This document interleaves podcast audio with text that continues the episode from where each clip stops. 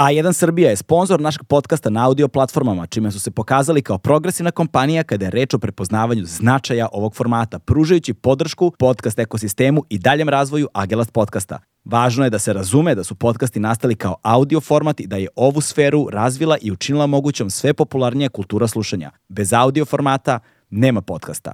Prijatelj našeg podcasta na audio platformama je i domaći modni brand Legend Worldwide. Prepoznatljiv jeans, udobna lifestyle odeća i neupitan kvalitet definisali su brand Legend Worldwide tokom skoro tri decenije uspešnog poslovanja. Be a legend, not a follower.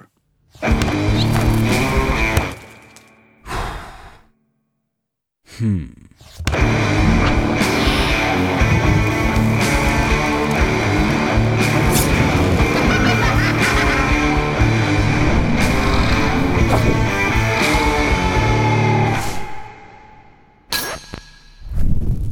on je internacionalno poznati i legenda stripa, strip crtač. U pitanju je Igor Kordej, koji još od kada 70. godina na ovamo aktivno crta i stvara u komercijalnim izdanjima, ljudi ga znaju kao čovjeka koji je radio za Marvel, čovjeka koji je radio za DC, čovjek koji radi za francusko tržište, koji radi za špansko tržište, koji radi za velika međunarodna tržišta, veoma je cenjen, ali ono zbog čega je on povod, zbog kojeg je ovdje danas, jeste njegovo delo koje nosi naziv Texas Kid, moj brat. Dakle, Texas Kid, moj brat, strip koji je nastajao posljednjih 15 godina najzad je ugledao svetlost dana. O čemu se radi, sad ćete više iz razgovora koji sledi. O Texasu Kidu, o njegovom životu, o njegovom radu, o njegovoj muzici, jer se i muzikom također bavi u životu svime i svačime. Razgovarali smo u ovoj epizodi. Naš sljedeći gost, Igor Kordej. Uživajte. E pa možemo odmah da počnemo onda sa Rubber Soul Projectom. da otvorimo, da otvorimo sa Šta god hoćeš, Da. Zdravo Igore, kako si? Super. Ovaj, jesi li ranoranilac? Pa da. Ovaj, e, naš ritam je podređen detetu zadnjih godina. A pa dobro, da. Pošto se dižemo rano, njemu doručak. Ovaj, ja prvo pre doručka kad mogu i ovaj, kad mi se da onda nešto odvežbam ujutro. Mm. Recimo od šest nadalje, onda kreće on da se budi, da se spravi doručak i Ana ili ja, onda ga otpremimo ili u dnevni boravak ili u školu i onda mi krećemo da radimo. Vežbaš kod kuće? I onda ga, ma da, išao sam pre na bazen, međutim, ovaj, kad je krenula korona, onda u neko dobe su bile zatvorene teretane, mm. a otvoreni bazeni. Onda su svi nahrupili na bazeni i to je bilo užasno klaustrofobično pa smo onda na ja našli preko interneta ovaj, neke tegiće, ovo ono, i onda vežbamo kući. Da, ali čovječe, ja. gužva u bazenu je jedna od groznijih stvari. Znači, to je... Pa da, dođe ekipa kao mladi momci, devojke i onaj, urlaju, vrište i snimaju selfije pod vodom i tako ometaju ove takozvane normalni plivače. Mi smo, Mare, ja smo bili na nekom... Ili dođe grupa sredovečnih muškaraca, tipa 4-5, stanu nasred bazena ovako sa trbušinama i čantraju sat vremena. Ali su bili na bazenu, kao. Da, da, da, I naravno opet ometaju ekipu ovaj, koja pliva, kao. Da, bili su aktivni, bili su aktivni, bili su fizički aktivni. Mare, ja smo bili na nekom partiju, ovaj, nekoj žurti smo bili posle, posle nekog događaja i bilo je na otvorenom i bilo je onako leto, 40 ono, stepeni i bio je jedan bazenčić kao, ali najavili su ga kao pool party, najavili su kao žurka na bazenu. Mm -hmm. Ali bio bazenčić, koliki je bazen bio, brate? Ma šta je bilo? Nešto ono, tri kvadratna metra. Možda. Znači, a, na, a na žurci recimo 200 ljudi, 500 ljudi, nemam pojma. Na i onda pun bazen ljudi, da toliko da je voda promenila boju, postala onako mutna, razumeš? I kaže, i kaže, Mare, Mare supa od hipstera. stvarno je tako izgledalo. nevjerojatno, Neverovatno. Ali evo, kažem, da počnemo sa Rubber Soul Projectom, zato što smo zapravo skapirali... zato što smo zapravo skapirali da, da, da, da si u u grupi sa Maretvin Čaletom. Da, posredno, da. Posredno, da. Što rekao mali svet, ono, nevjerovatno baš. Svijedo. Doći ću vam, naravno, glavni razlog je u suštini zašto si ovde Texas Kid ovaj, i pričat ćemo njemu onoliko i sjajna priča iza ovog projekta i jako se dugo radio. 15 godina, koliko je trajalo? Od prilike, da, skoro 15 godina. Da. 15 godina nastajanje u Texas Kid-a. A prvi put sam pročitao Darkovu priču dve i druge, znači previše od 20 godina. 22 godine. To se kuvalo, ma da, to je... Da, ali pričat, ćemo o tome, zato što i na kraju Texas Kida zapravo pominješ, evo, da, te, ovaj, de, kaže, da te citiram, kaže, kao moja knjiga za trudno, nakon odluke, gde si rekao, stoga sam, hm, gde, pominješ muzički projekat ovde negde? Pa ono da sam usput izgurao jedan muzički projekt. Tako je, ovaj. da, da, tu proješ i onda zapravo, i zapravo taj muzički projekat je ovo. Jeste. E, ali hoćeš da nam objasniš ovaj koncept ceo oko Rubber Soul projekta, pošto je vrlo zanimljivo ovo izgleda. Da, to je izašlo 2015. kao box set, a inače i sastoji se od dva CD-a, a fantasy horror novelice koju jedna od tih onda to je ovaj Goran Skrobonja taj. Da, onda knjiga o tome kako se e, radio projekt kronološki i ima dokumentarac sat vremena mm. koji je snimao pokojni kako se zove, Tucko, nešto. Koji je radio dosta spotova ono doba za televiziju. Da, da, da. Ali, o, ovaj, tako da je to kompletno ono svedočanstvo o tom projektu. Prve CD je izašao ili, ili kazeta o, 96. Mhm. onda kad sam ja ovaj, krenuo sa Janom da se motam po Beogradu, ona me upoznala sa svojim bivšim profesorom i mentorom Raskom Čirićem, koji je tako jedan renesansni čovjek, osim što je ovaj, bio profesor na Akademiji za dizajn u Beogradu, to jest fakultet za dizajn, je tako? Za primijenjenu umjetnost. On je i, ovaj, i radi animirane filmove, ovaj, odlično komponuje i peva. Ovaj. Mm. Um, e da, i onda smo išli kod njega i onda mi je pustio demo snimke koje su oni radili poslije tog prvog ovaj, uratka i koji su bili prekrasni i ja kažem ajde da to uradimo kao baš mi se dopalo. Koncept je taj da su oni tokom godina ovaj provaljivali razne naslove pesama Beatlesa u raznim člancima ili antologijama nekakvih 50 naslova pesama koje Beatlesi nikad nisu uradili, ali su ih pominjali kao. Aha. Naprimjer, ovaj, na ovom box setu postoji pesma koja zove Rubber Soul, koja je trebala da bude na albumu Rubber Soul od Beatles, ali se nikad nije pojavila, nikad nije urađena. Ne? A oni su kao, tako kaže Rasko, hteli da čuju kako te pesme zvuče i onda su ih napravili izmišljene pesme Beatlesa bazirane na tim naslovima. A, wow, da, da, da. A, gde je Ratko Rastko komponovao sve i pevao deonice McCartneya i Lenona. Mm. S tim da, da mu Lenon ide malo bolje. A Goran Skrobolja je radio stihove, ono, poeziju, a u, kod prvog projekta je Nebojša Ignjatović radio aranžmane i svirao bas. Odnosno, to je Maretov Čale. Ako se, Tako je. Bio je tu i Cvele iz Bajaga benda mhm. na prvom projektu. Oni su se pojavili na drugom ovaj, snimanju, više kao, više kao ovaj, aranžeri i producenti. A i na tom drugom E, snimanju su kao prinova došli momci iz beat benda, e, Damjan i, evo sad sam zaboravio drugog, ali ovaj, oni su kao mlade snage ovaj, doprinijeli aranžmanima i malo više energetičnoj svirci i tako dalje. A oni su e, zapravo Beatles cover band. Oni su Beatles tribute band koji je vrlo, vrlo uspješan zapravo. U stvari, koja je razlika među cover i tribute benda? Um, nemam pojma.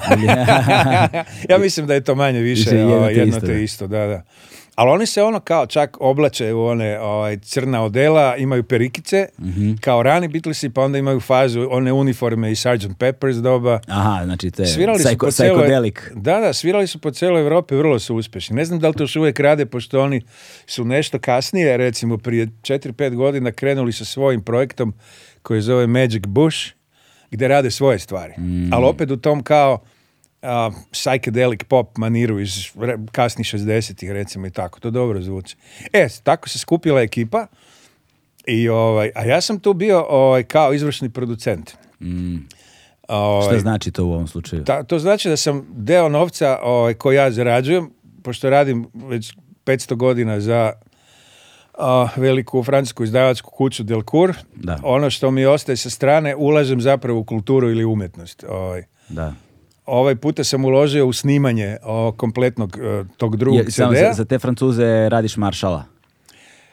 Da, Marshall Bass i razne druge projekte, to ćemo da, posle. To ćemo posle, da, da. Tako da imam kao neka redovna primanja ovaj, i ne mogu se potužiti da slabo zarađujem, mhm. ali ono što mi ostaje sa strane, volim da volim ulagati u, kulturu, umjetnost. ili recimo otkupljujem slike mladih umjetnika ili financiram štampanje knjiga ili izdavanje muzike. Mhm. Ovo, mi je, ovo mi je prvi muzički projekt. Što se tiče knjiga, to su, radi se o strip knjigama da, ovaj, ja financiram recimo štampanje, pošto je ovaj, mali izdavači recimo u, Beogradu nemaju ovaj, neki put financije da izguraju stvari kako treba. Mislim na kvalitetu papira, kvalitetu štampe i opremu i tako dalje. Da, sigurno se, sigurno se kada je u pitanju štampanje grafičkih novela i takih e, takvih stvari u suštini postoje, postoje stvari koje su dosta, postoje drugačije stvari od klasičnog izdavaštva ovaj, kad govorimo o knjigi. Sad ne, naš, ne znam, ali pretpostavljam s obzirom da moraš da, print, da se radi print pa- uh, slike. Uh, pa dobro, postupak je malo, malo duži. Da, da. To je, to je timski rad. Ovaj, slično kao na filmu, samo je, ovaj, ok, autor uradi stvar, pa ovaj, nakon što ja recimo finiširam crno-bele table, onda iskeniram, Šaljem ih na jedan grupni od te kompanije za koju radim, zove se FTP site, sa koji kolorista skida te skenove u visokoj rezoluciji, onda ih ofarba, vraća nazad, od tud ih preuzima, se tog sajta ih preuzima recimo upisivač tekstova, pa onda to sve ide na lekturu, pa još jednu i tako dalje, dok se ono, i onda ide ovaj, preprodukcija. Radi se na dizajnu celog albuma, to radi tehnička ekipa iz kompanije onda sve meni šalju na odobrenje, cover plus ove e, unutrašnje strane, predlist, zalist i tako dalje, rikne, bla, bla, i kad se to odobri, onda ide u štampu. E, tako da, op, opsežan je posao. Da, i puno, puno je zapravo pokretnih delova u tom mehanizmu. Puno ljudi radi na tome da se jedan strip, na primjer, ili grafička novela izađe kako treba. Jeste. I ono što je bitno, ovaj, zato ja imam dosta posla uvijek. Ja ne kasnem nikad. Mm. O, ovaj, tokom godine sam ukapirao da nije bitno biti genijalac, ono, Leonardo da Vinci, nego da budeš pouzdan. Da, Ne samo da dobro crtaš, nego da na vreme obaviš posao, jer ako ti kasneš, onda se po domino principu zapravo stvar urušava i krajnja istanca izdavač gubi novac. Da, da, da. I onda ako ponavljaš ta kašnjenja, onda te u neko doba više ne zove nikada. Ono, zato što si nepouzdan. To je, to je tako. Posebno tim velikim projektima koji imaju više crtača. Ono, da. I da završimo sa Rabir sa mhm. ti voliš da preskačeš ovaj nema veze, nema veze. samo da ovaj, tu priču izgladimo. Ne? Znači, ja sam ovaj, financirao snimanje u studiju i štampanje ovog papirnog dela mhm. i, i, i plastike ovaj, za box CD i to je izašlo 2015 ovaj, sa ne baš velikim uspjehom, ono kao, bili smo ljubimci kritike vamo tamo, ali se bend raspao zapravo, mada su momci tvrdili tokom snimanja da će biti tu i da će živom svirkom podupreti ovaj, mhm. promocije i tako dalje. projekat, da. Tako da je bilo nešto, par svirki, ali manje više akustičnih. Ovaj, to je Rastko ovaj, iznio najteži deo. Međutim, stvar nije, ovaj, jer danas znamo da bendovi zapravo najviše dolaze do publike preko žive svirke. jeste, Ako si samo viralni bend, ono, kao, ima takvi bendova, ali neki su uspješni, ali maso ih nije, kao, trebaš mm. da se pojavljuješ, na, i tu je, tu je zapravo bila stavka zbog koje se taj, ta muzika nije čula malo žešće. Zavisi naravno od vrste muzike i od prirode samog projekta. Ovaj, negde se, ne, negde se ne, ne kažem kao univerzalno pravilo, niti generalizujem, ali u velikoj meri ukoliko sastav uh, je, ima, ima u, u svom identitetu jednu vrstu koncepta koji iziskuje jednu vrstu raslojavanja kada slušaš i kada pristupaš celokopnom umetničkom delu, on obično traži nekoliko stvari od slušalca. Traži pažnju, traži vreme, traži neku vrstu posvećenosti da bi se, da, da bi se pun potencijal onoga što je zapravo zapakovano tu odmotao. Da. Ovaj, a te stvari nisu zahvalne za platforme na kojima sada se brzo ovaj, distribuira i mhm. brzo smenjuju trendovi, jer recimo sada veliki broj izdavačih kuća vrši pritisak na svoje izvođače, da imaju ono hook, melodiju koja je hitična, da ljudi počnu da ih koriste na Instagramu, na TikToku, uz ove reelsove, uz pa, Pa tako manje više od uvijek bilo. Ovaj. Pa da nije ništa novo, samo se pojačao taj jaz između... Ja, to, hoću kažem, intenzitet je jači. Da. Jeste. I taj imperativ brzine je ovaj, mnogo snažniji nego što je bio ranije. Nije se lako nositi s time. Ovaj. ovaj momci su očekivali od mene da ja tu kao nešto... Ovaj, ali ja sam uživao kao prase dok smo radili na tome. Znači, mm je to godinu i pol snimanje, mic po mic kao. Međutim, kad je projekt bio gotov, ovaj, ja sam na neki način jer nisam ja nikakav agent, nikakav menadžer. Ja sam ukapirao da je moj deo završen i da je ono sve na njima. Mm. Ali vidiš, mic po mic, to je, stvar se širila polako i 20 i druge smo dobili na početku 22. za 21. kao najbolji Rasko je ovaj, osvojio zlatnu, kao najveću nagradu uh, World Music Award za najbolji projekt, ono, za 21. godinu, ne? Mm. Tako da to ide još uvijek, to je nikad, nikad završena stvar, taj Rubber Soul. A čekaj, a Porina si dobio zašto?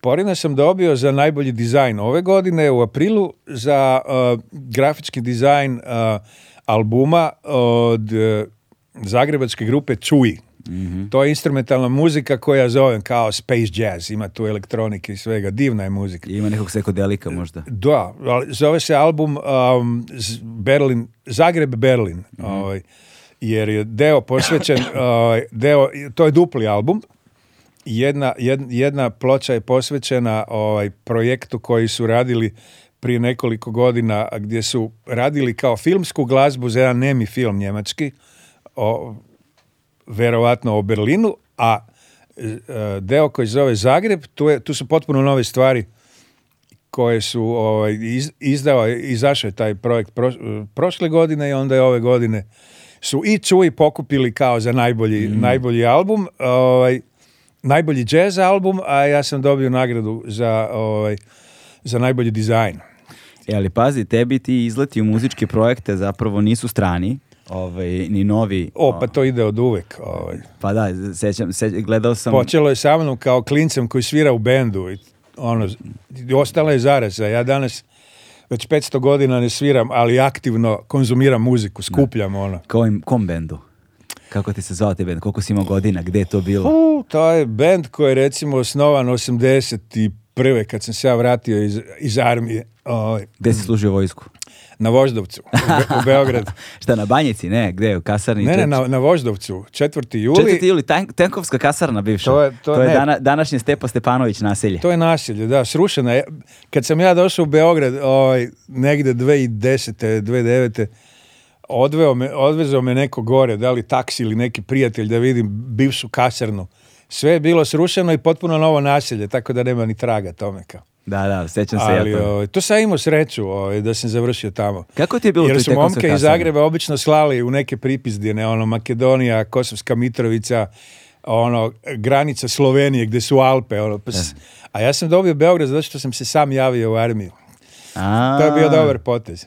Čekaj, ovaj, koje, šta, šta si dobio? Jesi bio tenkista? Ne, ne, podoficir podoficir. To je bila kašerna u to doba za obuku podoficira. Aha, čekaj, ja to znam. Kao elitna neka. Ja to, ono. ja, to, ja to samo pamtim kao najveću tenkovsku kasarnu. Pa bilo i tenkova tamo. su se ovaj, obučavala se kompletna artiljerija, znači minobacači, topovi, bla, bla, bla i e, deo pešadije. Aha, Ali uglavnom je proizvodila kao Mm, te kao podoficire, rezervne oficire, tako nešto. Ne, ja se odmah ogradim, ne znam ništa o vojsci, ali se sećam da kada smo kao klinci... Nisi ništa propustio. Da, ali se sećam da smo, kada smo kao klinci išli na one preglede vojne, kada smo dobijali e, rodove, šta se to već zove, ovaj, ja sam sećam da sam dobio brdsku pešadiju, on bez ono mavaži. Au. Ali se sećam da je bila priča kao da bi bio tenkista moraš da budeš nizak. Tako se nešto sećam sad, ne znam, da li, ne znam da li je to mit ili istina, apsolutno nemam predstavu. Ovaj, pa sam mi fuzonom, malo sam i visok kao za tenkistu, znaš. ne, ja sam teglio minobacač, on, cev od 40 kila, za to treba da budeš jak. A1 je prvi prijatelj audio izdanja Agelast podcasta. Jak, jak. I sećam ja. se jednom prilikom, jednom sam video, i sećam se celog života sam prolazio tuda, tamo je nas, pošto sam ja živeo i u Kumudržu nasilju iza ovaj, kasarne i onda sam svakoga dana, barem dva put dnevno, ako ništa u školu i nazad, ovaj, prolazio tuda. I često sam tuda prolazio peške, jer evo, Beograd koliko se umeđu vremenu razvio i proširio i tako dalje, ljudi sad više ni ne pamte, ali ali ceo taj period je bila, ceo taj, ceo taj potez je bila pustara, tu nije bilo ništa. Mm tu nije bilo apsolutno ništa. To su bile livade. Bili su šumarci i brda i... Ovaj... I kasarna. I kasarna, I, kasarna bilo je neka reciklaža, recimo Knjaz Miloš ili tako nešto. I ta, ne, nešto tako preko puta su bile, ali nije bilo ničega. I ovaj, prolazili smo tada, ali nikad nisam vidio nijedan tank. To sam teo da kažem. Dakle, ja prolazim tudi, nikad nisam video tank nijedan. Tenkovi su bili na autokomandi i, i motorna vozila i tako dalje. No, pa vojnoj... pa, nekad nije bilo tih nadvožnjaka, podvožnjaka da, da, da, i autokomanda izgleda potpuno drugačije. Tu je isto ovaj, bila jedna kao motoristički deo armije. I onda se sjećam ovaj, 99. kada je bombardovanje bilo, tad su, ovaj, sjećam se da se budim, jedan, jednog dana se budim se, neka buka me budi, ali onako kao, kao strahovita grmljavina negde u daljini i onda je ta grmljavina postajala sve jača i jača i jača i jača. U jednom trenutku je to postala zaglušujuća. Govoriš o 99. Tako je, 99. Zaglušujuća i počelo je sve da se trese i onda sam ja izašao kroz prozor i pogledao i zapravo su tenkovi prolazili ulicom. Ovaj, kad je počelo, kad je počelo ne znam gde su ih terali, šta su radili, a tad sam ih prvi i jedini put video. Jana kaže da je prespavala cijelo bombardovanje. I, i, ja mislim da je čak i dan danas u pojedinim delovima gde nisu renovirane ulice su okrnjeni ovi uh, ivičnjaci. Verovatno, Ivičnjaci od onih gusenica koje to To se nije pazilo baš. Da, da, da, ma i to ko prođe, ko furija čoveč. Ovaj, da, nego da se, mi, da se mi vratimo temu. Dakle, zašto smo pomenuli vojsku? da si, kad si služio vojsku ovde. O bendu smo pričali, tako je. Dakle, kad je... Da, da, kad sam ovaj, izašao iz, iz armije, mm um, interesantno u vezi Tarim je tad je bila ovaj, prva, prva ona, to se zvali revolucija na Kosovu. Aha, 81. u proljeće. Da, da.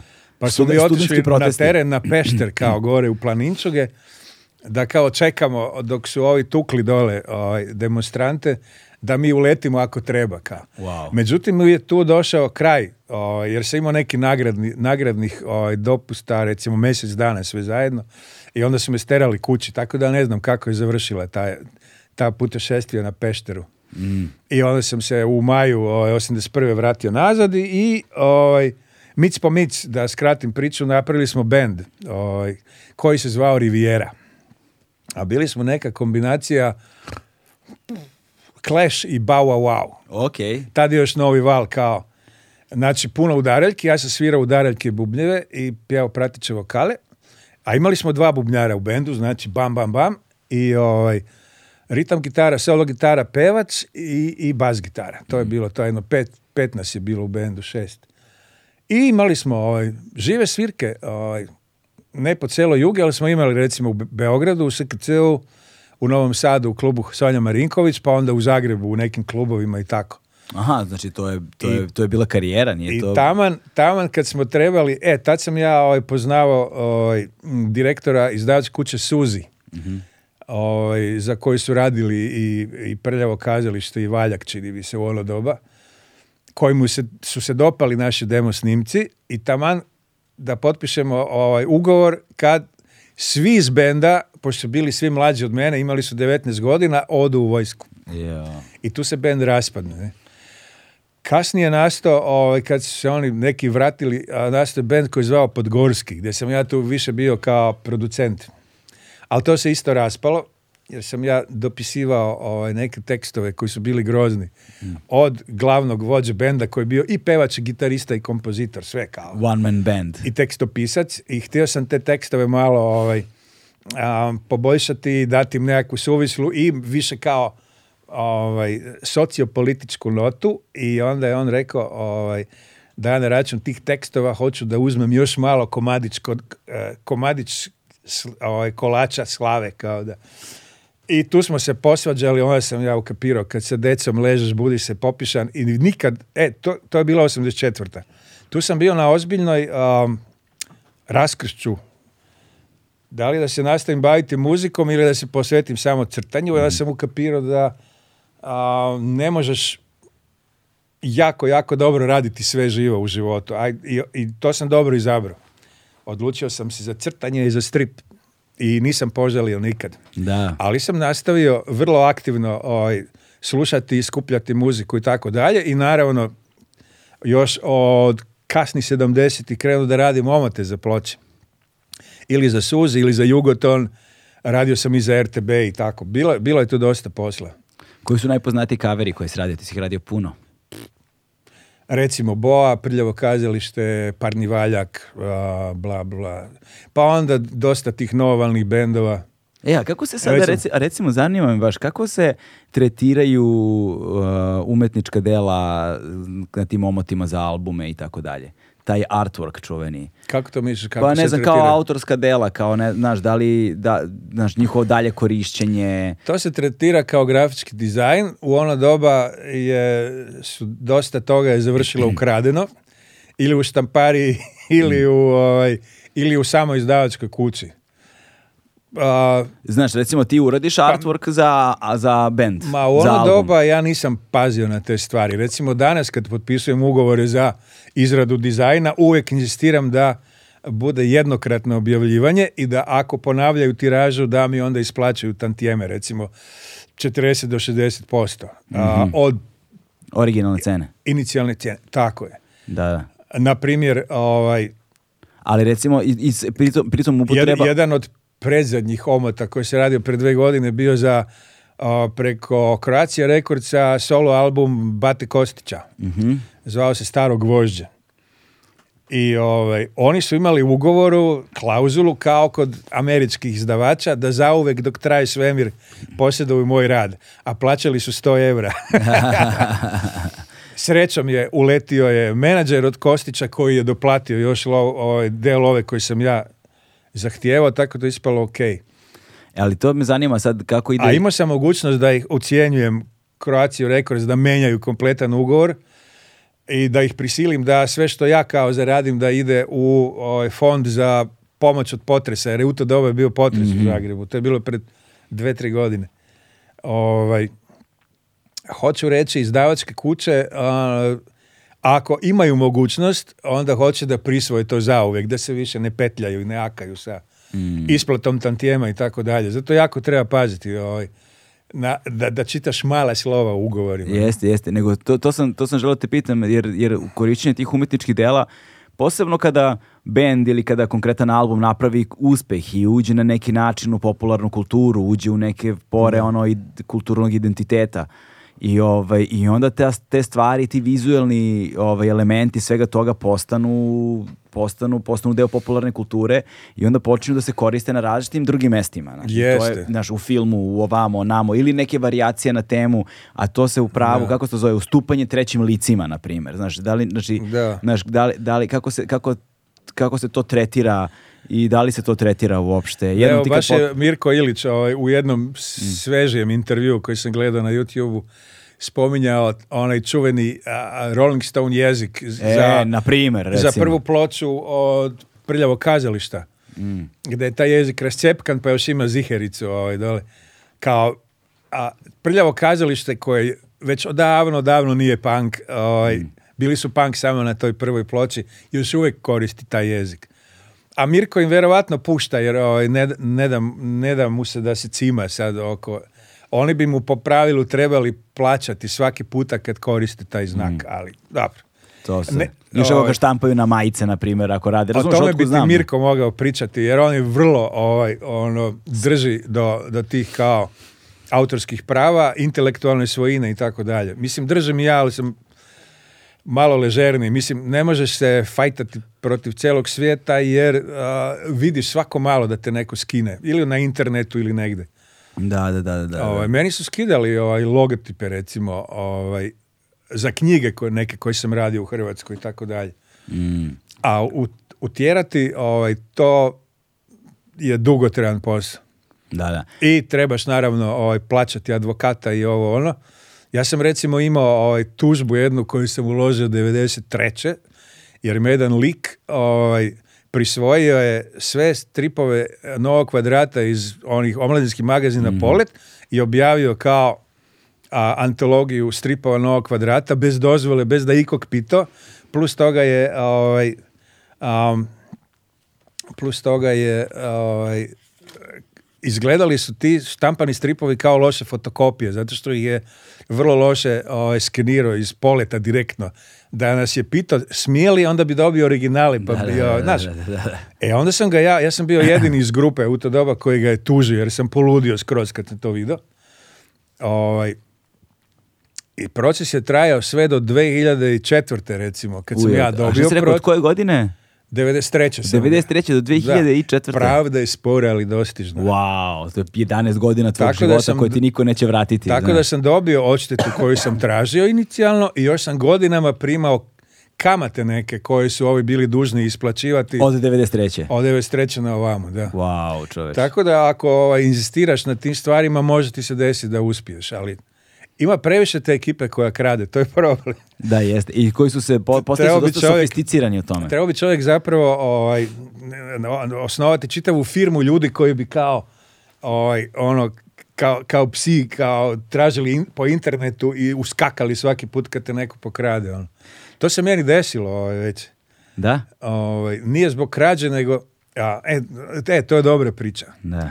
Svojedobno sam to, još dok sam živio u Kanadi, to je bilo 2002. 2003. radio seriju o kavera za knjige jednog vrlo poznog, neću sad navoditi imena, nema smisla. To su kao hardboiled krimići, mm-hmm. gdje u pozadini zapravo e, cijelo vrijeme imaš ovaj, child abusing i ovaj, ono, deca su tu, child trafficking, prostitucija, vamo tamo, a glavni lik je ono jedan opaki bivši ovaj, bivši policajac koji zapravo rješava neke čudne slučajeve. I sad sam ja napravio ovaj, seriju jedno četiri pet intrigantnih kavera za tu ediciju. Izdavač Algoritam je puknuo reklame po internetu. U roku Keks mu se javila agencija iz Brooklyna koja se zvala ovaj, 12 Angry Pitbulls. Wow advokatska kao kancelarija. Koje ime za advokatsku kancelariju? 12 besnih pitbullova. Ali to, podsjeća, to podsjeća na film ovaj... Ma grozno, da. Kako zove film? 12 Angry Men, jel tako? 12 Angry Men, brate. Film, zato da, da. su oni. A zvovo se 12 Angry Pitbulls, to sam saznao kasnije, jer Connection su psi koje oni šetaju po Central Parku tamo Aha. i pisac je ljubitelj pasa, ima neke mastife, neka ludila. Ovaj e, čekaj malo, da, jave se onim mom izdavaču, ovom algoritmu u Zagreb, Neven poludi jer mu oni kažu da istog momenta mora da skine sve reklame sa interneta jer je naime pisac poludeo, ne sviđa mu se to ništa i uvredljivi su i ti omoti bla bla bla i ovaj, on mene zove kao u, u Kanadu. Taj pisac? Eh, Neven Antičević, direktor algoritma, kao, e, Igore, skini sa svog interneta ove sve omote, zato što sam, eh, dobit ćemo po glavi kao i platiti, morat ćemo platiti odštetu. Ja velim, ti skini slobodno, ja neću, to je moje autorsko dijelo i stojim iza toga, ako mi se ikad jave, ja ću riješiti problem. On kaže, ok. Bla, bla, bla, on to skina, ja nisam i desi se da je te iste godine išao na sajam knjiga u Njurku, upozna pisca, Neven, direktor, i oni lijepo čantraju i zapravo ispadne da je on poludeo na te omotnice zato što su ga seksualno uzbudile. I onda se kao postideo sam sebi, ili ne znam šta je proforo u glavi, i onda je naložio ovim likovima da progone Nevena da to mora skinuti. I te knjige nikad nisu, hoću reći, E, ti omoti nisu nikad objavljeni, ali su lepi. Ovaj. a onda ispada u biografiji tog pisca da je on isto bio kad je ovaj, bio manji, ovaj, da je bio child abused i da i on, on je kao pravnik koji se bori da tu sirotu, nezbrinutu djecu da pošalje na usvojenje, da ovo ono, cijeli život mu je zapravo, ali on je sam očito ima... Ovaj, Traume neke traume i onda ovaj, kao, e, to je recimo priča kako te mogu zaskočiti. Kao, svi mislimo da je Balkan, da je to kao negdje daleko od sveta, a to je recimo bilo treće. Mm -hmm. Kad još nije bilo toliko ovaj, razvijen ovaj, ni internet, ni ovo ono, ali likovi su ga odmah zaskočili isti čas. Znači, postoji ekipa koja tu traga svaki dan, 24 sata dnevno. Kada postoji interes. E, naročito kad su plaćeni za to. I tako. Kad su e, dobro plaćeni za to. Da, da, da. E, ali e, pre nego što, pre premotamo e. priču na početak, ovaj, još jednu stvar nekako da zaokružimo priču u vezi sa muzikom donekle. Okay. A, još jedna stvar koju si radio, koja mi je bila sjajna, ovaj, to su isto takođe neki tvoji raniji radovi, čini mi se. Ovaj, crtao si stripove po pesmama. Jel tako po pesmama? Bilo je Ona se budi. To je bilo tamo kad sam bio u armiji u Beogradu, da. tako, a? Ja sam se negde kasno u 80 spetljo, a bio je divan koncert Pozdravi iz Zagreba mm. u Domu omladine. Kad su bili Haustor film, Patrola, šta ja znam. Zvijezde su se zvali bendovi, svakakvi su bili. Ovaj, čak možda i Azra, ne sjećam se. Ali tu sam se Domu omladine spetljao sa lokalnim... O, ovaj, Petar Janjatović, moj da. najstariji beogradski prijatelj. Ovaj, Bio nam je ovdje skoro gost. Moma ovo, ono, onda su me oni otfurali ovaj, kod Peci Lukovića u redakciju Džuboksa i tu smo dogovorili da ja radim kao te muzičke stripove. Jer mi je to palo na pamet kao zgodna fora. I Džuboks je to objavljivo, jedno 5-6 nastavaka. Bili su ovaj, idoli, um, riblja čorba, električni orgazam, Mm, Korni grupa, jedna zgodna pjesmica, kratka. I ovaj, šta je još Šarlo, ne? Šarlo akrobata, bravo, ona se budi. Da, da, to, to kao ekipa najviše voli. I ovaj, taj strip baš. I to, ovaj, to su sve oni objavljivali i to, je, na taj način sam na neki, na neku foru psihički se mogao ovaj, udaljiti od tog ludila koji se zove armija. Mm. I imao sam sreću jer me dosta rano ovaj, voditelj vojničkog kluba unutar kasarne pokupio da radim tamo, pa sam imao i atelje i ovo ono. Mm. Imao sam Ausweis ovaj, gdje se mogu stalno izlaziti napolje. I zapravo mi je bilo ok u Beogradu. I tu sam zavolio Beograd, imam dan danas ono, prijatelja ovdje s kojima sam se družio onda. To su, ove nije, se nikad prekinulo. Recimo Pera, kojeg sam spomenuo malo da. i tako dalje. Ali dobro, ti ovdje živiš sad već duže vrijeme si stalno. Pa zadnje deseta godina, da. to. Kad je Jana ostala trudna u drugom stanju sa Takijem, mm. Onda sam se ja preselio trajno da bismo imali ono pravu familiju. E. Ja, a poklopilo se to da su moje devojke u Zagrebu, imam tri kćerke mm. inače, iz, iz bivšeg braka, one su već odrasle cure ovaj, imaju svoje zaposlenja, ovaj, momke, ovo, ono, one su okupirale moju stanišku u Zagrebu kad sam se ja preselio ovdje. Plus toga su se ovaj, sprijateljile odlično sa Janom mm.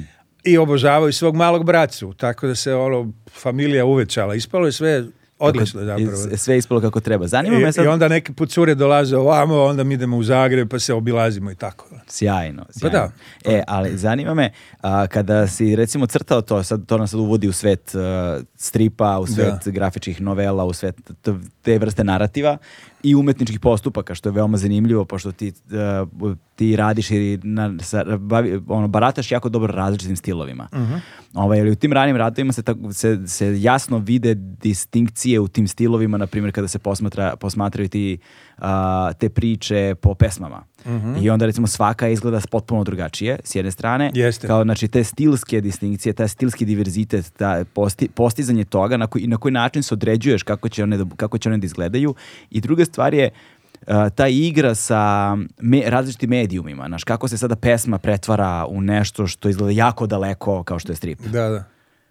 Znaš, na na, na na, kako, kako taj postupak u tebe funkcioniše, kako je taj postupak funkcionisao tada u početcima i na koji način je on evoluirao? Pa prije svega je bitno da je poezija nekakve rock ili punk pesme ovaj, dovoljno dobra da možeš dovoljno dobra da zapravo da možeš da čitaš između redova. Mm Ovaj na primjer mm, od električnog orgazma ovaj, krokodili dolaze. Vrlo je ovaj neodređeno šta se tu dešava zapravo, ko su ti krokodili ovo ono, ne.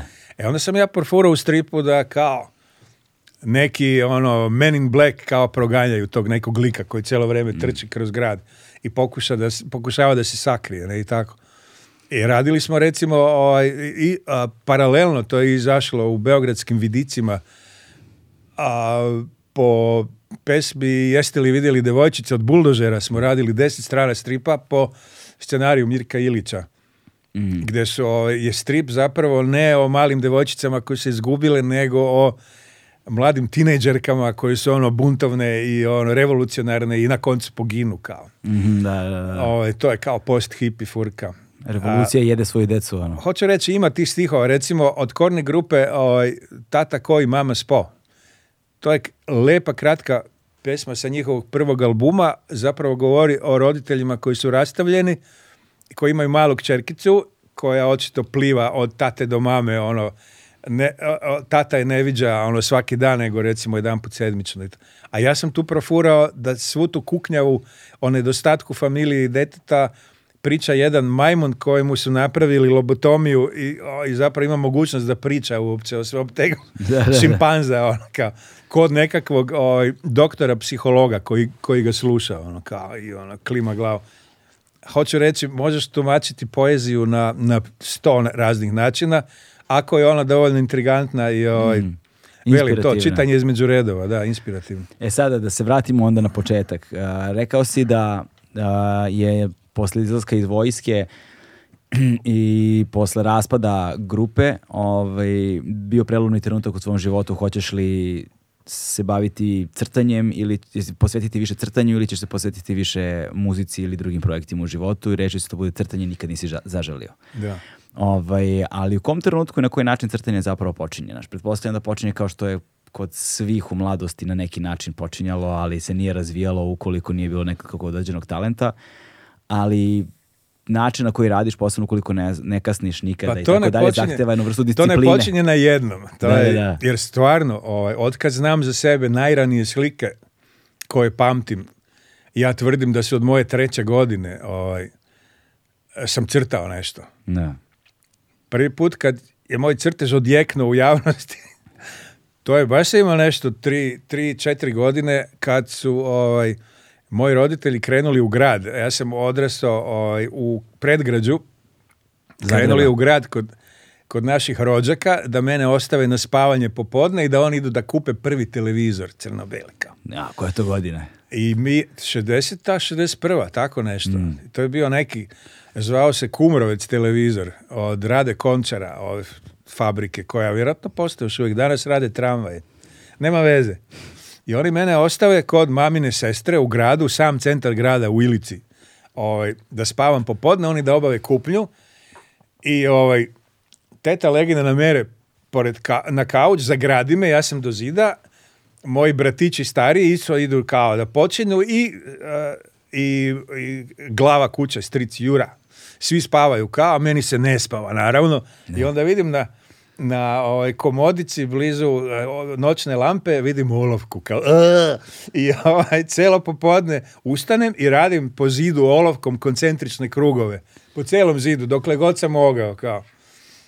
I ovaj, i vrate se moji roditelji ozarenih lica kao eto nas, stigao je televizor, svi se bude u kući i kad vide ovaj, moj, moju šarotinu na au, Onda je stric Jura počet da tuče ovaj, moje starije nečake, zato što se oni kao krivi što sam ja našao olovku, meni se ništa nije desilo. Ne, pa mojim, tri godine, mojim roditeljima naravno neugodno, ali to se sećam kod dan danas, kakvu halabuku je izazvao jedan od mojih prvih crteža. Ono. Mm. Ovaj, to je to kao, to neću nikad zaboraviti. I kako se onda razvijalo dalje? Ovaj, Uh, Mislim, jesi, imao podršku u nekom smislu kao da je neko primetio tvoj talent da te gurao ili nije? Pa tu sam imao problema. Ovaj, ili je ovaj, bio bunt? Vidi, moj, ja sam uh, od majke zapravo imao najveći input. Ona je bila jako talentirana kad je bila klinka naročito. Jer sam još u Kanadi čuo njene neke akvarele kad je imala 13-14 godina koji su bili prekrasni. Mm. Neko cveće. Ali to sam ostavio tamo, nažalost. I ona mi je crtala prve ono, čiča gliše, konje, piliće, ovo ono, to se ja precrtavao. Ona je baš bila kao umjetnička duša na neku foru, a tata je bio ono, a, radnička klasa. On je bio kao optičar, majstor neki i nije kapirao uopšte šta ja to radim. ili, ili nije nalazio vrednost. I, ovaj- bilo, je puno toga. Ovaj... Nakon osnovne škole on je htio da ja idem u gimnaziju, kao, nije mi padalo na kraj pameti. Međutim, sam imao odličnog profesora iz likovnog od četvrtog do osmog razreda, zvao se Branko Manojlović, koji je ukapirao talent i baš me ono gurao, pokazivao mi više nego drugima. tero me da proučavam Čekaj, umjetnosti. E, Branko, ne. Ali ima neki Manojlović ovdje u stripu, ili njemu beše truju svinje ili tako nešto. Da, to se, da, pa ima tih Jel prezimena. ali jeste Manojlović? Ja mislim da je. jeste. Dobro si upamtio. Da. ovaj, Rekom, e, možda se, je to taj. On se svađao s mojim starim i gurao da, da ja idem ipak u primenjeno. Onda je stari popustio kao ajde, ali tebe će droga, alkohol i ovo, ono, upropastiti, završit ćeš na ulici Naravno da je bilo droge i alkohola u ali... ali nisi završio na ulici. ne, ja sam maturirao s odličnim i onda poslije upisao akademiju, ali tokom primjenjene se ja već krenuo žestoko da radim neke svoje stvari. Šta znači žestoko da radiš? Da crtam, ono, van nastave da crtam kod kuće, i to sećam da su veliki formati, metar puta 70 sa rapidografom, ovaj, neke crno-bela ludila koje bi se okrenu moglo nazvati nadrealizam. Jer sam u to doba bio pod žešćim utjecajem recimo Salvadora Dalija i kao nadrealizam, da. I mom starom se to nikako nije dopadalo, a ja sam to kao kačio po zidovima. Delio sam sobu ovaj, sa mojom sekom starijom. Mhm. I onda kad bi dolazili u goste kućni prijatelj, on bi sve to skido sa zidova da, ga ne blamiram. I mhm. onda kad bi gosti odlazili, ja bi to sve vraćao opet nazad. Cijelo vrijeme bilo. Tako je bilo i oko muzike i ovo ono. O, nisam sveo da glasno slušam Pink Floyd Jer je on pati od migrena i tako. Ma, lako za mog starog. Nema veze. Krenula je primijenjena i već tokom primijenjene se tu začeo nukleus novog kvadrata. To je vrlo bitno. Ovaj. Mm. Potrefilo se da nas ima na eh, klasi grafičkog ocika Ilić, Mešić, Korde, znači trojca i e, starija klasa, godinu dana starija, Krešo Zimonić, već četvorica koja čine kao neku bazu. Mm. Na koncu nas je bilo 7-8, ali tu se, ej, onda je naravno postojala podloga, ovaj, sve, sve žvrlje koje smo radili su se mogle paralelno objavljivati, a to je bio magazin Polet, čiji je urednik ovaj, bio Pero Kvesić koji je širom otvorio vrate stripu u to doba. To je bila kasna 76. a 77. negde u proljeće formalno krenula grupa pod nazivom Novi kvadrat.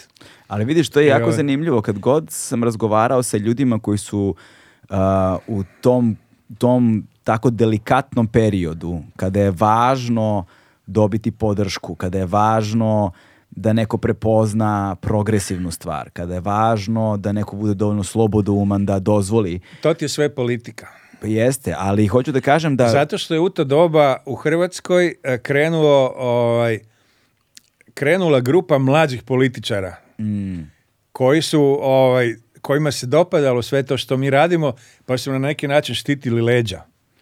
Tu je bio tipa ovaj, Ivica Račan koji u to doba bio ovaj, predsjednik Saveza socijalističke omladine Hrvatske, kasnije bio predsjednik Hrvatske, onda je umro kao negdje 2003. 2004. Nema veze. Znači, oni su ovaj, kao mladi liberalni političari u okviru komunističke partije koji su zapravo ovaj, otvorili vrata, vrata kulturi u ono doba. Zato je uspeo punk i new wave. A to, Bio je prekrasan teatar. Ovaj, počela se razvijati fotografija bila je hrpetina odlične literature nove štampano. Znaš, kao mm. sve je krenulo na... Bilo je odlični kulturološki časopisa, kakva su bila pitanja, recimo, opet u okviru tog centra za kulturnu djelatnost gdje je izlazio i polet. Ovaj. Sve se na neki, ono, mi smo se pojavili, hoću reći, u pravo vreme na pravo mestu. Da, da, da. I mislim da danas je ovaj, to što smo mi se tako brzo profurali, toliko uspješno i uspjeli objavljivati hrpu stvari po omladinoj, omladinskoj mainstream štampi, ovaj, mislim da bi se to teško danas moglo ostvariti. Pa jeste, da, sećam se, ovaj. mislim, razgovarao sam i sa Zlatkom Burićem, glumcem koji je tad imao, bio deo u Zagrebu tog pokreta Kugla, Bravo. Ne, to je bilo, je, bilo, bilo je tu svakakvi zaista... Teatar je bio opak, da, čega je kugla bila deo, da, tako teatar i ono. I bilo je, i tu je bilo tako neverovatnih stvari, ti kada posmatraš, ali ono što sam skapirao razgovarajući sa svim tim ljudima, Kasnije recimo i kada sam pričao i ovde sa nekim ljudima kada je nastajao radio B92, kada su se dešavale, dakle, hoću kažem nešto što je društveni nukleusi koji su bili važni i kasnije se ispostavilo značajni i za individualni razvoj svih tih pojedinačnih ljudi, ali negde i za razvoj kulturnog života nacije, države, vremena, ovaj, naroda u, tom, u, tom u to vreme a, ispostavio se su na odgovornim pozicijama, ono što bi, kako bi to Ameri nazvali, gatekeeperi recimo, da, tako nešto, ti te, ti ljudi koje bismo danas nazvali menadžerima, direktorima ili kako bismo ih već nazvali danas. Bitno da su to sve bili mladi ljudi, ono dobro. Ali su bili, ali su bili spremni da izvolite, radite šta hoćete. Postojali, taj, postojali su ti ljudi koji su bili u fazonu izvolite, radite šta hoćete. Da, da, da. I postojala je a to je sa sobom nosilo određenu dozu rizika koje kad staviš na tasove vage da imaš jednu određenu dozu rizika, ali kada se desi uspeh, taj uspeh je neverovatan. Jer onda on kreira nešto autentično novo, nešto što je što imaš tu i ne postoji na drugom mestu. I bude više pa takvih da. ljudi onda zajedno. Tako je bilo recimo dobar primjer je engleska i američka rock glazba da. kasni 60-ih, rani 70-ih kad su uglavnom u tim kućama sedili Ovaj, Debeli menadžeri sa cigarama. ali su oni ukapirali da se to kao prodaje. Ne? Da, da, Naročito nakon Sgt. Peppers Lonely Hearts Club Band, kao radite šta hoćete klinci i kao bilo je para i u to doba imaš svako malo iskrsava na YouTube-u nekakav bendi 60 za koji nikad nisam čuo. Tako je. A koji radio kao ono pristojnu muziku. Ja to sve slušam. Još Ali i više nego pristojno. Ali koliko ima toga. Da, odnosno sa, sa današnje, iz današnjeg ugla posmatramo Jeste. više nego pristojno. Šta više, progresivno.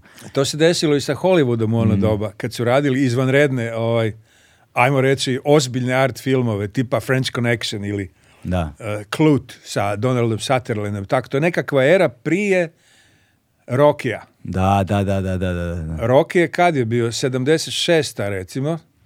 Do ta su radili izuzetno lepe, ovaj, ono, ozbiljne, ovaj, Čovječe, ja sam vredne filmove, ne? Ponovo sam gledao pre neki dan uh, Aliena. Aha. Te, to je 79. godina. Koja da, godina da. Alien? Čoveče, kako se dobro drži Oludilo od filma. Drži film. potpuno. Kako se drži i vizualno se drži. Znači, nešto što apsolutno nisam očekivao da će drži, drži a sigurni viver. Pa imaš filmove pre toga, tipa onaj kabare od Bob Fossa, ovaj, mm. koji fantastično drži vodu po kinematografiji, scenariju, ono, storytellingu, ili taj French Connection koji se spominje sa da, Gene Hackmanom, kojeg sniman na lokacijama u New Yorku gotovo kao dokumentarac, ono, je wow kao. Da, da, da, Ali to doba je završilo upravo sa Rokijem Star Warsima, mm. E, Saturday Night Fever, to se sve nekako poklopilo, onda je krenuo Hollywood u žestoku komercijalu. Da. da. E, da se mi vratimo malo na tebe. Ovaj, um, e, i da se vratimo i da se samo na tebe, ali i na duh vremena. E, strip uh, na prostoru Jugoslavije ono sredinom 70. godina. Šta je strip kultura tada ovde? šta se čita, kakav uticaj to vrši, šta su bili tvoji uzori, naš... Strip se dosta čita ono doba, tad je glavni glavni... Ovaj, koji je bio značaj, koja je bila pozicija stripa u društvu? Tjedni magazin zvao se Stripoteka. Mhm. Oni su bili glavni, samo da, ili su izrazili mjesečno, ne znam sad točno, ali imali su tiražu u ono doba od preko 60.000 primjeraka, što je danas nezamislivo. Wow, 60.000. U Zagrebu je u okviru vjesnika bio neki, čini mi se, maxi strip, ne, sad sam zaboravio, ali stripoteka je bila glavna. Da, da. Ali stripovi su od uvijek tu. Ovaj, ja sam naučio čitati i pisati na stripovima kad sam bio klinac, ono, 4, 5, 6 godina. Mm. Ovaj. bio je u Srbiji kekeć. ovaj, bila je malo kasnije panorama iz koje je nastala stripoteka u Sarajevu su bile male novine, mhm. u Zagrebu je bio legendarni plavi vjesnik. To, sve ide od ovaj, početka 60-ih, kraj 50-ih. Tako da smo, moja generacija je već totalno odrasla na stripu. Mm. Ja to zovem prokletstvo dobrih stripova. da. Zato što, ovaj, koliko god, nije to bilo mnogo tih magazina, ali su svi imali izuzetno kvalitetne stripove. A, netko je brinuo i u Hrvatskoj, u Srbiji, u Sloveniji. Slovenci su imali svoj Zvito Repet se zvao, ovaj, sa izuzetno dobrim stripovima. Neko je to doba brinuo da a, licencno kupuje dobru kvalitetu. Engleski, američki strip. E da, bio u Srbiji i Zenit se zvao odličan, gdje su, su prvi put došli superheroji, ono, Avengers i Thor i ovaj, Captain America i tako dalje. I sve to bilo kao polovina 60-ih već. I o, ovaj, ja kažem da smo mi bili, moja generacija prokleta sa dobrim stripom jer nije bilo lošeg. Mm. Znači da smo se bili zapravo u neko doba jako razmazili ovo ono i kada je recimo 66. 7. se pojavi Mirko i Slavko, ja sam bio šokiran kao. Mhm. Jer je bio grozan strip. Ono, Mirko pazi metak, znaš. Ču, čuvena, čuveni je dijalog. Čuveni Hvala Mirko. možda, možda najpoznatiji dijalog o domaćem stripu. Da, jel jeste? jel ima Pa da, pa vjerovatno. To, je vjerovatno najpoznatiji. Mirko, pazi metak, hvala Slavko. Da. ali, ovaj, e, znači, bilo je od uvek, ali su, ovaj, ovo što si spomenuo, 80. je bio kao Zenit. Mhm. To kao labuđi pjev. Znači, bila je i stripoteka u okviru poslije stripoteke ista izdavačka kuća Market priti je izdala Spunk, kao to je bilo za odrasle. I ovaj, čitalo se to mnogo. Da, zato što, znaš, ja nekako...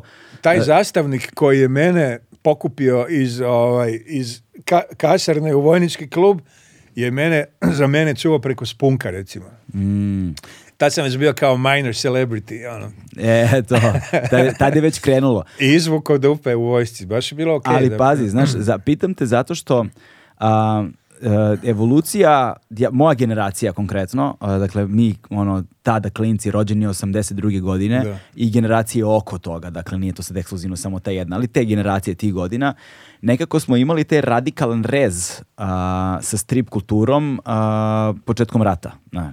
Tako I, ovaj, I ulazili smo dakle, u svet stripa što su ono to sad je neće ono, već je ono milion puta sažvakana priča da ne, ne recikliramo i mi sa Alanom Fordom, Zagorom, naš Black Stanom, No, mm -hmm. Martin Misterijom, Dylanom Dogom, bla bla bla. I to je nešto što su mi gutali kao deca, jel te? I ti i ja smo juče pričali, znaš ti kada se sada iz ovog ugla ono, odrasle i zrele osobe vratiš brojnim tim stripovima, oni u nemalom broju slučajeva deluju banalno u odnosu na to ko smo mi danas. Da, da. E, ako kogod voleo Dilana Doga, obožavao ga, zaista, ono, ono, ovaj, a, ja sada kada otvorim Dilana Doga, znaš, to je, to je prilično banalno. To, je, to se meni desilo s Alan Fordom, da. da to je, da, Strip ovoga detinjstva. da, tako je. Što znači da zapravo određena vrsta stripova i određena vrsta ono, ono, podkulture unutar jedne kulture ima svoju ulogu, ima svoje mesto u određenoj fazi razvoja tebe kao čoveka. Dakle, u fazi deteta imaš određene stripove koji su ti tad odgovaraju. Znaš, ima stripove koje sam čitao u politikinom zabavniku, stripove koje sam čitao ono na zadnjim stranicama ovoga ili onoga, stripovi koje smo lovili po novinama ono u tri... Mhm. U, jedna tabla ono u, u, tri, u, tri, u tri slike bude neke kratke stripić ili tako nešto, to smo sve lovili kao deca i to smo obožavali pa tu su bili onda ono Taličnog Toma, Asterixa, ja, ja sam volao i Mandraka Mađioničara i ne znam Fantoma i ovo i ono, svašta smo mi sami nešto to čitao. Bilo je toga mnogo. Bilo je jako puno, stvarno jako puno toga bilo i naravno pa kasnije malo, kad sam odrastao malo i Korto Malteze i šta ti ja znam, ali to su sve ono usual suspects u suštini. I ovaj, ali onda kada je trebalo da se nastavi dalji razvoj toga, Dakle, je, bio taj rez. 90. Je bio taj rez. Samo je stala. Stalo sve. I taj rez je dugo, dugo, dugo trajao. Pa ovdje je neki 15 godina nije bilo strip kulture. Ja sam, tek kad sam došao iz Kanade 2006. je recimo nastala Fibra. Danas najveći ovaj, i najbolji izdavač stripova u regiji. Ali e. prije toga nije bilo bog zna što. Pa to, da. Pokušavali su te neke redakcije, ovaj, mainstream redakcije recimo u Zagrebu da ponovo izalazi da izlazi pravi vjesnik, pa se pokušalo i u Srbiji s nekim tim kao revitalizacija tih starih nasilova, nije uspjelo. Sve to živjelo ono četiri, pet ovaj, nastavaka i bum, dole. Zato što ljudi u to doba su bili preokupirani nekim drugim stvarima, kako da prežive u, uopšte. Jasno, ali bez I tek 2005. Ja mislim da 2005. recimo u Beogradu ovaj, bio Beli put, možda čak mm. malo i rani. Ili 2006. isto. Sve se nekako poklopilo da je renesansa krenula opet od tih polovine 2000-ih na ovamo. Prije toga nije bilo. Taj da. rez je bio opak, znači 15 godina. Ali ne znam koliko bih nazvao renesansom u, smislu, u smislu da Šta hoću da kažem, dakle, nekako jedan od strahova... Renesansa izdavača svakako. Svakako, jer, da. ima ovaj, tih zadnjih, šta je sad, 23. Znači, možemo opet govoriti o periodu od 15. godina. Ima više izdavača nego ikad a kupaca manje nego ikad, zato što ljudi generalno postaju sve siromašniji. Mm. Nemaju para da kupe dnevne novine, kamoli će kupovati stripove. To je, najveći problem. Ali je i percepcija stripa u mainstreamu, dakle govorim ono u najširoj mogućoj populaciji, jer nekako strip publika i strip kultura su oduvek bili ono die hard fanovi i u bez malom broju slučajeva prilični elitisti i to je ono, kad je neko die hard fans ono, u, u svetu stripa, to plašiš se da razgovaraš s tom osobom. Znaš, Koji su, nažalost, sve stariji i stariji. Da, jer, jer ne i Bože napraviš neku grešku, ne, neće ti nikad oprostiti. Ali s druge strane... Oni su, oni su kičma zapravo. Da. Jer je to jedina ekipa koja stalno kupuje i skuplja stripove. Da, ozbiljni kolekcionari. Bil ti vjerovao da po podacima recimo iz 2019. 2020. prije covid od američko stanovništvo kod Severna Amerika otprilike ima 350 miliona ljudi. Od toga postoji slovima i brojkama samo nešto preko 200.000 ljudi koji redovno kupuju, konzumiraju i skupljaju stripove. Ti kao fenovi. Da, da. Znaš koja je to mala brojka naspram čitave populacije. Da, da. E, a to su ljudi sredovječni uglavnom i, i stari još koji... Ja se uvijek pitam šta će biti kad oni poumiru, ovaj, ko će čitati raže stripove jer klinci slabo, ovaj, ja neretko idem ovaj, po službenoj dužnosti na te festivale, recimo u Francuskoj potpisujem albume, čantram sa fenovima, imaš redaljku, od toga je možda 5% su mlađi od 28 godina, recimo. Mm. Najstariji su ono od 7 do 77, ali su uglavnom od 60 do 70 i nešto. Zadrti stari fenovi koji ono, kapiraju stvari, skupljaju to na policama. Masu njih uopšte i ne čita, ali skuplja. Da, da, Tako i kod nas, ovi koji skupljaju ove Zagore, tek svilere, znaš ono, to je uvijek u celofanu, odlože se po nekoliko primjeraka, jer kad ono dođe vreme, kad ljudima ponestade para, recimo onda na aukcijama prodaju čitave kolekcije za velike novce. Da, da, da. I table su počele. Imaš nekoliko foruma ovaj, i u Srbiji i u, Hrvatskoj koji se bave i time recimo. Aukcije mm prodaja kupovine stripova. Pa za koje novce to ovdje može da ide? Koliko tih ljudi zapravo ovdje ima takvih? To sad je već pitanje. Ja se sjećam iz 2009. Ovaj, kad sam to malo više pratio, da je nekakva kolekcija Zagora, ne, tek Willera, tipa od prvog do 50. broja, u savršenom stanju, to se zove glancer. Kao da, glancer. Ili mint, što bi rekli Ameri. Mint, da. Pristine condition. Da. Mislim da je neko to prodao za ok otprilike 15.000 evra. Wow. U te doba. Wow. To sad variraju cijene, ali zavisi u kojem je stanju, da li imaš po redu sve brojeve, znaš, koliko i tako dalje. Sada je pitanje, da li su, da li, da li za te gomilu tih stripova, da li su originali ili u prevodu? Sto prvo izdanja, ono, znaš se. Ne, ne, prevodi kao, bilo srpski ili hrvatski. Uglavnom, uglavnom srpski, jer su koji je izdavao to? Deće novine Gorin Milanovac, ono zlatnu seriju. Je, da, Gorin Milanovac je tu bio dominantan na, mnogo različitih ne, Stripovi imaju svoju cijenu, naročito kad prođe određeni broj godina. E sad ono- još, jedna, zanimljiva stvar, malo skačemo s teme na temu, vratit ćemo se nazad na, novi kvadrat i na evoluciju, ovaj, pošto smo tek, tek stigli dotle treba da stignemo i do tvojih saradnji sa u inostranstvu i sa Francuzima i sa, u Kanadi i sa, da ne pričam sa DC-em, sa Marvelom i tako dalje, ali o tom potom. I još neke zanimljive druge saradnje koje su se tu desile, poput Hodorovskog ili Žodorovskog, kako ga već zovu, tako dalje. Ali, whatever. whatever, da. Ali, ovaj, ali, me zanima, ali me zanima ovo. Jedna stvar koju sam primetio da se radi, recimo ti si radio Uh, sa ovim, kako se zove ovaj kontroverzni strip koji je pred dve, tri godine napravio haos zato što je crnac kao bojac, ovaj bre, Dick. Aha, Deadwood eh, Dick. De, Deadwood tako Veseli četvrtak. Tako je, sa Deadwood Dickom ti si radio cover za prva tri broja, je tako? Da, tri kavera, da. Tri kavera si radio, ali je zapravo... Ali to su bili kao alternativna verzija. To Ameri kažu variant cover, kao... E pa to me zanima kako funkcioniš. Izdaš dva kavera za jedno izdanje pa se više proda. Jer kolekcionari kupe jedan i drugi. Aha, to e pa to, da, to, to, me, je caka, da. to me zanima, pošto ti radio samo kavere i onda kako se, kako se kreće recimo vrednost pojedinih izdanja u zavisnosti od toga koji je kaver koja je varijanta kavera, da li ljudi sakupljaju onda recimo ukoliko taj strip izlazi u na različitim jezicima u različitim zemljama, da li sakupljaju sve varijante kavera za isti broj Znaš, sad, ono, prosto ne znam kako ta, ta kolekcionarska scena izgleda na taj način. Koja je vrednost toga? Pa ne znam ja baš da, u detalje, ali e, ne vjerujem da ima likova koji bi recimo jednog stripa skupljali i recimo srpsko, italijansko i američko izdanje. Uglavnom se profiliraju po jednom jeziku, koliko ja znam. Mm. Ali ima i manijaka, vjerovatno, koji ono, skupljaju sve živo. Da, da, da. A prije svega mislim na e, kolekcionare u Americi koji skupljaju recimo superherojske stripove. Ima, ima ih, manjina su, ali skupljaju i na raznim jezicima. Iste, iste primjerke. Ali ono što je bitno, oni vole da skupljaju prvo izdanje nečega i onda to pažljivo čuvaju dok ne prođe određeni broj godina, onda to ide na aukcije. Ne?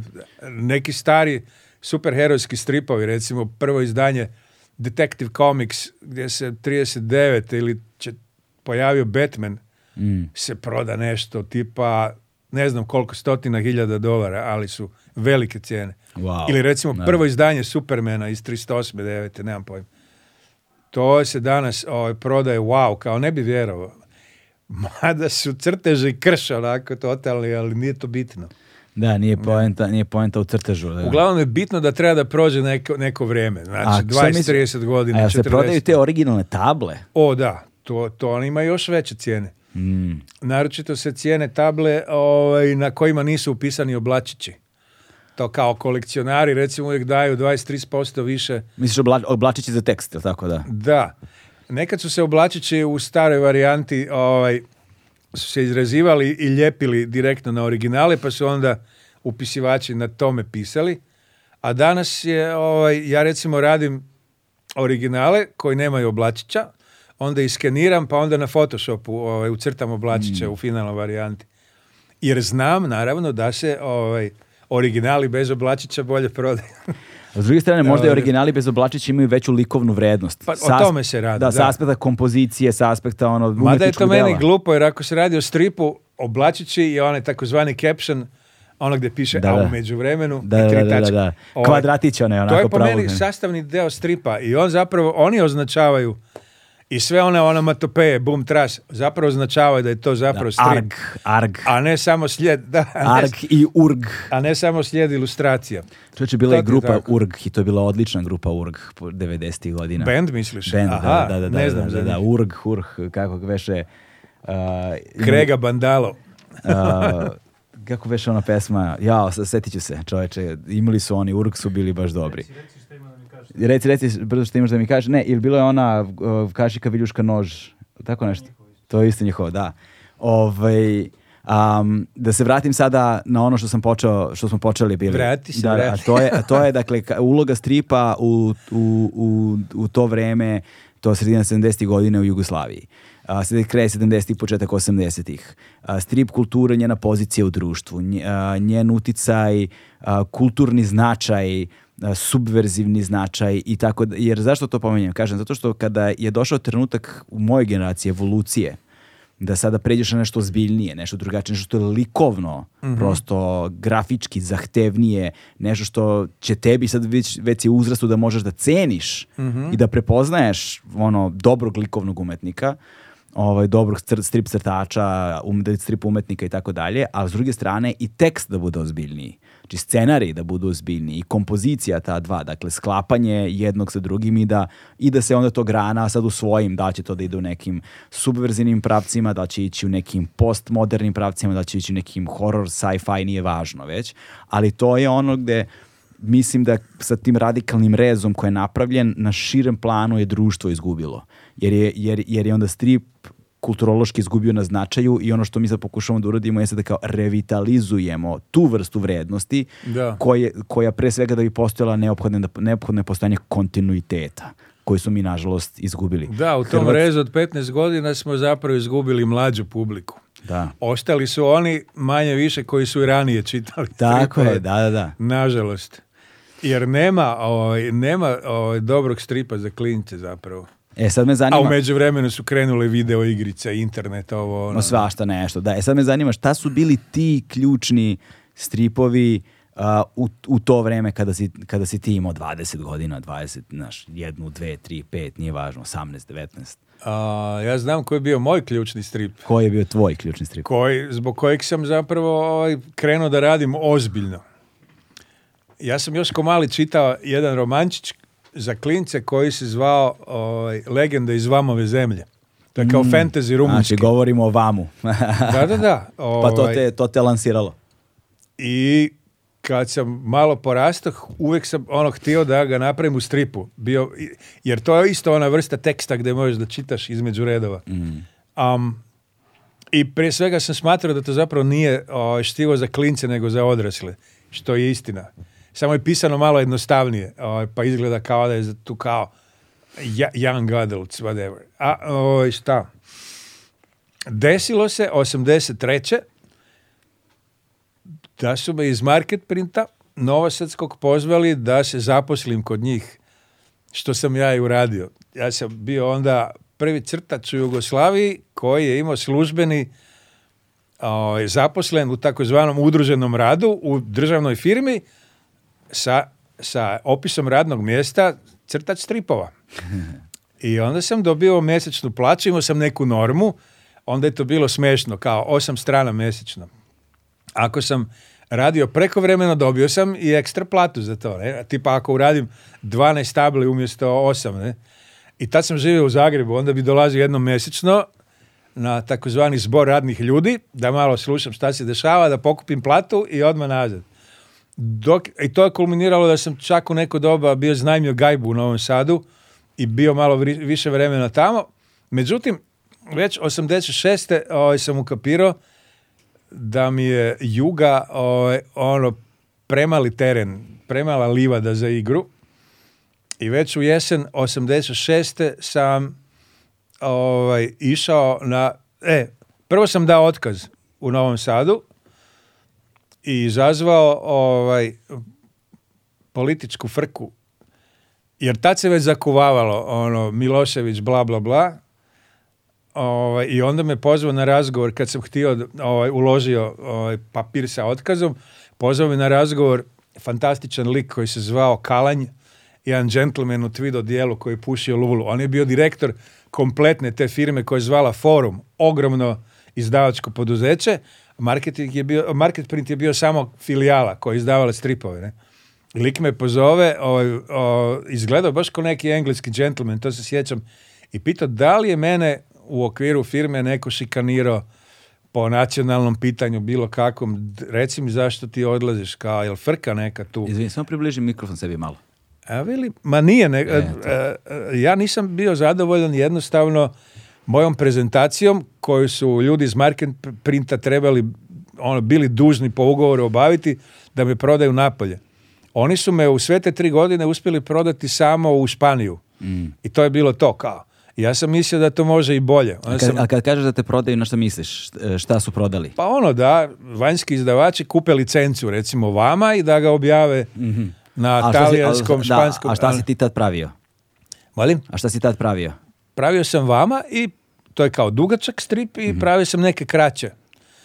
Serija koja se zvala Zvijezde, tu sam radio kao kratke, simpatične ovaj, science fiction pričice od po šest do 8 tabli, koje su izlazili isto u stripoteci. Mhm. I vam je izlazio paralelno. I radio sam naravno... A vam izlazi u nastavcima? Jeste. A, okay, okay, pa on okay. nešto, da, onda imao 125 strana. da, ja sam mislio da je komad, ja nisam znao da je u nastavcima izlazio. To mi je prvi, prvi dugački ozbiljni strip. Mm. E, i onda sam rekao, nije nikakva politička frka, nego ja bih htio sam da probam ono oče u svet kao. I mislim da sam napravio dobar potez, jer sam, da skratim priču, u, jesen 86. Ovaj, sa prijateljem koji je poslije bio direktor algoritma Nevenom, otišao na veliki festival stripa u Luku i tamo ga uspio prodati francuskoj firmi Lumenuida Associé čuveni humanoidi koji su izdavali metal Urlan ranih 70-ih, kao kultna firma. I tako je krenulo s Vamom. A nakon toga sam za Dargo 89. Ovaj, radio petgodišnji doba i tu je krenula kao moja eh, moja avantura sa zapadnom Evropom I to sam uradio na vreme jer mislim eh, ljudi koji su bili samozadovoljni velikim jugoslovenskim tržištem koje je onda imalo oko 22 miliona ljudi, mm. impozantno tržište, nisu se baš trudili da, da idu napolje, da šire pipke ono, prema zapadu. Ja sam to nekako uradio na vrijeme, pa mi nije bilo poslije teško. E, taj opet rez je došao, 91. kad se sve srušilo i nije bilo posla, ali opet imao sam sreće pa sam dobio ovaj poziv iz Danske mm. da radim za njih projekt Tarzana za američko tržište pa sam se tu nešto preselio u Kopenhagen gdje sam bio skoro godinu dana i vratio se usred rata 92. jer sam imao nostalgiju za ovaj, domovinom, ovo ono. Ne znam da li je bila greška ili nije, ali ovaj, nakon toga su zapravo, sam dobio poziv iz, iz Marvela, ne, prvo iz Dark Horsa, a, okay. Opet vezano za Tarzanom, da radim Tarzan Mogambi, neku kratku priču. I to je bila prva saradnja sa Darkom Macanom. To je bilo mm. 93.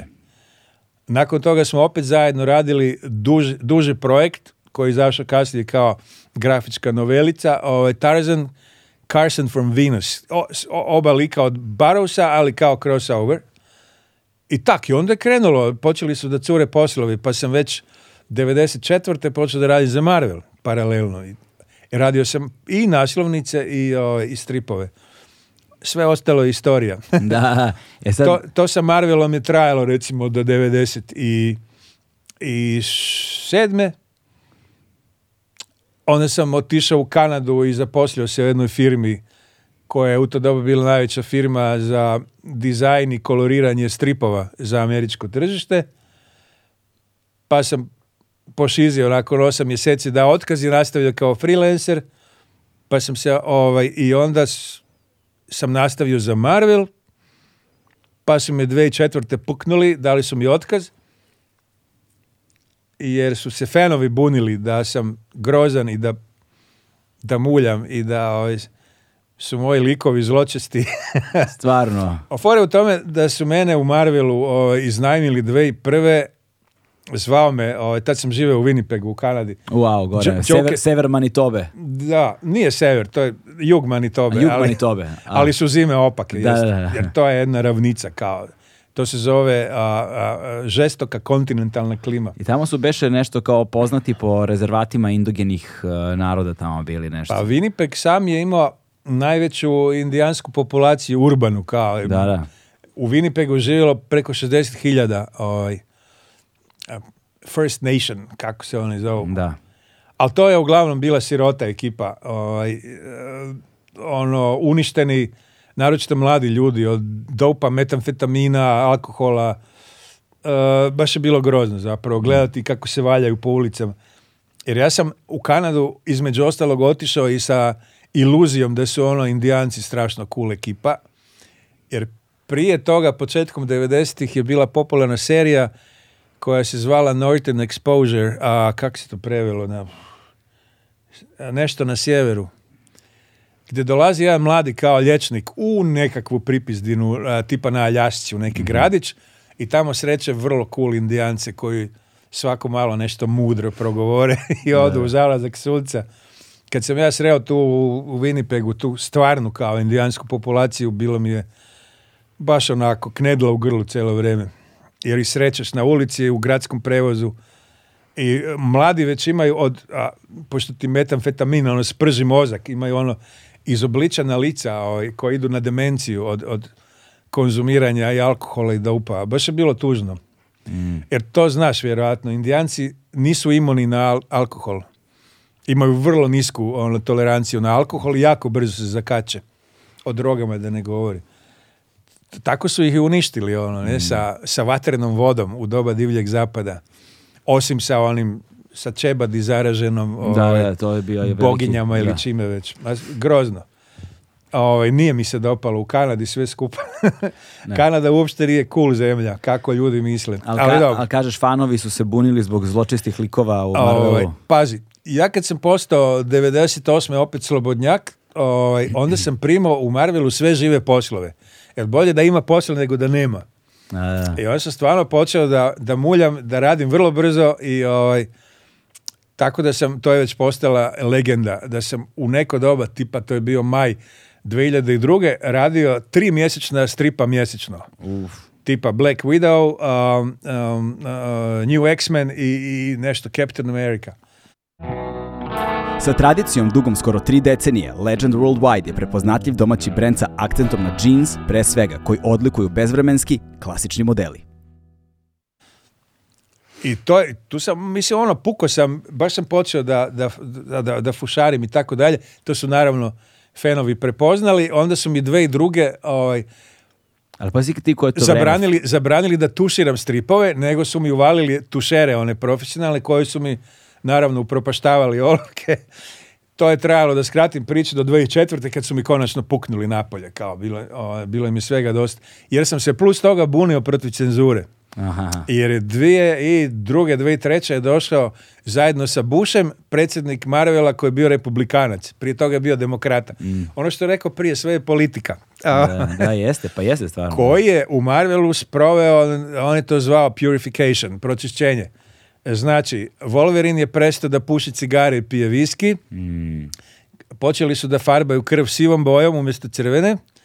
A golišave heroine su dobile e, digitalno, kao ja se zovem pelengače, kao ispod oskutnih o, kostimića, grudnjaka i gačica dobivale su crne kao malo veće grudnjaka i gačice. To je izgledalo grozno. Da. Ovaj, kao nekakva interna autocenzura, kao, da sve bude čedno.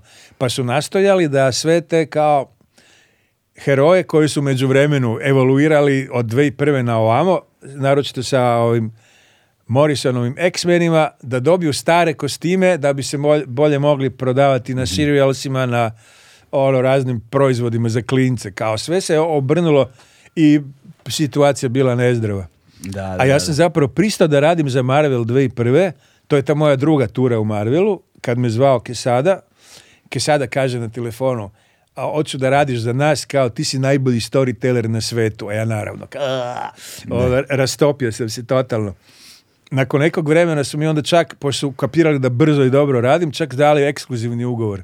Pa su mi na tri godine i poduplali ovaj, cenu po tabli stripa i to je onda trajalo. Dve i druge su mi već zabranili da tuširam, pa sam onda još godinu i po ovaj, radio samo olovke. Kad ovaj, I onda su me ono puknuli iz Marvela, onako na brzak, već dosadio sam Da, da, da. A, ja zovem Kesadu i kažem, e, pa ja sam još uvijek na ekskluzivnom ugovoru. A on mi kaže, možeš ga iskoristiti kao brisogu, za ono, kao toalet papir. To je bio odgovor. Stvarno je to bio odgovor, da. Da, E onda sam ja digao neku dževu po forumima ono, u Americi i Kanadi. Pa je izbila frka, frka, frka. Sirot, ono, govorio sam o groznoj korporaciji koja iskorištava sirote strip crtače kao robove, ovo ono. I za sedam dana me zove kao jedan od urednika iz Marvela za kojeg su znali da je moj favorite, kao Axel Alonso, kao Igore, bil ti opet radi jedan projekt za nas ovaj puta nisu heroji nego rat u Iraku. Tad je bio on drugi, mm. drugi irački rat. A ja kažem, s koje tačke gledišta? Pa sa naša, naravno. Ja, kažem, fuck off, kao. I tad sam bio sretan da sam ja njima rekao, kao, da, otkantaju. A možda, su to, ovaj, možda su oni to strateški namjerno tako radili, jer su znali da ih otkantaš. Ne, ne, nisu toliko inteligentni. Ali tad sam bio jako sretan jer sam, ovaj, jer sam ja njima taj puta rekao, kao ne, Kasnije su me oni zvali tokom godina, još već kad sam se vratio u Hrvatsku, svaki dve godine bi me zvao taj isti Aksel kao da mi ponudi neki posao, ali tad ja nisam rekao da neću, nego sam poduplavao cijenu po strani stripa, pa bi on zaklopio slušalice. Da, da, Onda me zove nakon dve godine, e, kao Igore, ovo ono. E, onda još više poduplam cijenu. onda su me prestali zvati. Da, da. Ali mi dan danas isplaćaju ove tantijeme za recimo New X-Men, koji je izuzetno uspješan strip bio, taj, to je taj Granta Morrisona, scenariste, koji se svaki par godina ponovo doštampava i onda svaki put dobiješ ovaj, tantijeve. E sad taj moj otkaz se veže na moj početak rada u Francuskoj za mm. Delcour. Ja sam u međuvremenu kao da sam predosjećao ovaj, da neće to dugo trajati ovaj, moja ljubavna veza sa Marvelom, pa sam počeo ovaj, preko mailova korespondirati sa gospodinom Čabom Kopeckim, s kojim je pak povezao Darko Macan. Sve onak mali svet. Mm. Ovaj, koji je u to doba bio menadžer uh, za ekipu iz regije za francusko tržište. U to doba je bilo nekakvih, ovaj, recimo, 30 crtača koji su radili za, za francuze. Ovaj, tako da je to bila prilična ovaj, ergela.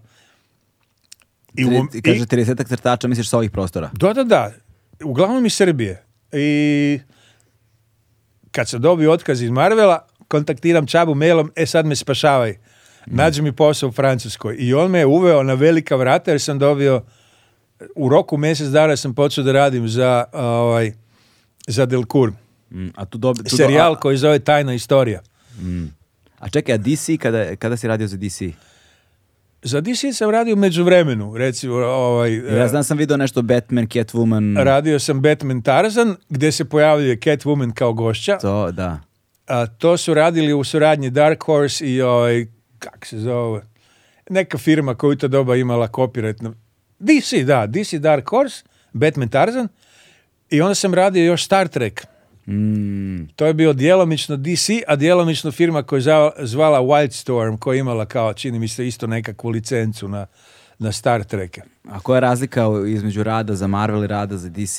Da li postoji razlika među fanovima? Ili je to sve isti corporate? Ono... Ma, isti, isti um, ogromna je razlika. Ovaj, prije svega ono što sam spominjao ranije, oni svojim ugovorima, kad ti radi za njih, lova je odlična, naročito kad dobiješ ekskluzivni ugovor, gdje ti onda radiš recimo tri godine za njih i zabranjeno ti je da radiš za bilo koga drugog na sjevernoameričkom tržištu.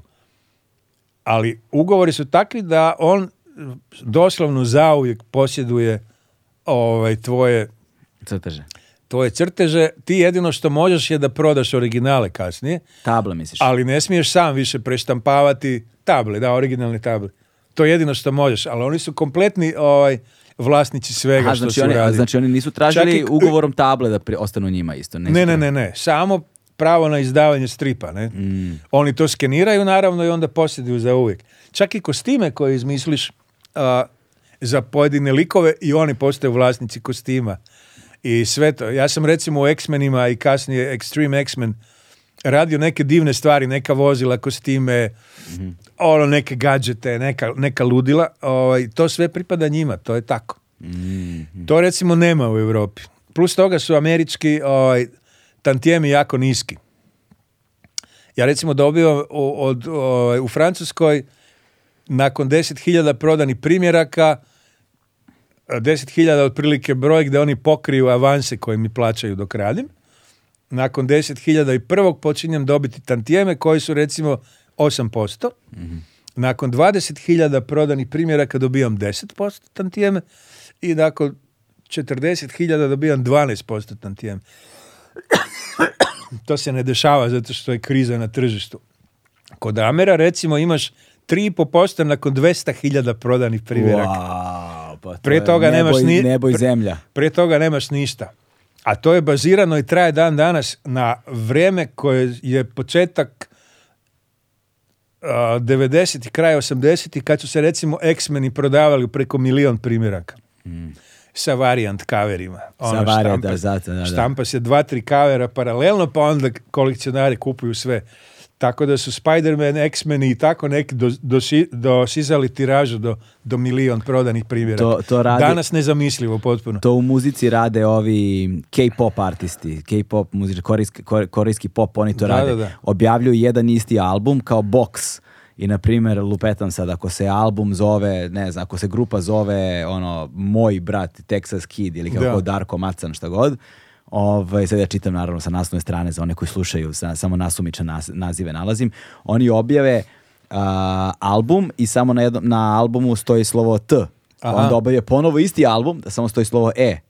Pa stoji slovo K i onda mora sakupiš celu rečenicu. Svašta. Znaš, i onda, ljudi, i onda ljudi kupuju jedan isti album u krug da bi sakupili boks kojim, na kojem imaju celu rečenicu ispisanu da. i tako Ili se štampa vinil, plastika u drugoj boji. Na, ne, to je potpuno ludilo. Dok Ili recimo ide. imaš ono, Alice Cooper, šta znam, album koji zove Eyes of, Alice Cooper iz ne.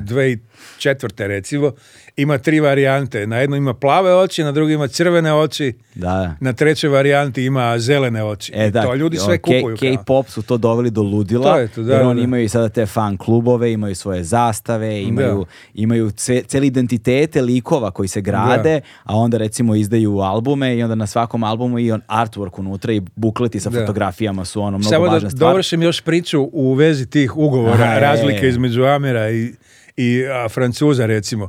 Kad potpišem ugovor sa Francuzima, ja sam 50-50 vlasnik projekta. A. Znači sve što se dešava recimo u reprint, onda ili štampanje majica, figurica, ovaj, pita se mene i delimo dobit kao na svaku licencu koja se proda. Recimo, ako se moj strip iz Francuske prodaje u Španiju, Holandiju, bla, bla, bla, bla, bla, ovaj, deli se 50-50, 50% dobiju scenarista i crtač, 50% ide firmi. Znači, ajmo reći, mnogo i mnogo humanije ovaj, nego u mm. Americi. Ta, taj tvoj tretman kao bića koji je autor, koji ima intelektualna prava, koji u Americi nemaš ništa. Da, da. Ali imaš kao dobre pare, pa sad izvoli. Ono. da, naš, Neko ko mnogo voli pare, a, ono što je zgodno, Srbija, Hrvatska, crtači iz Hrvatske mnogo više inkliniraju da idu na zapadno tržište, Marvel, DC, a crtači iz Srbije mnogo više vole da idu na francusko tržište. To je tak nekako tokom godina. Ja mislim da je to nekakvo kulturno nasljeđe. Pa jeste, mislim da ja mislim da je do, do, do stripa koji se čitao ne znam, sad ne znam koliko se zapravo... Ja mislim prije, više na kulturološke veze koje recimo Srbije imala sa Francuskom tokom zadnjih sto godina. Je, to ima smisla, da. Ta, takve neke stvari. Hm? Je, I tako se desilo, ima neka podjela. koliko ja znam, recimo u Srbiji danas jedino od svih tih divnih crtača koji rade za zapadno tržište, samo Mirko Čolak radi za Amere. Hmm. Svi ostali rade za Francuze. Ili za, ili za Bonelija, za Italiju, ili za Špance. Da, uh, da je Bonelli, da, mislim, italijanski uticaj ovde je... O, da. To je... To mi zovemo Ferijevi svedoci. Da. Oni koji se zaklinju u Zagora i Tex Willera i to. Da, da, da, to je, da, da. I ništa osim toga ne postoji. Ništa, bukvalo ništa, jeste, toga ima stvarno dosta. Mada i francuska škola je dosta na ovde, ali ne na taj način ne na taj način. Ovaj, ali dobro, sada je to druga priča.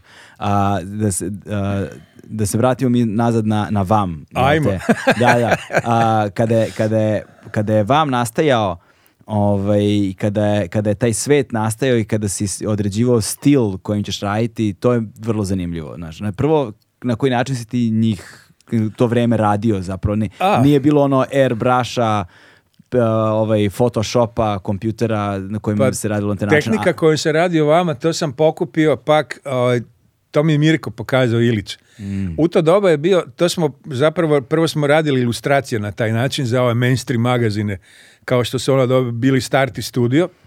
Ovaj, u to doba se mogu... sad, mi je baš žao što ljudi ne mogu da vide da. o čemu pričamo. U to doba se mogao kupiti odličan papir uh, sa vrlo glatkom površinom koji se zvao Kunzdruk. Kunzdruk sjajni. Otprilike 250-300 grama, dobar papir, ali ima tu sjajnu površinu koja je zapravo bila od, od krede napravljena na neki način. Onda pokriješ tu površinu tušem i onda žiletom ili skalpelom možeš da grebeš vrlo tanke linije i onda to liči kao bakropis recimo. Wow čoveč. Na taj način smo i Mirko i ja radili hrpu ilustracija prvo za, za ovaj, ovaj, magazine. Koliko ti je trebalo vremena on... da, da savladaš tehniku ono grebanja žiletom? Pa nije trajalo dugo. to je onaj običan žilet, što i ga na pola i onda... Ja sam prilično ovaj, upleten u povijest umjetnosti. Mhm. To su mi tjerali još u osnovnoj školi da proučavam. Tako da mi ovaj, grebanje, kao što je bakropis, bakrorez, nije strana stvar. To smo radili već i na akademiji, mada sam ja to, ovaj, isto sam uljo pa sam radio dosta loše. E, ja, Jana je zgrožena kad je vidjela moje kao bakropise s akademije. Ovaj, nema veze. Ali mi je bila poznata tehnika onda oponašati tako nešto, zapravo grebati na papiru, ovaj, zapravo eh, istuširanu crnu, crnu plohu je mnogo lakše nego da... Oj, grebeš metal kao, mm. da ideš, da radiš bakrene ili cinčane ploče. E, tako da smo se, ovaj, vrlo brzo sam se izvrezirao u tome i onda sam gotovo celog vama uradio u toj tehnici e, i to kao ekipa voljela jako. I dan danas postoje ovaj, tvrdokorni fanovi mog crno-bijelog vama, mada sam ja kasnije za francusko tržište i kasnije za fibru ovaj, izdao kolor vama da, ja, sam, ja sam vidio kolor, da. Koji sam isto sam farbao. I e to, sam, a kako si ga farbao kad kažeš farbao? A, francusku verziju sam farbao, u to doba je opet bilo nekih dobrih strojeva za fotokopiranje koje danas više ne postane, postoje gdje si mogao veću gramaturu papira, a tri formata provući kroz kopirni stroj, onda si dobio crni ili smeđi ovaj, ili plavkasti crtež, a to jest kopiju na Mhm. tom boljem papiru i onda se preko tih ovaj, štampanog crteža se ovaj, radilo u, u koloru, akvarelom uglavnom ili gvašem i pojačavao si onda još crnim tušem što je trebalo recimo u prvom planu i tako dalje. Tako sam radio za, za Francuze, dodavši još neki pet ekstra tabli da bi popunio kvotu za tri albuma. Ah. Pa onda na koncu bilo umjesto 125 je bilo 132 strane, 3 puta 44 ili 48. I onda sam za fibrino izdanje dodao još nekih pet ekstra strana koje sam uradio na Photoshopu. Da bih zapravo... koliko ovaj, se vide ovaj, razlike? To, tom vamu, molim? Koliko se vide razlike? Pa nastojao sam da se ne vide, da ima kao konzistenciju. Ali daj hard ono, ono- vide. Ali. ali ono kako sam ja odrastao zapravo, zašto sam ja rad dodavao te table, a, u ono doba kad sam prvi put radio vama za Market Print, mrzilo me da crtam pozadine. I ono po, po čemu sam ja kao poznat iz onog vremena, kao čudni rakursi, uglovi, ovaj, čudni rezovi, to sam radio samo zato jer da izbjegnem što više, da izbjegnem crtanje pozadina. e kasnije kad sam odrastao malo više, zato ja vama zovem kao vam je kao moja osnovna škola ili srednja škola. Da, stripovi spoleta su osnovna škola, vam je srednja škola. Kad sam se tek učio da radim duge projekte, dodao sam table jer sam htio razbiti tu gustoću i klaustrofobiju koju sam zapravo osjećao na stripu, da diše malo kao. Mm. Tako da vam zajedno sa francuskim i fibrinim izdanjem ima, ja mislim, 12 dodanih tabli koje zapravo rade malu disperziju, smanjuju broj tekstova po tablama i tako dalje. Tako, Aha, znači, a to, to nešto što bismo mi onda recimo u videu nazvali e, establishmentima ili totalima ili dakle nekih Tako širokih planova gdje se vide pozadine, Bravo. gdje ono, izlazimo iz kućenog prostora. To sam izbjegavao da radim, da. Da, da, da. Ta prva varijanta vama je dosta klaustrofobična što se kamere tiče. Jel? A, dobro, dobro. Sad je to malo bolje, ali to je ono nikad završen posao. Ja bi mogao na tom vamu raditi još ne znam koliko, ali to e. nema smisla, znaš, treba se u nekom momentu ići dalje, ne osvrtati se više, jer e, ovaj, za to, je, to, je drugo, ovaj, to je drugo pitanje koje je zapravo logičan nastavak e, na, na, tu prvu, jer je vam bio tvoj prvi dugački Jeste. on, projekat uh, i sad recimo ne znam kako tu stripu funkcioniše, ali u prozi recimo pisati kratku priču, pisati novelu, pisati roman, su tri potpuno različite stvari. Jer ono, održavati organsko jedinstvo, stilsko jedinstvo, narativno, na, narativnu ono, koheziju, razvoj karaktera, njihovu psihologizaciju, da to se bude uverljivo i da to bude na jednom tako monstruozno velikoj gromadi kao što je roman, kao slušaj Buraziru, napiši ti jednu dobru stranicu, pa da vidimo, znaš, napiši jednu dobru rečenicu, pa jednu dobru stranicu, a do romana sačekaj malo, znaš, ono, i dok se izbrusiš. Znaš, sam Sad, ukapirao što je najbitnije, treba završiti projekt. Da, da li se to preslikava na, na, strip? Pa da, ima masu crtača koji započnu nešto, mm. grandiozna prva tabla, druga malo slabija, treća već, a, i onda prekinu projekt, jer nemaju, ovaj, kak se to kaže, stamina na engleski, ovaj, ono... Izdržljivost. Izdržljivost, da, da iznesu stvari Ne? Strpljenje, I onda napraviti vama je za mene bio strašno, ovaj, zapravo mučan, mučan podvig, radio sam ga tih bednih 125 strana tri godine. Mm. Ali sam ga uradio na koncu. Hoću reći, ovaj, bitno je za svakog mladog crtača da zapravo kad jednom počne stvar, koliko god bila loša, samo da je završi. To užasno ovaj, doprinosi nekakvom, znaš, tvojem samopouzdanju i tako dalje. Da umeš da, da I stavka broj dva, što više radiš, to si bolji. Mm. Znaš, ide glat, glatkije. Ja sam poznat kao brz crtač, ali ovaj, nije to došlo samo tako, ovaj, ono, preko noći. A, to sam ti rekao, da imam karijeru koja traje preko 50 godina – ja se uvijek šalim, kao nakon 50 godina već je bilo vrijeme da bude malo brži. Ali ovaj, što više radiš, što si bolji i zapravo mozak ti je velika banka podataka i što više stvari ovaj, crtaš tipa od oružja preko konja, preko mačeva, tehnikali, automobili, zgrade, arhitektura. Što više to radiš, sve ti manje treba da gledaš po referencama. Možeš ih raditi i na pametu neko doba, mm. Neke glodavce, neke ptice, ovo ono. Tako da je moja brzina je posljedica i toga da sam nakon mnogo, mnogo godina i mnogo, mnogo grijanja stolice oj, ovaj, masu stvari počeo da radim na pamet. Recimo za ljudsku anatomiju mi ne trebaju reference, bilo muško, bilo žensku ovaj, znam na pamet nacrtati kalašnjikov i tako ne. To je isto vrlo bitna stvar, ovaj, ubrzavanje procesa. Jel? E da, to je zanimljivo, zato što i kad sam bio, kad sam bio kod, kod vas zapravo, e, video sam i, i na, na, na ta, ta, ove table i, i to, mi, to, mi, je zanimljivo da kada, kada, se, kada se baviš e, crtežom koji je vezan za direktnu epohu, a, ili određeni vremenski period, ti moraš sad taj period učiniš što autentičnijim. Tako je. I onda ti, ti, tebi je zapravo nužno na neki način i da radiš određenu vrstu istraživanja da bi ubacivao ili tačno znao da određeni elementi pripadaju određenom periodu, da to bude što autentičnije. Tako je. Znaš, i da tu sad vjerojatno postoji dosta nijansi i dosta pojedinosti na koje treba vratiti pažnju. To što se vidio na stolu je dobar primjer, radi se o westernu, Tako je. Marshall Bass prije nego sam počeo da radim na njemu sam baš imao kao žestoko proučavanje ovaj, i što svoje literature, što interneta. Tako da moji likovi izgledaju ovaj malo, malo drugačiji nego ovaj, likovi u nekakvim američkim ili talijanskim špageti westernima. Ovaj. Uglavnom nemaju one šešire Savijene. prema gore svinutih oboda, nema špicastih ovaj, kaubojskih čizama, jer su špicaste čizme izmišljene tek poslije drugog svjetskog rata.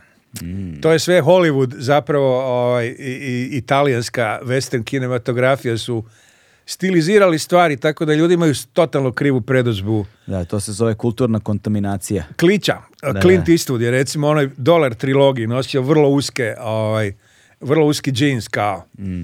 A toga nije bilo ono doba. Ljudi su nosili, ovaj, nosili su ovaj, džins, ali vrlo široke radne pantalone sa zakovicama ili su nosili ovaj, odela od vune.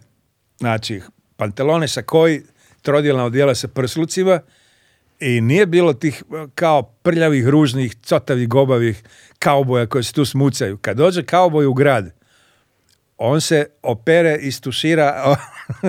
obrije, picne po šiša i dođe, ovaj, izvadi svoje odelo koje čuva i dođe u salon picnut, ne, e, iz glancanih čizama. Da. Ljudi su držali do to kao keeping up appearance, ovaj, do svog izgleda, od uvijek je bilo tako. Tako da, ovaj, filmovi sa onim neobrijanim masnim ovaj, zarozanim kaubojima sa dugim kostama to to je film izmislio sve. Koji još nose špicaste ovaj, kaubojske čizme. Špicaste čizme i uske pantalone. Ono. Ja sam nastojao i tu je moja recimo razlika između e, većine western albuma koji se pojavljaju na tržištu da likovi su obučeni i koriste oružje i ovaj, konjsku opremu, ovo ono, što autentičnije moguće. Mm I to, to zahtijeva zapravo dosta veliko istraživanje to je naravno i oduzima Recimo, proučavajući čizme, same čizme, to ti već ovaj, puno vremena. Na primjer, a, sve do kraja građanskog rata, znači do kraja druge polovine 60-ih, su obučari proizvodili čizme koje su i za levu i, za desnu nogu. A, tek, nisam znao tek, to non stop gaženjem formiraš da li ti je leva ili desna čizma. Stvarno. A, a obućari ovaj, konfederacije, znači koja je postepeno gubila rat, su neko doba počeli da proizvode čizme od kartona, jer nije bilo kože. Pa se to raspadalo ovaj, kad padne kiša ili ugađaš u neku mlaku močvaru i tako dalje. Svašta ima s tim čizmama. Dosta dugo se znači proizvodile i ono unisex čizme koje onda ti razgađaš, pa ti je kao ili leva ili desno. A, to su zgodne stvari. Ono kad o, zato me veseli rad na stripu, jer kad ti je stalo da uradiš dobar posao, onda puno učiš zapravo, cijelo vrijeme učiš i nikad ne prestaješ. E sad, e, ali, ali za tako neke stvari, takve pojedinosti kao što si sad pominjao, s obzirom na to da je ova kulturna kontaminacija te epohe kreirala sliku jednu koju javnost ima, koja odudara od onoga što je stvarnost. Da i onda ti sad ako ponovo uvodiš te elemente stvarnosti u kreiranju umetničkog dela, ti se sad suočavaš sa publikom koja, kojoj ta stvarnost nije poznata. Da li to onda zahteva od tebe ukoliko se baviš i scenarijom i tako dalje, neku vrstu eksplikacije ili neku vrstu objašnjenja ili nečega da se ljudima približi ukoliko im nije poznato. Znaš, da li se dešavalo da ljudi reaguju negativno zato što imaju određeno očekivanje koje bude iznevereno? Ne, nije. Ili s druge strane, ukoliko praviš odstupanje od stvarnosti koju si naučio, to je vjerojatno kroz umjetnički postupak namjerno. Ne, fore u tome da sve nosi, kompletan projekt zapravo nosi dobra priča. Mm. kad se ljudi zakače na priču, onda im je ovaj to što ja radim neke stvari drugačije ne pada im teško. Na neki način zapravo im je i uvjerljivo. Da. Doduše ima fanatika, ovaj, to je to je priča koju nekad ispričam ovako za javnost. Ovaj, u doba dok sam 2008. radio za, za Delcour, projekt o Prvom svjetskom ratu koji je zvao Le Côte de Bataille, Srce bitaka, o mladom crncu koji dođe u francusku vojsku 2016. A, napadali su me onda nakon prvog ili drugog albuma, krenuli me napadati fanovi po francuskim forumima, jer sam greškom francuskom vojniku stavio njemačku cuturicu za vodu u opremu. Znači ima fanatika koji paze na svaki detalj i vrlo brižno ono prate i čitaju i slažu te stripove. tu imaš čitav odsječak recimo fenova koji vole stripove samo sa avionima. Bilo iz drugog svjetskog rata, bilo iz prvog, ne? Pa moj kolega Maza iz ovaj, Republike Srpske o, isto radi za Francuze radio serijale tipa neki Wunderwaffen ili tako neke stvari koji su samo sa avionima. Wow. Ono, znači imaš, imaš recimo... Koja niša od tržišta. Da, imaš recimo u Nemačkoj, to je bar bilo u doba kad se radio za Nemce ovaj, krajem 80-ih, nišu e, stripova za devojčice koje vole i jašu konje velika produkcija. Šta ja znam, Calamity Jane, jel tako beše, ona je... Ne, ne, ne, ona je bila kao kaubojka revolverašica s divljeg zapada. To, ali to je žena koja jahala konja, to se zna da nešto. to... I dobro, prije svega je dobro pucala, po tome je bila poznata, onda je kasnije kod ovog ovaj, Buffalo bila pucala u cirkusu za novac. Da. A bilo je tih, ovaj, ali govorimo o tim čudnim segmentima. E, znači, u okviru westerna imaš ovaj, a, a, razne niše i, razne, i onda imaš u okviru ratnog stripa. Znaš, imaš samo stripove o podmornicama. To pak imaš fenove koji to skupljaju i tako dalje. čudna ekipa. da, i onda se kod tako nekih likova ili u podeljenim stripovima vratno ubacuju epizodni elementi koji imaju to da bi se možda bolje prodavali. Naravno, da, to, da. to su ti fetiši, ono, znaš, te da. sklonosti ka pojedinim. Neverovatno što Ja, sam radio par science fictiona tipa ovaj, Star Warsa za, za Dark Horse. Mhm. Oni su u to doba imali ovaj, copyright, to jest licencu na Star Warse. Poslije je kupio Disney i Dark Horse i licencu za Star Wars. tako da se sve Disney. Ali u ono doba, nakon nekoliko nacrtanih Star Warsa dođem na veliku konvenciju San Diego. Ogroman festival Nešto kao Angulem, 200, 250 ljudi. Mm. I dođe mi na moj, ovaj, na štan gdje potpisujem stripove, dođe mi fan, ono, tipa, i pita me glupa pitanja, tipa, zašto si na Millennium Falconu nacrtao milioni dve zakovice umjesto milioni deset zakovica? Mislim, to je sad šala, ali oni su, ono, ludaci koji... Jesi gledao Galaxy Quest? Onaj mm. smešan science fiction film sa Sigurni Weaver i ovaj... Nisam gledao, nisam gledao. To je kao komedija koja nije parodija, ali je vrlo blizu parodije na fandomship u Americi. Mhm. Ludake koji ono, ne samo da rade cosplay i tako dalje, nego ovaj, ulaze previše duboko u neki strip i proučavaju to do beskraja i ono... E, e, ja bi im rekao ono, come on, get laid, get some life, onda bi me mrzili, kao, jer nisam mogao da shvatim da, on, da, da prelaze granicu zabave, stripovi su zabava, kao i film. Nego ulaze duboko u to u samu materiju, onda broj Zakovice na Millennium Falconu, ono, da, da, da, ovom brodu od Han Solana i tako dalje. To, to je čudna ekipa, svakakvih sam... Kad ono, si pomenuo već Dark Horsa i Tarzana, pitam se šta li je sa Tarzanom danas? Pa i to je vlasništvo Disneya. Sve je Disney. ne, ne, ne to, nego hoću da kažem ovaj, nekako u celom ovom svetu remake-ova, revivala, uh, onda transformacije, u ono politički korektnije ono odnose, bežanje od stereo, stereotipa, bežanje od ono diskriminatornih elementa po kojima su brojni Disneyevi recimo Nažalost, filmovi bili poznati. Tarzan, ali, Tarzan ne drži vodu više. Tarzan više uopšte tu ne drži vodu. Ne. Uopšte ne drži vodu, a ne daj Bože da Tarzan bude, ne znam, crnac. Bilo je pred nekoliko godina pokušaj ono, reboota, koji je igrao onaj veliki plavi, ovaj, Sin sinoć na Skargade Igra je Tarzana i ona Barbie cura je igrala njegovu Jane. Da. nije bitno kako se zove. Ova sad Barbie što je glumila ili... Glumila je u Barbie, jeste. Da, Margot kako se zove. Margo nešto, nije bitno. Ovaj, I taj Tarzan je bio ono big budget, prilično pristajna priča koja se dešava mm. ovaj, negdje prije prvog svjetskog rata. Znači u dobro doba za Tarzana i nije uspjela. A ne može, tu je previše diskriminacije, previše kolonijalizma. A i Afrika, a i Afrika više nije mistično mesto mm. gdje ovaj, možda otkriješ u džungli tajne gradove ili kao civilizacije koje još uvijek postoje. Google, Google Maps je to sve demistifikovao. da, i Afrika je postala jedno velika ono, kontinent gdje ovaj, zapadne zemlje odvajkada eksploatiraju ono, rudnici, mm. da ne pričam.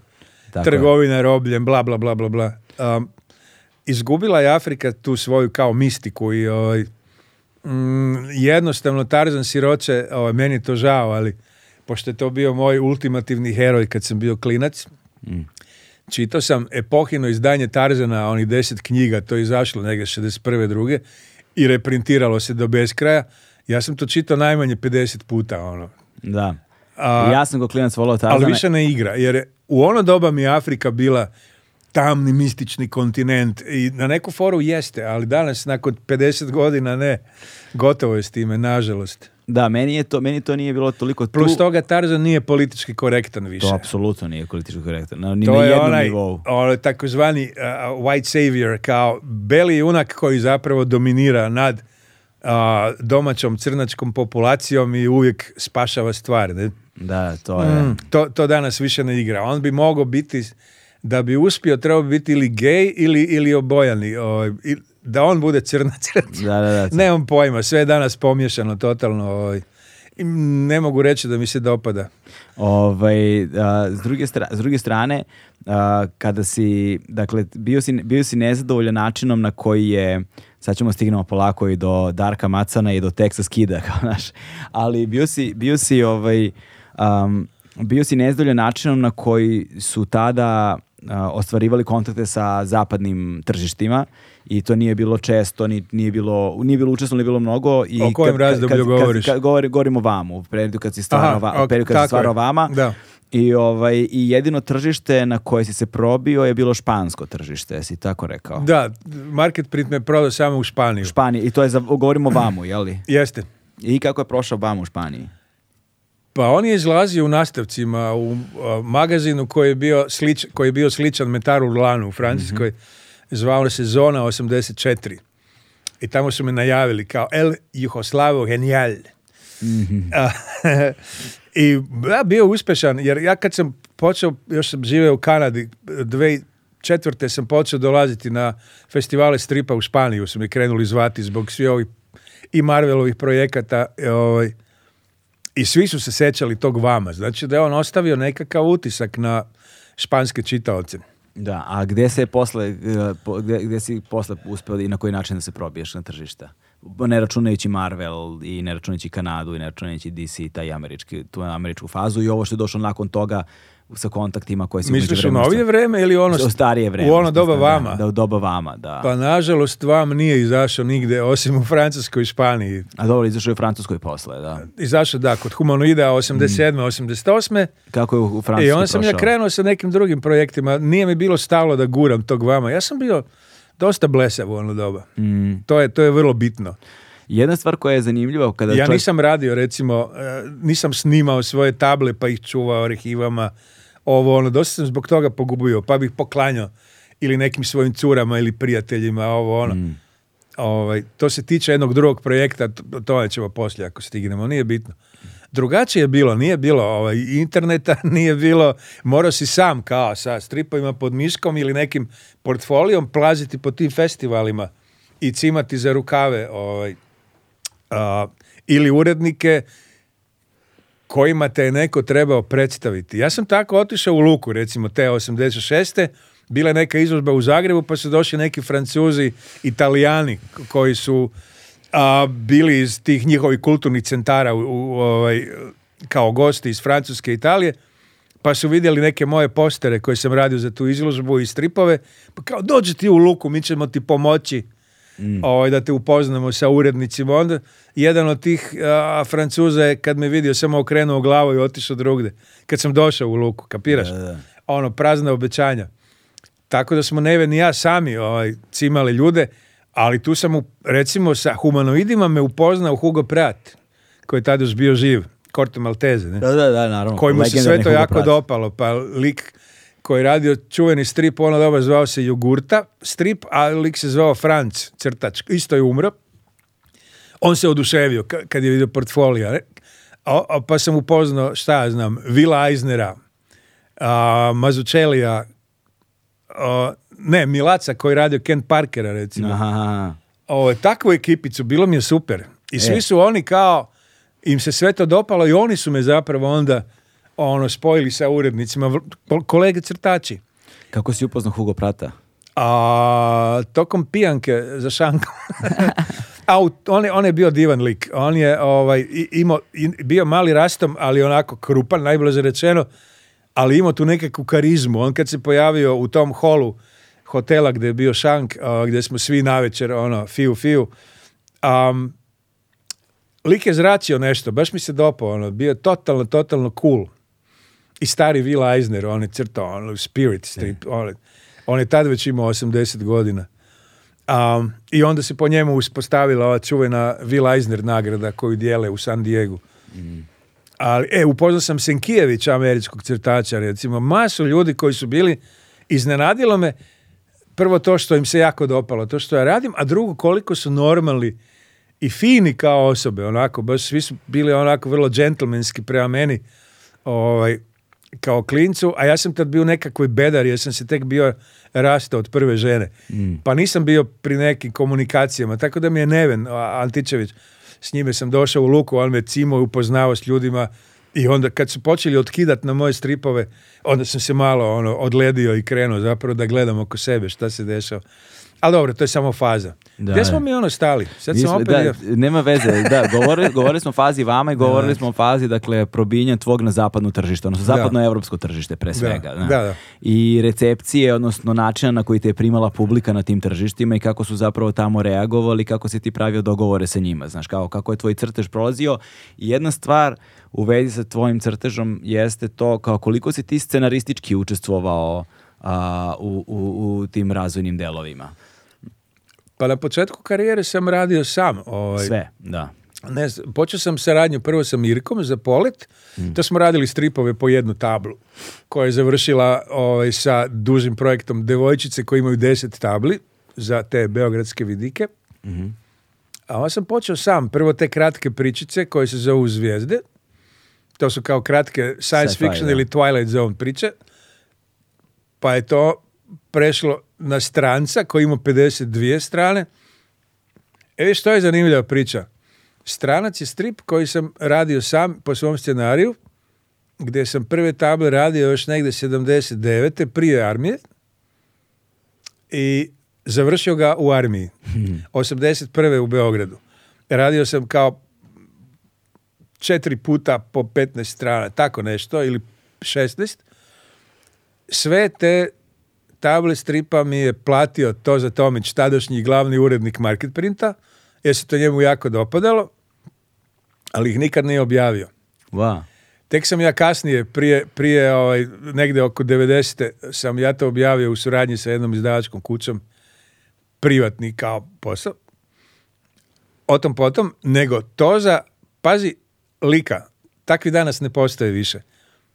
On je meni plaću svaku tu tablu stripa kogod sam donosio i živio sam solidno od toga, ali ih nikad nije objavio, zato jer mi rekao, to su stripovi za odrasle i nisu baš objavili u stripoteci, ali ja sam sa, ovaj, plaćajući tebe non stop, postigo si kontinuitet rada, dovršio si projekt do kraja, htio sam da te stimuliram. Mm. Da radiš i da završiš stvar. On je bio divan lik. Isto je nažalost umro, nešto od raka ili tako nešto.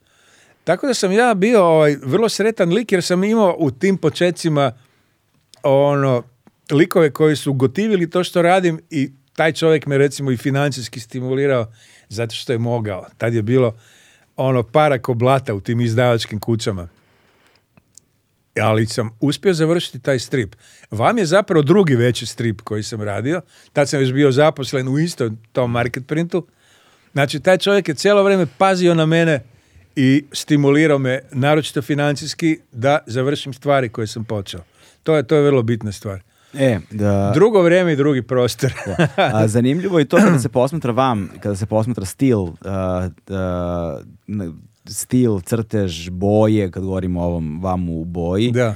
Ovaj, I kada se posmatra cela ta kako da nazovem, mitologija, ne, znaš, taj, taj, sve, taj svet i način na koji si ti te svetove, te kostime, te likove zapravo pre, ono, oživljavao i kreirao ih, kada ih posmatraš, ima nečega u tom stilu što strahovito podsjeća, ne strahovito, ali što atmosferom, stilom d- liči, liči na Dinu, liči na te elemente neke. Znači ima tu vrstu magijskog, tu vrstu onostranog, tu vrstu vanzemajskog, tu vrstu onog originalnog i kreativnog. mm Ovaj, što, Što onda, što on, mislim, zaista je snažna je prva impresija.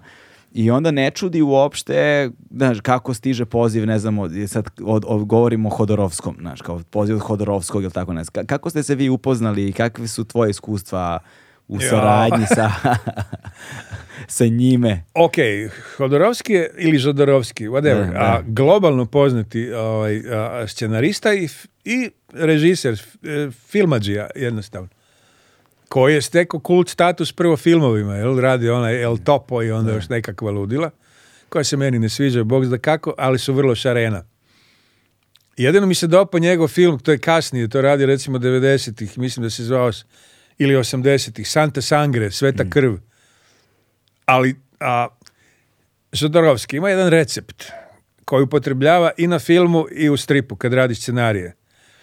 To su ti nakaze. Patuljci, mm. a, neki kripli, ovaj, a, onda incest, rodoskvrnuće, takva neka ludila osveta i na kraju iskupljenje. Da. To su recepti koje imaš i u Inkalu i u San, Juan Solo, pa onda ovaj, Tehnopape, sve zapravo isto. Mm. Kad gledaš i čitaš njegove stripove cijelo vrijeme i meni to užasno dosadno, ali on je žodorovski. Tako da se desilo 99 da su me opet iz tih humanoida, tad sam već živio u Kanadi, a, ovaj, zvali da radim nastavak stripa Dio Samante, koji je radio jedan divan crta, zvao se Gal, radio je ranih 80-ih prvi album i onda je Siroce umro i onda su to oni htjeli nastaviti po Zodorovskovoj želji da taj unakinja Dio Samante ima i drugi album, a možda i treći ako uspe. Ne? Ja sam rekao može, kao Zadorovski, to će se sigurno prodati, kao, pošto on bio u to doba jedan od najkomercijalnijih ovaj, scenarista.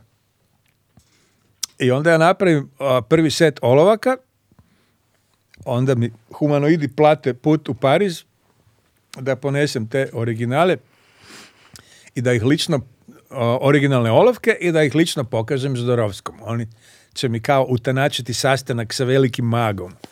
I onda smo uh, urednik Bruno Lesin i ja došli kod njega jedan, jedan dan i on se ugostio, kafa, ovo, ono. Jedan čiča, vrlo mali, ali kao ima tu nekakvu karizmu. I on je pogledao olovke, bog zna kako se oduševio, wow, kao, divne su, ludilo. E, sad ćemo baciti tarot karte da ti tačno kažem kako će strip uspjeti, ono. Wow. A on je u to doba bio kao neki stručnjak za tarot karte, veliki guru, koji čak imao i nekakvu svoju seriju ovaj, tarot karata koju on kao obnovio nešto nešto. Koja se dobro prodavao. I on krene da to slaže i kaže, a oj, ovaj strip će biti bravo. A, strip će biti bestseller, blockbuster, ludilo, samo daj, guraj kao.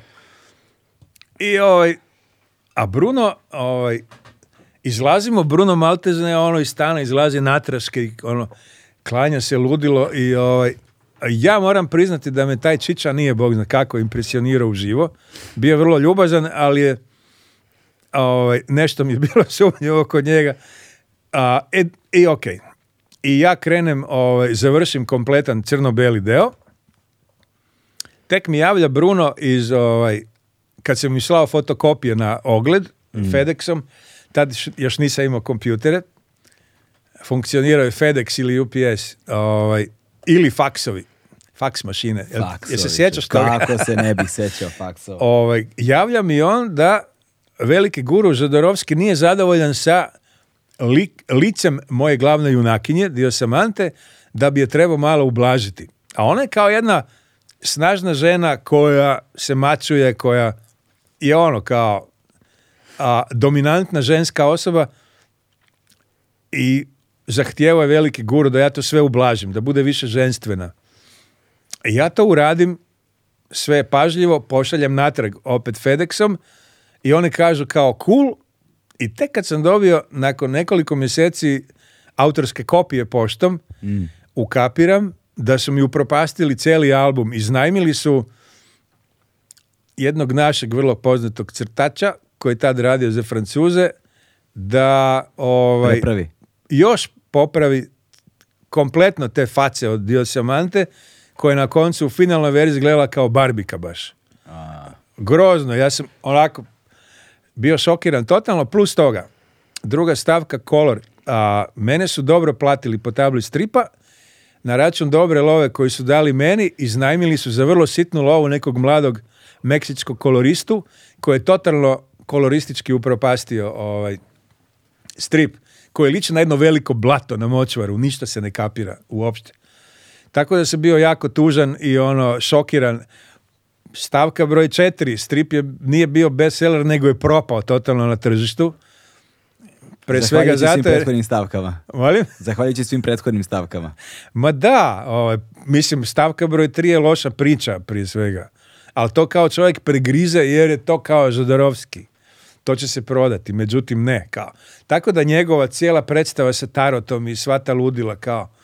Znači, on je meni iza leđa, jer se oduševio na početku tim olovkama, iza leđa je, oj, ovaj, bez da mi iko išta rekao, iznajmili tog lika da prepravi sve što sam ja već prepravio. Znaš, mhm. ono, to je bilo onako niski udarac u leđa. E, to je jedna stvar koju sam To je jedini album iza kojeg ja ne stojim. Mm. I nikad ga ne spominjem. Ovaj. Osim sada. već sam to spominjao prije, jer ljudi vole kao tu anegdotu sa mm. Žodorovskim i Tarotom i šta ja znam. A, sa oh. Grantom? Aha, Grant Morrison. Da. on je, da, on je bio scenarista ovih New X-mena u dove dok sam a, od prve nadalje, kad sam radio New X-mene on, je, on je revolucionarizirao te New X-mene i to je još dan danas je, sam spomenuo ranije, dobijan tantijeme od Marvela jer se non stop reprintira svaki nekoliko godina. To oni zovu Omnibus. Mhm. Zapravo ogromni, ono debeli integrali. Sad je izašao u, u julu ove godine kao neki sa 1200 strana debeli integral. A konto kojega sam opet dobio neke tantijeme ovaj, nikad me ne puste na manjera. A, on, ja nisam s njim ovaj, komunicirao uživo sve do godinu, dve kasnije kad sam ga upoznao uživo na festivalu u ovaj, konvenciji u San Diego. Pre toga smo sam samo komunicirao sa urednicima mm. koji su rekli da se njemu jako dopada moji crteži, da samo nastavim. Ali ono što sam ja dobio od njega, on je tad bio žestoko na koki i još koje čemu. Bili su prilično nerazgovjetni, nesuvisli scenariji koji su ostavljali autoru zapravo neizrečene stvari, ti si sad mogao... Ovaj, da tumačiš svašta. Ono. Ako, ako nemaš imaginacije, mogu se da kukaš kao hoću detaljni scenarij ili da radiš po svom. Ja sam krenuo po svom jer sam makar je radio dijaloge koliko toliko, ali nije opisivao niti ovaj, karakteri, niti koje doba dana, niti ništa. Bio sam totalno ovaj, prepušten da kormilarim sam, po tome, kao. A to je Mars I naravno, moja ovaj, avantura sa X-menima je završila nakon... Ja sam prvo krenuo kao takozvani fill-in artist, jer su glavni crtači bili neka druga dvojica, koji su stalno kasnili. A ja sam onda naravno tako brzo radio da sam ovaj, postog zapravo umjesto in umjetnika sam postao glavni. Pa sam radio nekakvi sedam komada za redom možda čak i više, nemam pojma sad. Ali sam u to doba počeo da muljam i onda su me skinuli ovaj, sa, sa X-mena. Ali ovaj, nije mi se dopala seradnja sa, sa Morrisonom zato što je toliko mnogo prepuštao zapravo crtaču da reši. Njega je očito boljela jedna stvar. Mm. Da, da, profesion, da isporuči profesionalni ono scenario kakav mi recimo radi Darko sa vrlo ono preciznim dijalozima i ovaj, pošto je Darko odličan crtač, plus toga, osim što je dobar pisac, a, sa vrlo fino ovaj, rješenim a, naracijom po tabli, kompozicijom kadrova i tako dalje. S njime fakat nemam nikakvih problema. I onda sam tog na kasnije upoznao u San Diego, sreli smo se prvi put uživo u liftu, onako isto se na čelavo kao ja, za glavu niže od mene, ali sa dve ogromne, prekrasne, visoke cure, ovaj, koje su očito bile manekenke ili nešto. A on je lik koji je očito ovaj, pati od nekog kompleksa ili nešto, to je, to iznajmiš kao eskort cure koje ti onda prave društvo cijelo vrijeme i tebi dižu rating kao, I bio mi užasno smešan, ali smo kao progovorili par riječi i to je bilo to. A on se mene malo uplašio, čini mi se. Ovaj, tako da je o, ovaj, nije pobjegao, nego je onako povukao se. Ustupnuo? Bio to, usred, da, usred te spike, kao, nije bitno. Tako da nije ta saradnja ovaj, slavno prošla.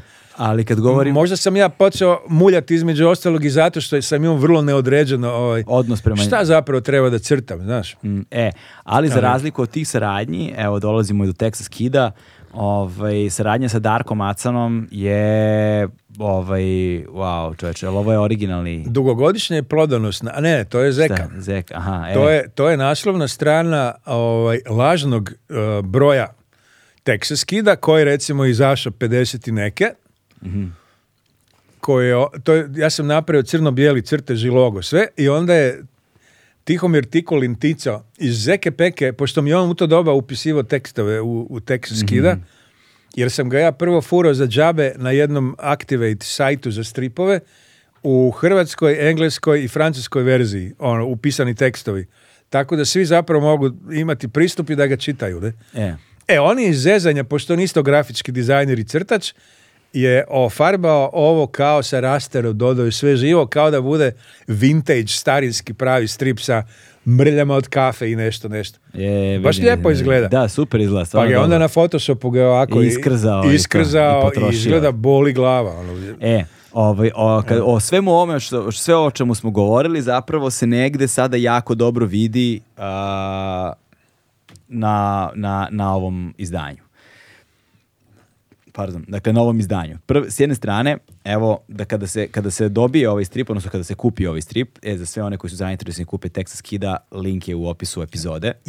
Tako da možete da ga kupite i preporučujem, jer je zaista genijalan strip i, ovaj, i pravi ono, autentični strip sa ovih prostora, koji i tematizuje istoriju ovih prostora i još neke druge stvari, ali sad ćemo da, pričat ćemo sad o tome.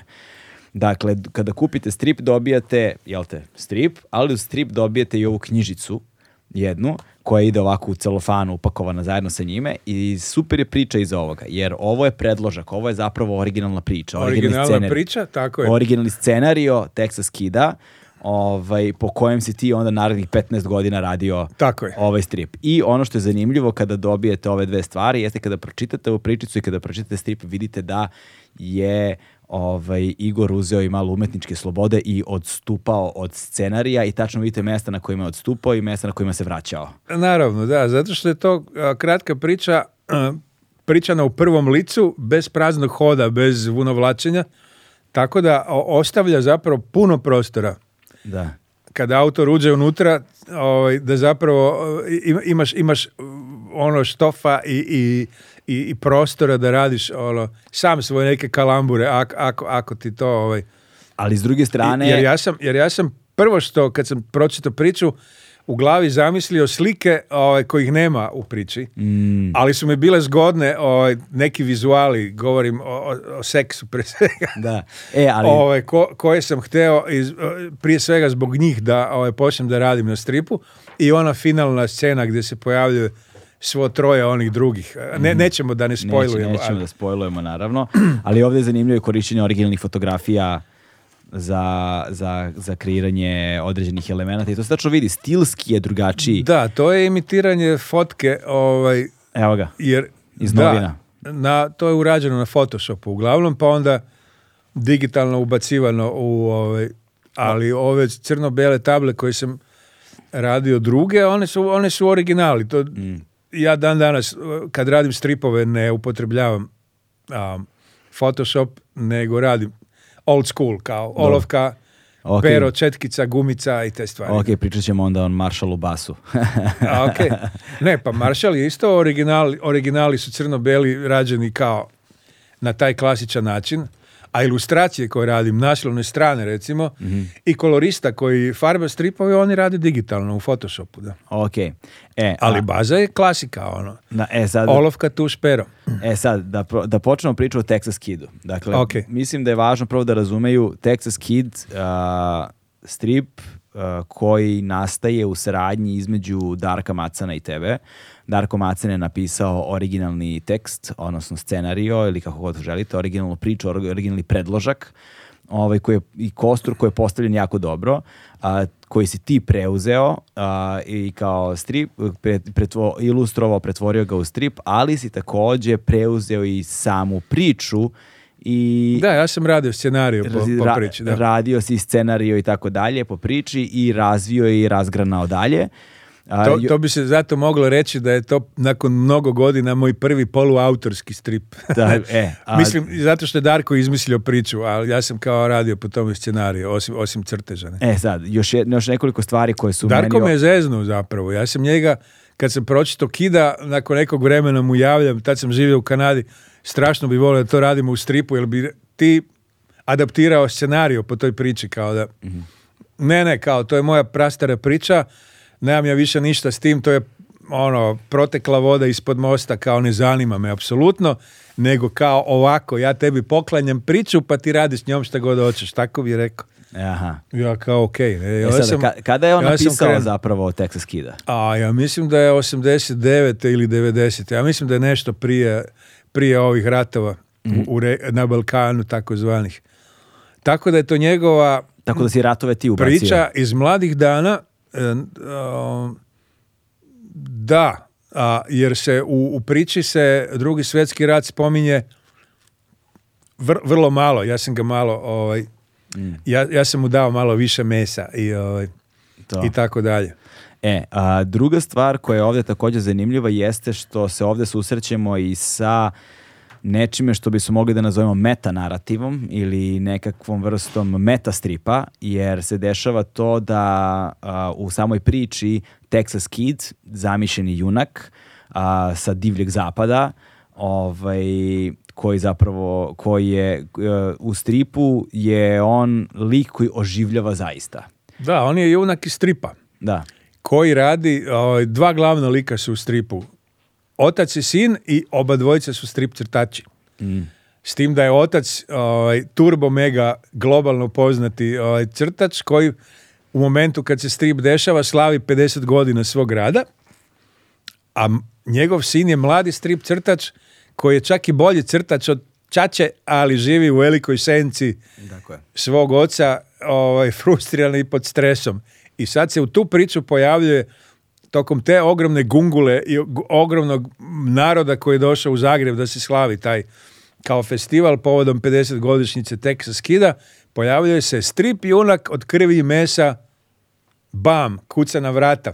Ovaj, I niko ne kapira ko je taj lik. Svi bi se na početku deo neki stuntman, ono kao dubler, pošto odlično jaše i puca iz pištolja, ili neki lik iz cirkusa možda, mm. profesionalac koji je ono... Unajmljeni, da. Da, ali ludilo je to što on ima istu odeću, istog konja kakvog je jahao u stripu, iste koltove ove, ovaj, ove mornaričke koje mm. nosio u stripu i tako dalje. Sve se apsolutno podudara. S tim da je lik od krvi i mesa. Ko je on? E sad, to je zagonetka koju ćete otkriti ili ne, ako, ako pročitate strip e, to je i e, ta dinamika odnosa, pritom u taj osnovni narativ, nazovimo ga tako, upletena je i naša istorija i naši odnosi i sve ono što je negde simbolično i specifično za ovo podneblje, ali bez obzira na to, ono što mi se dopada jeste što ima tu univerzalnu notu. I onda bez obzira može da se čita i ako nemaš nikakve veze sa ovim podnebljem. Tačno. I to je ono, znači ima, ima istovremeno tu, spe, taj, taj, tu diferenciju specifiku, dakle, lokalnog, ali ima univerzalnost ljudskog, ljudske priče. I da, ono- to, to je stvar koju sam htio napraviti godinama, jer e, Darko i ja smo već ranije, on je ovaj, predlagao neke, na primjer, ovoj firmi Delcourt, nakon što smo dobili ovaj, i progurali onaj strip Mi mrtvi koji je izašao 2015. Darko je bio napisao divan sinopsis za strip koji bi se zvao Mirko i Slavko. Mm. O, o ta dva mala partizana koji naravno porastu i poslije drugog svjetskog rata jedan ode tipa u vode staljinizma, a drugi je ova druga linija i onda kao, kao odrasli ljudi šta se dešava s njima divan scenario gdje su upleteni ono i britanska špionaža i svašta. I kaže mi moj urednik u to doba, ovaj, Fred, e, kao nikog ne zanima šta se dešavalo na Balkanu, daj ti nama nešto drugo. kapiraš? Ovaj,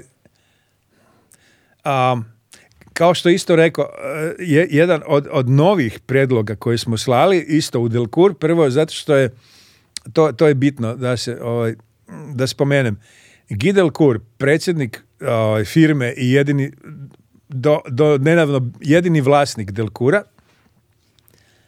je, ovaj, jednom je kasnio honorar, pa je on obećao da će mi poslati honorar odma, ali da ovaj, ono preko reda, ali da potpišem klauzulu gdje Delkur ima pravo prvokupa. Znači, bilo koji projekt ja napravim, prvo moram da ga nudim Delkuru, ako oni odbiju, onda mogu da ga nudim drugim izdavačima. Da, pravo prvenstva. On je iskoristio svoju šansu, pošto je vrlo lukav lik, a voli da sam mu prisutan ovaj, u Delkuru, evo već od četvrte radim s njima. Mm A, hoću reći, jedan od projekata koje, smo nudili ovaj, Darko i ja prošle godine, ili pretprošle, glatko je odbijen u Delkuru, zato što su junaci stripa hollywoodske zvezde američke. Mm. Tipa Humphrey Bogart, Marilyn Monroe, uh, Stan and Laurel, Boris Karlov. Kao. I on isto kaže, Francuze neće zanimati apsolutno koje su stare hollywoodske zvezde, bla, bla, bla. Ponudimo taj isti projekt isto velikoj kući Dupois, koja ga odmah primi. Kapiraš? Da. To znači, a, urednici ne mogu predvidjeti šta publika voli, šta ne voli. To, to se zna tek kad izađe na tržište. Da, to je rizik sa kojim moraju da idu Apsolutno sa tržištem ne postoji nikakva moguća ovaj ono prognoza predviđanja ovo ono uvijek je publika tako je odlučuje ne? Da, i, I onda izdavači samo onda slijede slijede glavnu struju ne e još jedna stvar koja je tu, ovaj, još dve stvari zapravo koje su ovde zanimljive, e, s obzirom na to da je ovaj e, strip nastajao, kao što smo rekli u jednom nekom trenutku razgovoru, 15 godina otprilike. Za tih 15 godina tebi se svašta izdešavalo u životu. Ovaj, za tih 15 godina ti si bez obzira na svoju dugogodišnju karijeru i pre toga nastavio kao umetnik da evoluiraš i da se razvijaš. Tako da za tih 15 godina ovaj, ovaj strip također ima jedan stilsku evoluciju koja se, koja se također vidi, ali i scenario sam kao takav. Da. tako, da ovdje zapravo mi vidimo više različitih Igora Kordeja u, jednom, u jednom stripu koji je nastao tokom periodu 15 godina sa... Pre... Stilske razlike se primjećuju, mada sam ja nastojao da ne budu prevelike. Mm. Ako si primijetio na početku stripa sam bio više kao simplificiran, stilizovan, ne. a kasnije sam opet krenuo svoj da senčam i da... Ovaj, e, Jer ja zapravo ne mogu protiv toga. Ja uđem u svoje likove i onda ih kao ovaj, obradim da budu plastični, da, da budu opipljivi i, ovaj, i teško mi ide. Ta, mm. Mogu ja to da radim, ali onda proračunato. Ta stilizacija, samo linijski crtež ili tako dalje. Nije bitno. Scenaristički isto. Ali ovdje... Imao sam opaku krizu ono 2014. kad sam bio završio taman pola. Mm-hmm. 108 tabli. Više nisam znao šta ću dalje. Kako uopće da obradim sve to skupa. Jer mi neke stvari u priči nisu legle jednostavno. Mm. I u momentu to sam naveo u pogovoru kad sam odlučio da idem ono da napadam to još više lično kao da ovaj, da mi neke svoje kao anegdote, pričice iz života i da zapravo ovaj, unesem neke druge stvari u scenariju i menjam ovaj, ono, period kad mladi glavni junak ima svoje djetinstvo. tu se dosta stvari ne poklapa uopšte. Mm. Jer mi nije, nije pasalo. Znači, i trajalo je dosta godina dok nisam izbistrio kako bi to trebalo, kako bi to trebalo zapravo uraditi. Jednom kad sam krenuo, a to je bilo još ovaj, na završetku korone 22. Ovaj, sam krenuo i do proljeća 23. uradio si novih 108 tabli. Ovaj, jednom kad odlučiš kako ćeš, onda više nije, nije problem da se stvari završi, ali dosta sam se mučio s time, jer ja nisam scenarista. Da. Ja sam čovjek koji zna da crta i Darko me, ajmo reći, ono, u, u polu šali ostavio na cedilu kad je odbio da ovaj, da napravi scenariju. Onda, me, onda je mene ostavio da se batrgam A kako je Darko reagovao na konačni rezultat? Pa jako mu se dopada. I, to, mi je drago. Nekako mu je sad, ovaj, kao Fol se odreko toga, ali mu je drago. Ja mislim da je. E. A još, ovaj. jedna, još jedan plan koji mi je zanimljiv, koji sam zapravo... Ovaj... On, je, on je jako težak u davanju komplimenata. takav je prema svima ali ovaj meni je dao neki komplimente, znači da, je, da je ok, da mu se dopada. E. Možda i više nego što hoće da prizna. još, još, jedan plan koji postoji u ovom stripu, ovaj, a koji ne znam koliko je nameran, ali mi deluje da jeste, a, jeste takođe, e, kad govorimo o stilu, e, sukob dva sveta, anahrona, dva, dva sveta, jedan svet prošlosti, a, jedan svet i to jedan, čak, čak i u jednom trenutku imaju eksplicitan dijalog Texas Kid i ovaj, naš glavni junak gde, gde govore o tome kakav strip treba da bude, kakvi junaci treba da budu. Ovaj... Da, Texas Kid je ovaj, ono old school predstavnik ovaj, da zapravo stripovi treba da budu čisti muški eskapizam gdje kao ovaj, možeš da radiš šta god hoćeš, a naš, I gdje su likovi negdje jednostavniji, dvodimenzionalni. tako je, je zapravo western idealno područje za tako nešto. Da. Ono, velika prostranstva u kojem samo ono, sila i veština ovaj, odlučuje i tvoja karizma. Ubije, ubiješ svakoga ko ti smeta i nikom ništa. Ono. Da, ili kresneš svaku ribu koja ti se dopada i tako dalje. Da. I izvučeš se glatko iz problema. A, a naš mladi strip crtač je ono, on, on crta kao alternativne stripovi da su junaci mnogo kompleksniji, imaju svoje frke, frustracije i dvojbe. I bliži nečemu što je svakodnevno i stvarno. To se Texas naravno ne dopada i onda ga ono siroće, stalno ga muči sa tim pričama, ono, kao luzeru vidiš, vidiš mene i zapravo pogledaj tvoj čača kakve stripove radi, tako bi i ti trebao. A mali kao ne, on ono živi u svom u drugom svetu, tu je kao sukob raznih pristupa ovaj, ovaj, mediju koji se zove strip. To je taj drugi nivo. Ovaj, prvi, nivo je ovaj, strip o, odnosu oca i sina. Da. Gdje su obojica o, ovaj, iste profesije, što je još kompliciranije. Drugi nivo je ovaj, priča o, o, o, o mediju ono, o samom pristupu, kroz te dijaloge i tako dalje.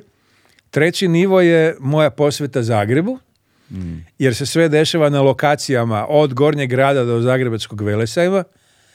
To sam imao sa svojim kumom Radetom, jedan session od nekoliko sati, o, ovaj, cijeli dan smo se vozili po Zagrebu i onda mi je fotkao ovaj, iz raznih rakursa sve što sam htio. Aha, znači pa sam to, onda upotrijebio. Znači nisi ovaj, iz sećanja pravio. Ne, ne, ne, pa neke stvari ne možeš, ti pa imaš kad Texas Kid izvodi svoje kalambure na vele, mu prolazi pored kineskog paviljona. Mislim, ne. to ne možeš nacrtati na pamet.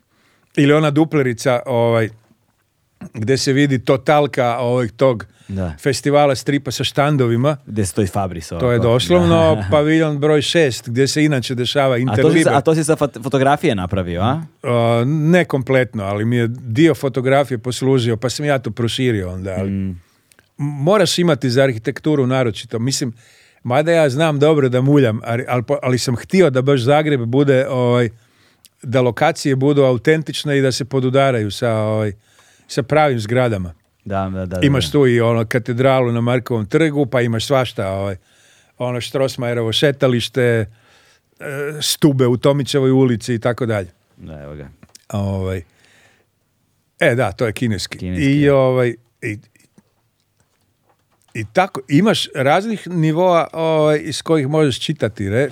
Ja, Četvrti nivo je recimo ta ovaj, kroz, kroz flashbackove iz, iz drugog svjetskog rata, se može dosta saznati o jugoslavenskoj istoriji i tako dalje. Tako je, jugoslavenskoj istoriji ima taj čuveni spomenik uh, u stripu gde se samo noge vide i piše otac nacije.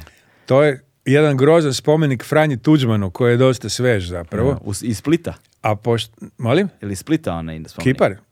Nemam pojma. Da. To se spomenik nalazi u ovaj, ovaj na transverzali koja ide ovaj, prema Novom Zagrebu. To je, mm. to je sveže. Imaš neke vodoskoke i onda kao usred toga je taj eh, spomenik Franji, velikom vođi ocu nacije. Mm.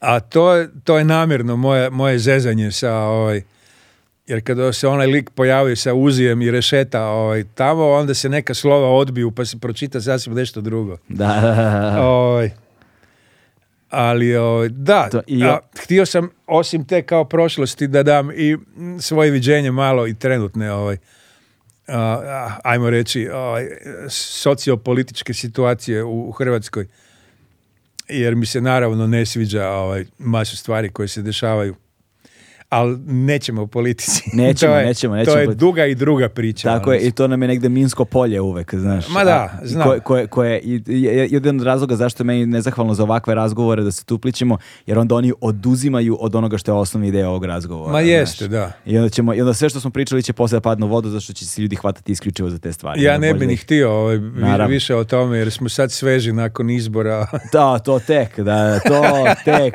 pusti me, čorava Bolje da to ovaj, bude se strane malo. Ma idi bre, o, nemoj mene da vučeš za jezik. Da malo čilamo ono. Ma idi bre, pričamo mi o Texas Kidu. Pust Texas Kid, moj brat. Ok. Da, e sad, tu ono što, ono, ono, da, ono, što, ono što je meni također jedan zanimljiv plan, da, a, a, dakle, jeste sukob vremena, mm -hmm. sukob svetova a govori o dinjenoj unutrašnjoj dinamici unutar porodice, dinamici oca Tako i sina, posebno ukoliko govorimo o sinu koji živi u senci slave svoga oca što je opet još jedna posebna vrsta prije problema, ali također postoji i taj duboki svet iracionalnog. To je ono što se meni inače u stripu strahovito dopada. Da, I mislim da grafičke novele su negde idealan medijum za prikazivanje iracionalnog, za prikazivanje e, mračnog, ljudskog, gde s jedne strane scenaristički tekstom ti dobijaš ono što bi dobio u proznom delu, mhm. ali i vizualnom umetnošću oslikavaš i dočaravaš i dodaješ još jedan, jedan sloj dubine koji čini mi se samo tekstom ne može da se dobije. Ovaj, I to je ono gde meni, za mene lično barem, strip uh, dobija dobija formu koja mi najviše prija. Zato sam se u svetu stripa zaljubio u, u horore, u, u, u nadprirodno.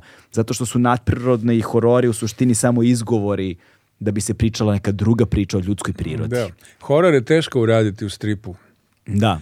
Zato što kad gledaš film, horor film, film te sam svojim ritmom ovaj, ono unese u stvari i nemaš naročito ako gledaš u bioskopu, nemaš bog zna kakvu kontrolu.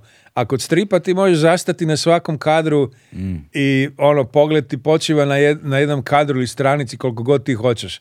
Ali se ipak može na neki način ovaj, vještim doziranjem ovaj, suspensa, na primjer, mm. imaš stranicu ovaj, 2 i 3, onda okreneš 4 i 5 i tu već može biti neko iznenađenje iza ugla, jel?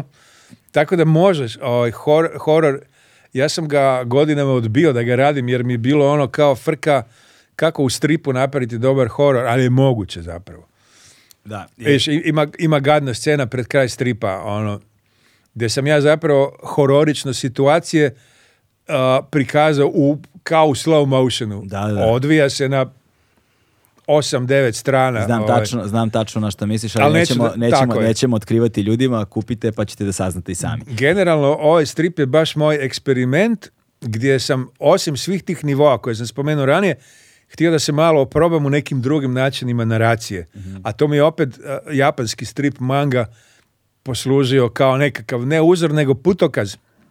E da, to sam... Kako, da, kako prikazati, na primjer, protok vremena i šta time dobivaš u okviru naracije u stripu. Na, mm. to, je, to, to, su bitne stvari i ono, neka promjena načina kadriranja i tako dalje.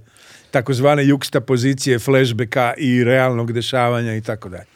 Da, e sada... Sa, I nisam imao, ono što je bitno da navedem, nisam imao nikakvog urednika da mi ono sedi na glavi i da kao supervizira stvar, nego je to baš kao moja ljubav, moj gušt da ono radim strip kakav sam uvijek htio da radim. Zato je trajalo 15 godina. Jeste, zato, zato što imam o, ovaj, svi ti 15 godina konstantno ugovore sa, sa Delkurom, recimo, kao mm. mojom matičnom firmom i moram to ispuniti. i Onda je kao tih par dana mesečno ono slobodnih sam koristio svaki puta da uradim 5, 6, 7, 8 tabli koliko je bilo. Ne, ali.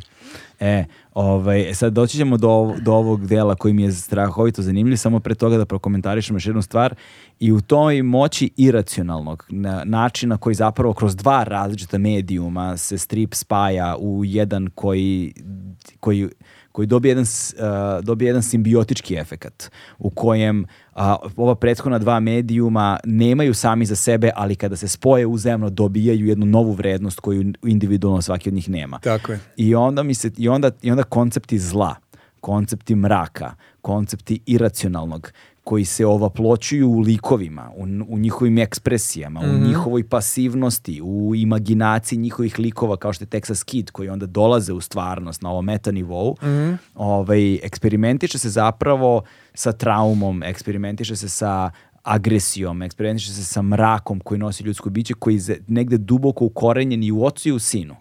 Tako u neko, U, u neko, i, i, i, Jeste, i bravo. koji spliva u mm. njihovom uzemnom odnosu, koji se mm-hmm. zapravo sustiče u, ovom, u Texas Kidu. I Ti na... mi zvučiš kao da si pročitao ovog Texas Kidu. Jesam, pročitao sam ga, da. Svaka I, čast, ovaj, imao si malo vremena zapravo. Da, i, ovaj, i ovaj. onda je, i, i, i onda je, i, i, i, i to onda posluži i onda tada strip, ako, ako uspeš da prepoznaš te stvari, onda on bude jedno sjajno platno na kojem, se, na kojem se onda ti kao čitalac oslikavaš. Tako je. Znaš, gde onda sad ti prepoznaš neke elemente koji izazivaju tu vrstu uznemirenosti. Pa da, taj sukob oca i sina je ono tipičan ono Freudovski Edipov kompleks. Da. O sinu koju neko doba ovaj, odluči da ubije svog oca. Da. Na simboličan ili ono, ovaj, eksplicitan način. Ali to ćemo ovaj, ostaviti či, publici, ono, za Baš sam na onoj tribini ovaj, to je bilo na Interliberu, ovaj, pitao publiku, bilo je jako puno ekipe, isto kao u u, u, ovaj, u ovaj, Ovaj, pitam ekipu, je li ima nekog među vama od muški koji nije imao sukob sa svojim ocem? I svi kao, samo se taki počeo smijati, pošto je bio taki na provoci. Ovaj, bilo mu je smiješno to pitanje, pošto ja njega teram da spava neki put i neki, neki put se svađamo, da. Da, da, da. ne vjerujem da je poželeo da me ubije, ali mu je bilo pitanje jako smiješno. To. ali mislim, mislim ovaj, to je taj, ne vjerujem da čerke i majke imaju takve sukobe, možda, ali mm. taj sukob oca i sina, svi smo to proživjeli, mm. a na, na ovaj ili onaj način, ja mislim da je vrlo, vrlo značajan za celu našu civilizaciju i kulturu. Ovaj, e, i, a onda sam video na kraju, i to je kad sa, sa Dušanom, pozdrav za Dušana ovaj, iz Veselog četvrtka, inače Veseli četvrtak je objavio ovaj strip, to je edicija Međuvreme, što kako ga oni zovu kada u međuvremenu između onoga što su im glavna izdanja objavljuju ove, ovakve stvari. Da, to objavljuju isključivo kao velike domaće autore. Da. Mislim da je Kerac izašao isto i Gera, ili će tek izaći Gera, ne znam tačno. Da, tako da ponim još jednom teksta kids, Kid, moj brat, uh, uh, link ako želite da nabavite ovaj strip, a i ako želite nekome da poklonite, impresivan je i divan, odlična je štampa, odlična je, mislim stvarno je korice, sve, jest. stvarno, kvalitetno je urađen, je, evo ga povezan ovde vez, to je da nisu lepljeni listovi. Neće se raspasti. Neće se raspasti strip, tako da zaista investirano je u njega na svaki mogući način i vredi. htio sam da kažem, i onda na kraju vidim da je i sa Dušanom kada sam razgovarao, rekao je da je inspirisan mangom. E sad je to nešto što je meni ovako, nažalost ne poznajem dovoljno mangu, odmah da se ogradim od, pošto znam da su fanovi die hard, sa stripom je to obično tako. Ovaj, na koji način je ovo inspirisano mangom i šta je to, sad ja ne znam, pa prosto me zanima šta su, šta su ono, konstitutivni elementi mange na osnovu koje ono prepoznaješ. Aha, ovo je manga zbog ovoga, ovoga, ovoga i ovoga. Mm -hmm. Stilski, u crtežu, u naraciji, u temama. Prosto ja ne, ne poznajem dovoljno temu da bih znao. Na, da, čega na, na prvu loptu je pre svega likovna stilizacija na razne načine. Ono, imaš, krupne oči. Imaš one devojčice sa krupnim snajnim očima tipa Sailor Moon ili tako dalje, a imaš i realističke ovaj, crtače kao recimo Roichi Kegami koji radi onaj čuveni Crying Freeman još iz 80-ih pa Sanctuary i takve neke. To su kao uglavnom stripovi o jakuzama, o kriminalnom svetu i tako dalje. Međutim su face nepogrešivo japanske. Ja ne znam kako oni dolaze do toga, meni ne uspeva. Ali valjda moraš biti deo te kulture uopšte ovaj, i disati taj vazduh da bi... O, ovaj, Znači, to je prvi nivo. Prepoznaš ih likovno kao drugačije stilizaciji nego što rade europski ili američki autori.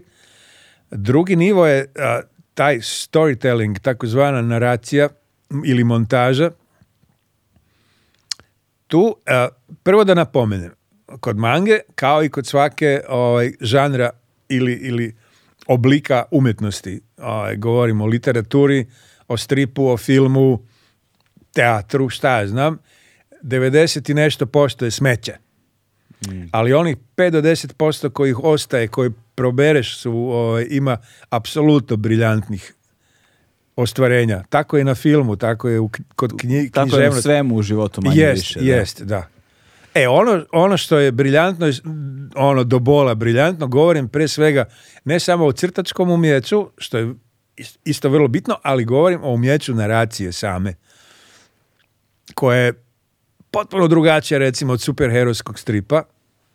uporedim to, to su žestoki kontrasti. Pa, u američkom superherojskom stripu recimo nema... Ovaj, ne osjećaš protok vremena, ne osjećaš starenje, čak i starenje arhitekture ili, ili biljaka. Mhm. A, u japanskom stripu, ako si recimo ikad gledao ovaj, filmove crtane, one, ja, kako se zove lik, Evo, sad sam se blokirao. Miyazaki. Aha. E, hvala ti. Skoro sam se obruko, čoveče. gledaš te crtače od Totora do ono, Flying Castle, tak, osjećaš protok vremena, vidiš da vetar duva, mm. da oblaci prolaze i tome se posvećuje iz, izvestan, vreme. Tako je u mangi ovaj, jedna kap kiše koja pada izvestno vreme i ono pljusne u lokvu. A, sve do to doprinosi građanju atmosfere i zapravo oslikava ovaj, psihološko stanje junaka. A, sve, apsolutno sve, ovaj, od arhitekture do tih kao a, a prirodnih ovaj, dešavanja, tipa vetar koji njiša grane lišća ili stabla, kiša koja pada, oblaci koji prolaze, valovi koji ono ljuljaju more a sve na neki način odražava unutarnje stanje junaka i ono kao refleksija i zapravo ti bez previše teksta pomaže da uđeš i da se više identifikuješ sa, sa junacima. Ono, to, to, je, to je drugi nivo. Treći nivo je zapravo sam, samo delovanje junaka iz kojih oni razloga uopšte rade to što rade. Znaš, imaš u američkom stripu ovaj, jednog Pitera Parkera koji se kao srednjoškolac koji se oblači u kostim i ono ide, iz nekakvog poriva ide da se fajta protiv zato što su mu ubili strica. O, ide da se fajta protiv loših momaka. U mangi bez obzira što su njemu ubili strica, glavni lik ne dobiva motiv ako mu je ono, uloga u stripu da se fajta protiv ono, loših momaka, on, on prvo pobeđuje svoje unutrašnje demone i ono i probleme i frustracije, uvek ih ima, da bi onda izašao napolje i fizički ovaj, delovao kao, kao formirana ličnost. Jer svih ovih 60 i 70 godina koliko postoji Peter Parker ili Spider-Man, on još uvijek ima frke sa svojim bubuljicama, sa devojkama i nikad nije završio taj koleđ. E, meni su sad kao, kao čovjeku koji je već duboko u 67. godini života superherojski stripovi postali stvarno ono blesavi. Ali mangu još uvijek mogu da čitam i obožavam je zato što možeš da uđeš u, čitav taj svet zapravo briljantnom naracijom koja ne, ono, gdje se baš stavlja akcent na ovaj, silu prirode i na protok vremena ovaj, u, u celom dešavanju, da bi kroz to bez previše dijaloga ušao u psihu junaka. To je, kad, kad naiđeš na, dobar, na dobru mangu, onda su stvarno dobre, onako do bola. I čite to se E, to je stvar koja je stara recimo 20 godina. Ja sam prvi put u Americi kad sam živeo tamo u striparnicama naišao neka firma je počela da štampa recimo dve i prve, dve i druge stripove koji se čitaju s desne na levo kao u Japanu, sa šemicom kao ovdje počinje strana, ovdje dijalozi i na ovaj način ih čitaš. I onda naravno je mladež vrlo brzo preuzela nešto što je samo njihovo, zato što odrasle ono, apsolutno nema šanse da krenu da čitaju neki strip s desne na levo. To je, to je isto, recimo, paralela, razlog zašto današnja zlatna omladina sluša narodnjake i turbo folk, zato što to nisu radili njihovi roditelji, da, da. koji slušali rock and roll. E? Ovaj, da, tako je kod mange. Manga je između ostalog osvojila svet zato što su klinci tim obrnutim čitanjem dobili konačno nešto što je samo njihovo i što samo oni rade. Da da bi došlo do situacije da recimo u Francuskoj danas manga zauzima 70% tržišta. Wow, u Francuskoj? I izdavači čupaju kose, da. I probaju naći recept kako da se odhrvaju to, toj navali. E, da, ono što mi, ono što mi je To je ludilo. Ovaj. tako da recimo, samo da dovršim da, priču, kratka je, ovaj, izumiru klasični albumi koji izlaze recimo jednom godišnje sa oko 50 strana nego se radi na slično kod mangi koji imaju po dvestotinjak strana, izlaze veliki debeli albumi sa ono sto i više strana, da, čitalac ima šansu da pročita kompletniju priču, da se ono malo više ufura u celu radnju karaktere. E. da li je dobar recept, vidjet ćemo recimo. E sad, kad si pričao ovu priču o mangama i o američkom e, superherojskom stripu, da. sad me zanima da li ostala velika tržišta uh, imaju neke svoje ono stilsko-tipološke odrednice ono po kojima ih prepoznaješ, na primjer Italija, Belgija, pa da, a, imaš ovaj, Francuska. Ovaj, francusko govorno područje, čuvena franko-belgijska škola. Mm koja postoji još od uh, crtača koji se zvao Erže, radio Tentena, onog, to da, je još 40-ih, 50-ih, nemam pojma. Sam ja, ja, ga nisam, ja ga nisam nikad volio, pa nisam, nisam točno ja sa samim prapočecima. Zbog avantura. Ali on je zapravo ustanovio ovaj, tu školu, a to je izuzetno detaljne pozadine arhitektura vozila, briljantno urađeno i likovi glavni i sporedni koji mogu biti stilova, stilizovani, a i ne more. Mogu biti ovaj, i realistično urađeni, ali je bitna to da u franko-belgijskoj školi imaš kompletan uvid u prostor u kojem se dešava radnja. Svaki prozorčić na zgradi iscrtan, znaš, ono, u daljini vidiš katedralu, drveće, sve je tu kao. To ono, recimo, što američki strip danas nema više – crtače izbjegavaju da rade pozadine, rade uglavnom srednje planove ili, ili gro planove, kao samo face i onda to vrte, vrte, vrte, jer zapravo u Americi strip prestao biti ovaj, nekakva grana umjetnosti, nego zapravo još u Marvelu, dok sam ja radio tamo dve druge su prestali to da zovu strip, nego su ga zvali franšiza. Mm, jer, jer se strip radi danas u industriji stripa da bi se kasnije ovaj, u, uštimali u filmsku industriju. Mm -hmm, Kao predložak za film, da se proda tako dalje. Tako je, jer bitan je zapravo, danas nije bitan crtež, nego bitan koncept, kao kakvu priču prodaješ, da li je koncept originalan i onda imaš situaciju da je zapravo većina blockbustera danas u Americi su stripovi bazirani na superherojima. Imaš čitav taj Marvel Universe, Universe, imaš DC Universe i još to šta. Čak i oni divni filmovi tipa onaj Crow iz uh, kraja 80-ih mm. ili početak 90-ih sa Brandonom Lijem ili Road to Perdition sa Tom Hanksom i takve neke divne stvari su zapravo rađeni po stripovima. Mm. I onda već odavno u hollywoodskoj industriji imaš agente koji ono snimaju strip industriju i otkupljuju za filmska prava ovaj, dobre koncepte. I gledaju šta se dobro prodaje, šta ima kolekcionarsku vrednost. Tako je. Jer to kada se posle pretvori u film, to da, se hrli ovi, i se kupe ovaj, karte. Immortals sa Charlize Theron, ovaj, to je recimo rađeno po stripu. Šta god se sjetiš zapravo, ovaj, ja mislim preko 60% produkcije danas u Hollywoodu je rađeno po stripovima. Zato se ne polaže pažnja u samoj strip industriji na izgled, na estetiku, na da crtež i tako dalje. Ali francuzi su, da li su francuzi to čuvali ili se i oni Jesu, uvijek je vrlo bitno. Ono što mene nervira kod francuskih albuma je da imaju možda preveliki broj kadrova po strani.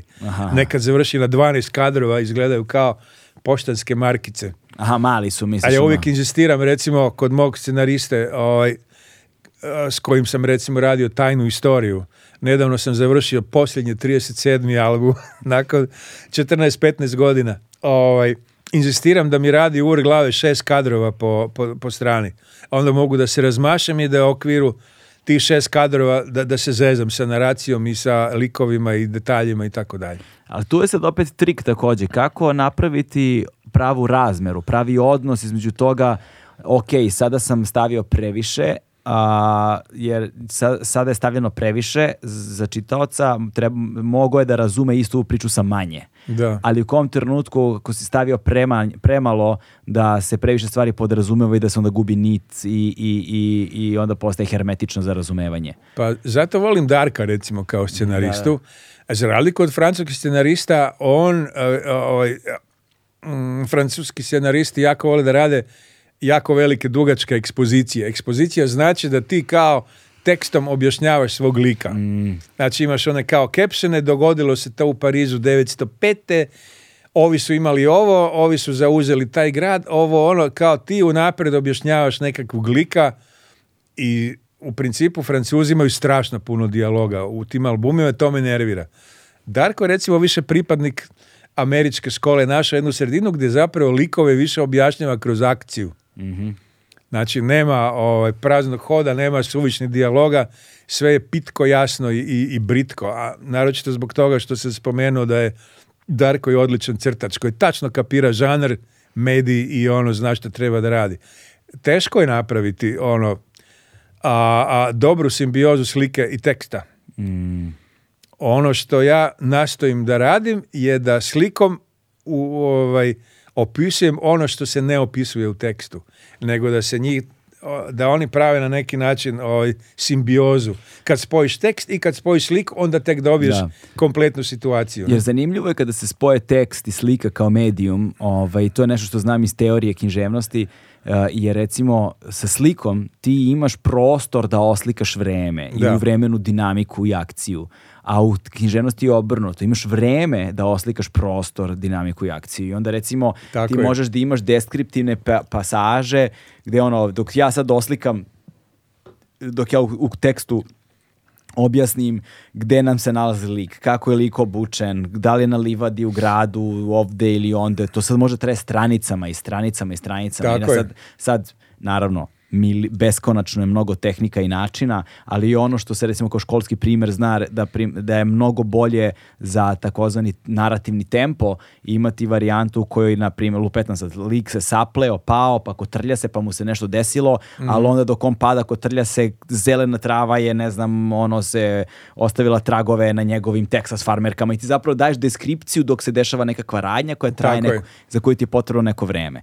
S druge strane, ti na slici to možda vidiš odjednom. Sve u jednom kadru. Sve u jednom kadru. Ali dinamiku odnosa je kompleksno oslikati zato što nemaš vreme da to uradiš, nego ti sad imaš samo jedan jedini prostor, fizički kadar kojim treba da uradiš sada primer, opet kažem, beskonačno mnogo načina, ali jedan od ono udžbeničkih primera je rec, ako ti naslikaš lika koji je nekoga ubo nožem i ako, ga, ako je već nož u čoveku, čin je gotov ti si sad samo oslikao neku svršenu scenu.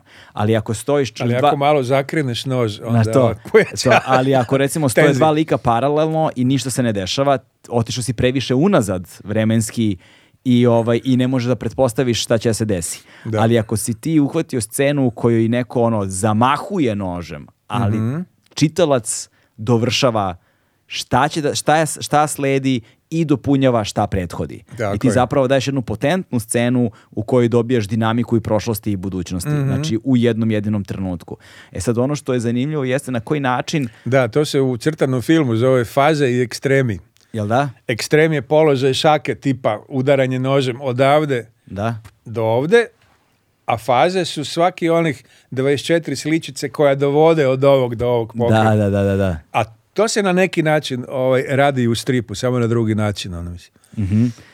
e, onda je sad zanimljivo kako se recimo ta dva, pošto ovo sam opisao prosto zbog... Um, zbog razumevanja razlike koliko su medijumi prosto drugačiji, na, kojim, na koliko drugačijim planovima funkcionišu. I onda je zanimljivo, eto, to što ti kažeš, ovaj, recimo kako francuska škola stripa ima tu vrstu eksplikacije likova, radnji, svega. Bespotrebnu. Bespotrebnu. Be, Najgore što vrlo često francuski scenaristi da bi pokazali čitaocu koliko su proučili materijala kad na, ovaj, na primjer rade ovaj, istorijski strip ili nešto, sve to nastoje da ubace, bilo u dijaloge, bilo u captione. Mm. Umjesto da sami sebe ovaj, ono, redukuju da bi služili mediju. Mm. To recimo francuzi ne znaju da urade. Znaš, ono, redukcija ono, da, da bi stvari ispala što bolje, To, mm. to je problem. Ali je fascinantno, na primjer, kako taj kulturološki to vidiš, ono, Japan, koji ne počiva na kulturi koja generalno priča o stvarima, nego je puno toga internalizovano Jeste. i oni su takvi kakvi su, a onda ta vizualna reprezentacija kulture u kojoj je nepristojno eksplicirati emocije na ovakav ili onakav način, onda imaju taj način prikazivanja, mm -hmm. ali koji s druge strane ima određenu vrstu preterane ekspresije, on, ekspresije onoga što je u društvu zabranjeno. Ne zabranjeno, ali što se u društvu inače ne radi. Tako je. Fascinantno je to kad ih vidiš na karaokama pijani kad pevaju. Uf. Znaš, vidiš jednu scenu koju nema šanse tog čoveka da vidiš ni u čemu i ole približnom u bilo kom drugom trenutku u životu. Da, da, Što govori o nekakvom socijalnom ventilu, Jest. društvenom ventilu. I onda se to preslikava i umetnost. I navodno velik broj samoubistava, jel? O, ogroman, da, da. Uslijed tog stresa i ludila. Zapravo, uslijed povinovanja konvencijama previše, ja pretpostavljam. Mm. A recimo, da, kako stoji situacija onda, na primjer, sa špano, španskom scenom ili s italijanskom, koja je nama jako bliska i poznata? A, španska scena je imala svoj zenit sredinom 80-ih i od tad na ovamo je ovaj, ono u nekakvom padu zapravo. Mada je velika zemlja, mislim da ima preko 60 milijuna stanovnika, ogromno tržište, tri puta veće nego recimo bivša juga. Međutim, i oni kao, i kao italijani, koji isto imaju nekakav približan broj stanovništva, znači oba su ogromna tržišta, da ne govorimo o Nemačkoj koja ima 80 miliona ljudi. Mm. U sve tri zemlje ne postoji dovoljno veliko strip tržište za razliku od Francuske, dovoljno veliko tržište da bi od, e, činilo strip izdavaštvo održivom da bi, da bi ovaj, njihovi domaći strip crtači mogli da žive od svog rada u dotičnoj zemlji. Mm. Tako da većina ovaj, ne znam zašto je to, ali većina talijanskih crtača, španskih, nemačkih radi bilo za francusko, bilo za američko tržište, mhm. jer ne mogu da prežive u svojoj zemlji. Tako da to mi, recimo Hrvatska, Srbija, svi koji živimo od svog posla, od stripa, smo gastarbajteri, radimo za, ali hoću reći, to ni u velikim razvijenim zemljama nije ništa neobično. Hmm. Čak i one najrazvijenije, tipa Holandija, Danska, Luksemburg, Švicarska, nemaju dovoljno velika jaka tržišta stripa da bi njihovi crtači mogli opstati samo konto domaćeg stripa, nego svi opet rade za, ovaj, za, za vanjsko tržište. Bilo nemačko, francusko, američko. To je onako. I većina tih zemalja ima strip produkciju, ali su većinom licencne. Hmm i Španija i Nemačka najveći broj izdanja koje rade su ovaj su licencno ili američki ili francuski stripovi. To je zapanjujuće. S druge, Italija je malo drugačija. Oni imaju svog Bonelija i još neke takve slične kuće gdje hrpetina domaći crtača može da radi i opstaje radeći domaće stripove, znači ono talijanske izdavačke kuće.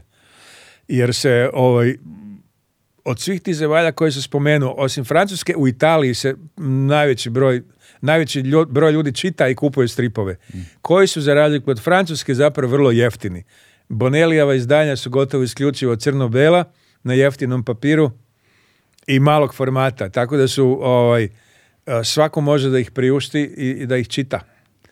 To je, to je vrlo značajno, recimo u Španiji i Njemačkoj i Francuskoj to nije slučaj. Da, kao što je palp kultura bila u Americi. Tako je. Italija je još zarana, možda je to baš pod utjecajem palp stripova mhm. američkih našla način kako da strip e, učini dostupan o, ono, najvećem broju pućanstva. jest Tako da se oni nekako batrgaju i još uvijek su kao, ajmo reći, održivi.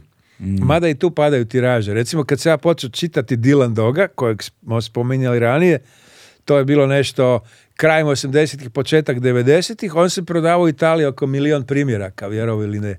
Danas je to palo na niske grane. Hmm. Ali tako i u Americi. Od onih tiraža što sam spominjao, X-Men i Spider-Man, 80-ih, početkom 90-ih, od milion primjeraka, ovaj, u doba kad se ja prvi put radio za Marvel, još 94. 5. ako bi prodao manje od 30.000 primjeraka, odmah se ukida serijal. Da. Ali danas ako prodaš 15.000 primjeraka ovaj, u Americi ti si na konju i kao wow, super Pazi, ono sa književnošću stvar nije ono ništa bolja. Ti na New York, New York Times uh, bestseller listu što je, koja je jedna od najrelevantnijih te, lista prodaje književnih dela ovaj, general važi za ono renomiranu listu, ti zapravo... Jel se spominju brojke na tim? Tako je, da. To, nisam, znači, te, ti si to mi je zanimljivo. Da, ti si zapravo, ti zapravo u zavisnosti naravno od godine, broja izdanja, naslova, koji je objavio šta i kako, ali prosek je, možeš Mare da proguglaš, Dakle, koliki pribroj primjeraka treba da prodaš nedeljno da bi ušao na New York Times bestseller listu, ali mislim da je 5000. Aha. 5000 primjeraka nedeljno. To je nekad bilo mnogo više. Mnogo, da, mnogo, da, da. mnogo više. Ali 5000, ti kad pomisliš čovječe, pet, tiraž od 5000 za nedjelju dana na tržištu od 300 plus miliona stanovnika Tako je. je stvarno bedna Mali. cifra. Jeste. E sad, to je ono što nas dovodi do pitanja negde. Knjige su, sad, si našo, Mare?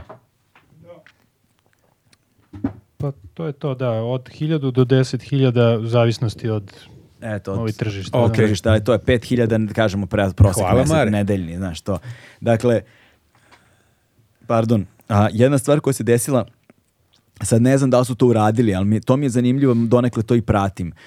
pre nekoliko godina Billboard je objavio listu najprodavanijih izdanja, singlova, jel te, albuma i tako dalje, ali prvi put su potpisali ugovor sa YouTube-om i dosegli konsenzus neki u statistikama i u merenjima da YouTube pregled pesme, znači ako si na YouTube pustio, ulazi u prodata izdanja. I mislim Aha, da je to... To nisam znao. Da, mislim da Mare to možda provjeriš. Mislim da je oko 1500 pregleda se računa kao jedan prodat single ili album. Wow. Znači da ako imaš i da je recimo da li je Drake ili tako neki izvođač bio prvi u istoriji koji je došao na broj jedan mesto najprodavanijih, ali zahvaljujući streamovima, mm -hmm. tako nešto, i da zapravo sad te nove digitalne tehnologije ulaze u aspekt prodaje. Sa knjigama, ne znam kako se sad to meri sa PDF-ovima, sa PDF-ovima ili šta god, sa Kindlom i sa tim, ali digitalno, digitalne knjige uzimaju ogroman deo tržišta i pored digitalnih knjiga tu su audio knjige. Znaš, recimo ja imam aplikacije poput Audible i slične koje plaćam gdje postoji određena vrsta literature koja mi je mnogo jednostavnija da je slušam kada mi treba neko konkretno znanje. Stručna literatura neka i mhm. tako dalje ako mi treba konkretna informacija, konkretno znanje, onda ono pustim, slušam u slobodno vreme, imam tefterče i zapisujem informacije koje su mi važne. Prozna dela, žao mi je, umetnost isključivo moram da imam fizički fizičku kopiju, ali vidim pa da... Pa to je stvar koja je veseli, danji 5-6 godina ponovo u knjižarskoj industriji raste prodaja papirnatih knjiga. To je. Ljudima je dosadio Kindle i ovaj, te razne druge varijante, nego taj ritual papira, frit frit okretanje stranice, mm. sam miris knjige. Ono, Kad dođeš štampari ili je stara knjiga koju kupiš na buvljaku, to je, to je nešto što nema, ono, niti Kindle, niti ništa, to ne možeš zameniti. ali ovaj moj dugački I ljudi se uvod... vraćaju knjizi, to je divno da, Ali ovaj moj dugi uvod, uh, gdje kao znam kako stvar stoji sa muzikom, otprilike kako stoji sa knjigama, šta je sa stripom? Koliko se strip... Uh, koliko, je strip, koliko je strip prodro u to digitalno tržište? Oni isto imaju Kindle varijantu. Ima strip ovaj, Kindle varijantu. Elektronske varijante i ovaj, u zadnjih pet godina ili šest ja sa Delkurom kad potpisujem ugovor ima poseban odjeljak za audiovizualna prava gdje se uračunavaju i elektronske ovaj, elektronsko čitanje stripova koji se znači gotovo paralelno izdaju i u štampanoj verziji i elektronskoj. A mnogo manje je tržište za elektronske jer opet velim ljudi ovaj, ponovo se vraćaju papiru što je divno. S druge strane, e, strip tržište, sad govorimo o Francuskoj i Europi, e, zapravo slično i Americi. Svakih toliko godina ovaj, cijeli svet preživljava nekakvu krizu, mhm. recesije. Imaš od, od novih stvari, 2008. velika svjetska recesija. Nakon toga imaš 2011. kad je Europska unija spašavala Grčku i Španiju od bankrota. 2014. dolaze izbjeglice. Mm. A, I iste godine upadaju Rusi na, na Krim, 2020. počinje ovaj, rat, jel tako? Ili 21. 21. U, u Ukrajini. Da, 21. Celo vreme je neka frka i zapravo... Pre toga COVID. Da, hoću reći kad god ovaj, nakon prvotne krize se tržište malo oporavi, dođe druga kriza još žešća i zapravo ljudi sve više stežu kajš i ono pada tržište svagdje kao prodaja svega. I pada i muzike i literature i stripa, ovaj, pretpostavljam i, i filma, jer ovaj, ljudi više gledaju streaming i ono binge u serije preko ovih raznih kanala, od, Amazona do Flixa i tako dalje. Jesi saznao nešto, Mare, za izdanje? Ovaj, ta će se situacija ovaj, stabilizirati ako ne bude ono nekog pravog ono globalnog svjetskog rata vidjet ćemo, ali uvijek kad se stabilizira neka nova frka krene kao da se namjerno ovaj, izmišljava. a neki kažu da se izmišljava namjerno. Da, da bi se, da bi se masa držala u strahu i pokornosti, bla, bla, bla. Ne, ali nećemo ni o tome. Nećemo, nećemo, nećemo. pa da, kaže, hiljadu i po je ovaj, album. Hiljadu i po YouTube pregleda je jedan prodat album, znaš, tako da... Aha. Tako se računa. Evo, baš sam jučer slušao na youtube dečka koji zove Rem, koji recimo ima milion i po pregleda jedne stvari, zove se Hello Ram. Mm, Znači, ako je on prodao milion i po, to je onda deset hiljada znači, albuma. znači, hiljadu, ili hiljadu, petsto je jedan album. Aha. Što bi značilo... To onda hiljada albuma je, a konto... Ne, hiljada albuma, a konto milion i po. Mm. Tako nešto. Ne, Sto hiljada albuma. Opet sam fula. Ne, ja sam uvijek sam imao dvojku iz matematike. Ja neću, ne, ni, ja ja neću ni da pokušavam, da. Ja, ja, ja, već ono, poznat, poznat sam na tome koliko loše sabiram i oduzijem kad moram licu mesta se desi. u sekundi odmah. Nećemo ni o matematici. Nećemo ni o matematici, ajmo, da, ajmo dalje. Ovaj, e, tu smo da, to, da, to mi je, i zanimljivo mi je takođe, recimo, posmatram evoluciju stvari i da li ta evolucija donosi neku inovaciju i neku novu publiku. Primera radi radio kao koncept je praktično smatran mrtvim. Formatizacija, bla, bla, bla, sve ono što znamo da se radi desilo.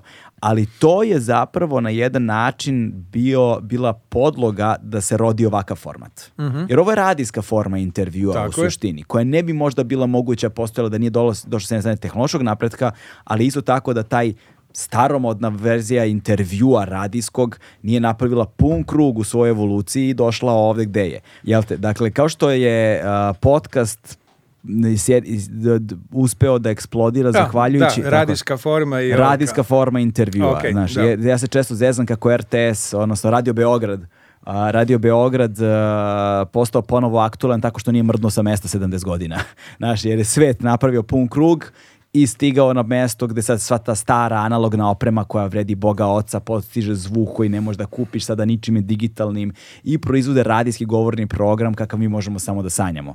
A s time da se zapravo nisu ni pomerili s mrtvog mesta. Znaš. S druge strane sad politički ovo šta je problem, ali hoću govorim, kažemo samom formatu. Jedan od retih koji go, negujte govorni program.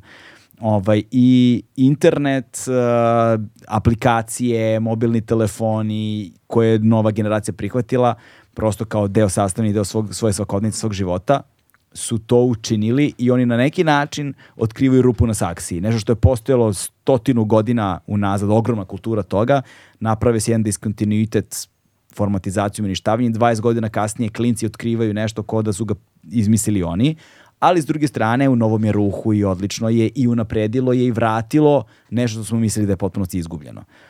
E, na da li slično tom principu u strip kao neka inekcija vitalnosti ili nečeg novog, internet doprinosi, jer kultura mimova, kultura ono Instagrama, a, fotografija, a, te mim, te, pre svega mislim na tu mim kulturu i na tu strip kulturu po ono Facebooku, Instagramu, društvenim mrežama, crtanje. Ja imam puno nekih profila na Instagramu da pratim neke crtače gde se oni zezaju i sad prave cele neke nove formate, video, ono stripa dobro pitanje da koji ranije nisam primećivao i da, i da li je on donio neku novu publiku u tradicionalni mediji svi eksperimenti što se toga tiču nisu baš uspjeli bog zna kako mm. esencijalni bazični ovaj, medij se odhrvao ovaj, utjecaju bilo je, je pokušaja još ja mislim od početka 2000-ih da se u stripove ubacuju paralelne ovaj recimo screen sa kompjutera koji očitava ili onaj, onaj chat sa mobitela ili nešto, nešto da ide paralelno sa dijalozima. I tako neke sitnice i ovaj, mm, nisu uspjeli eksperimenti zato što je to krenulo da opterećuje ovaj, strip. Dobivao si previše informacija po kadru i po jednoj tabli. Mm.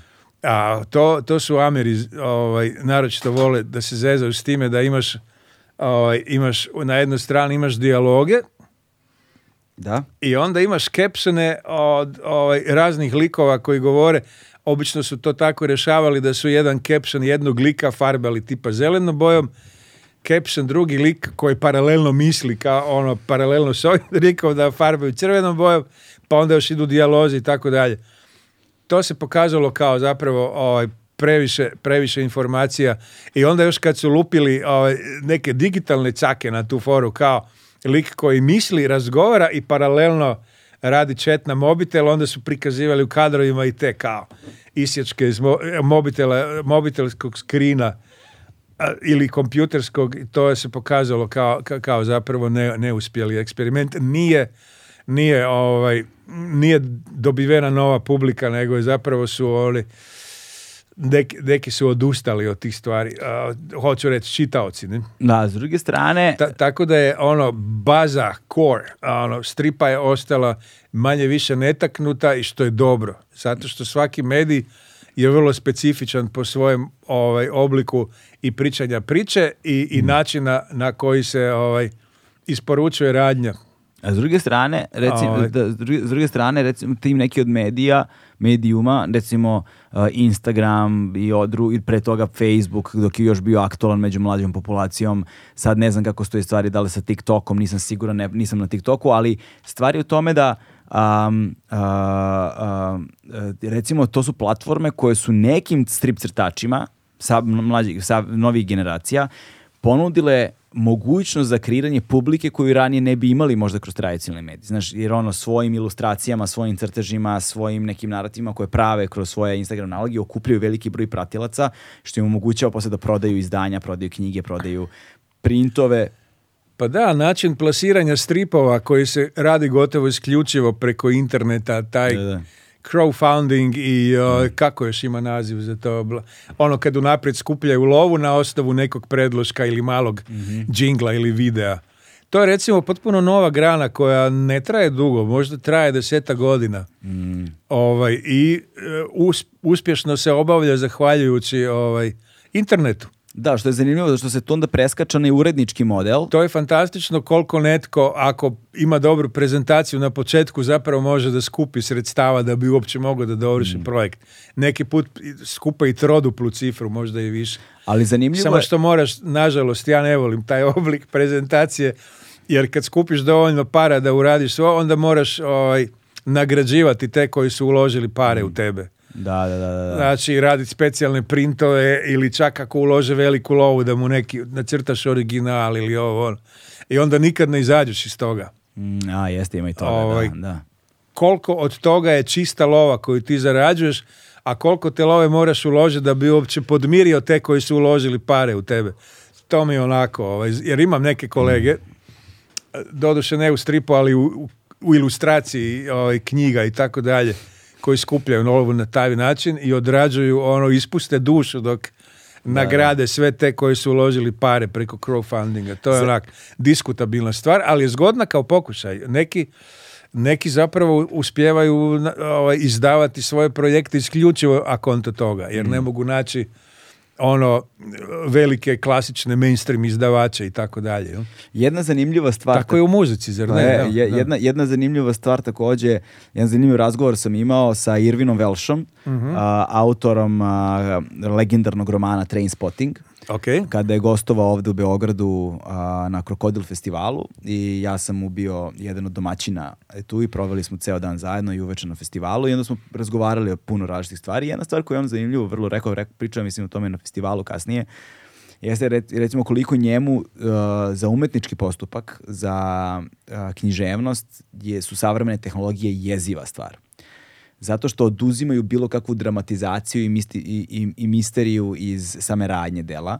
Naprimjer, on, on sad mora mnogo više da piše i da radi da bi uh, osmislio radnju u kojoj, na primjer, ukoliko je lik kidnapovan, recimo u Gepeku, kidnapovan mm i ne znam, ostavljen negde, uh, u u običnom svetu taj čovjek bi samo izvedio mobilni telefon, našao sebe na Google mapi i pozvao nekoga i gotova priča. Tako Ti cela radnja otišla u tri lepe za sekundu.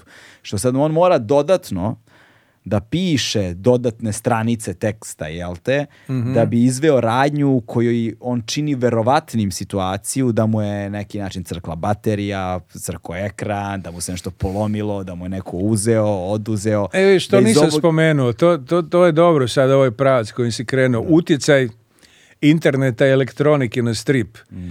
Zapravo ti moraš uzeti u obzir da zadnjih ono toliko i toliko godina postoje mobiteli i, i, i kompjuteri.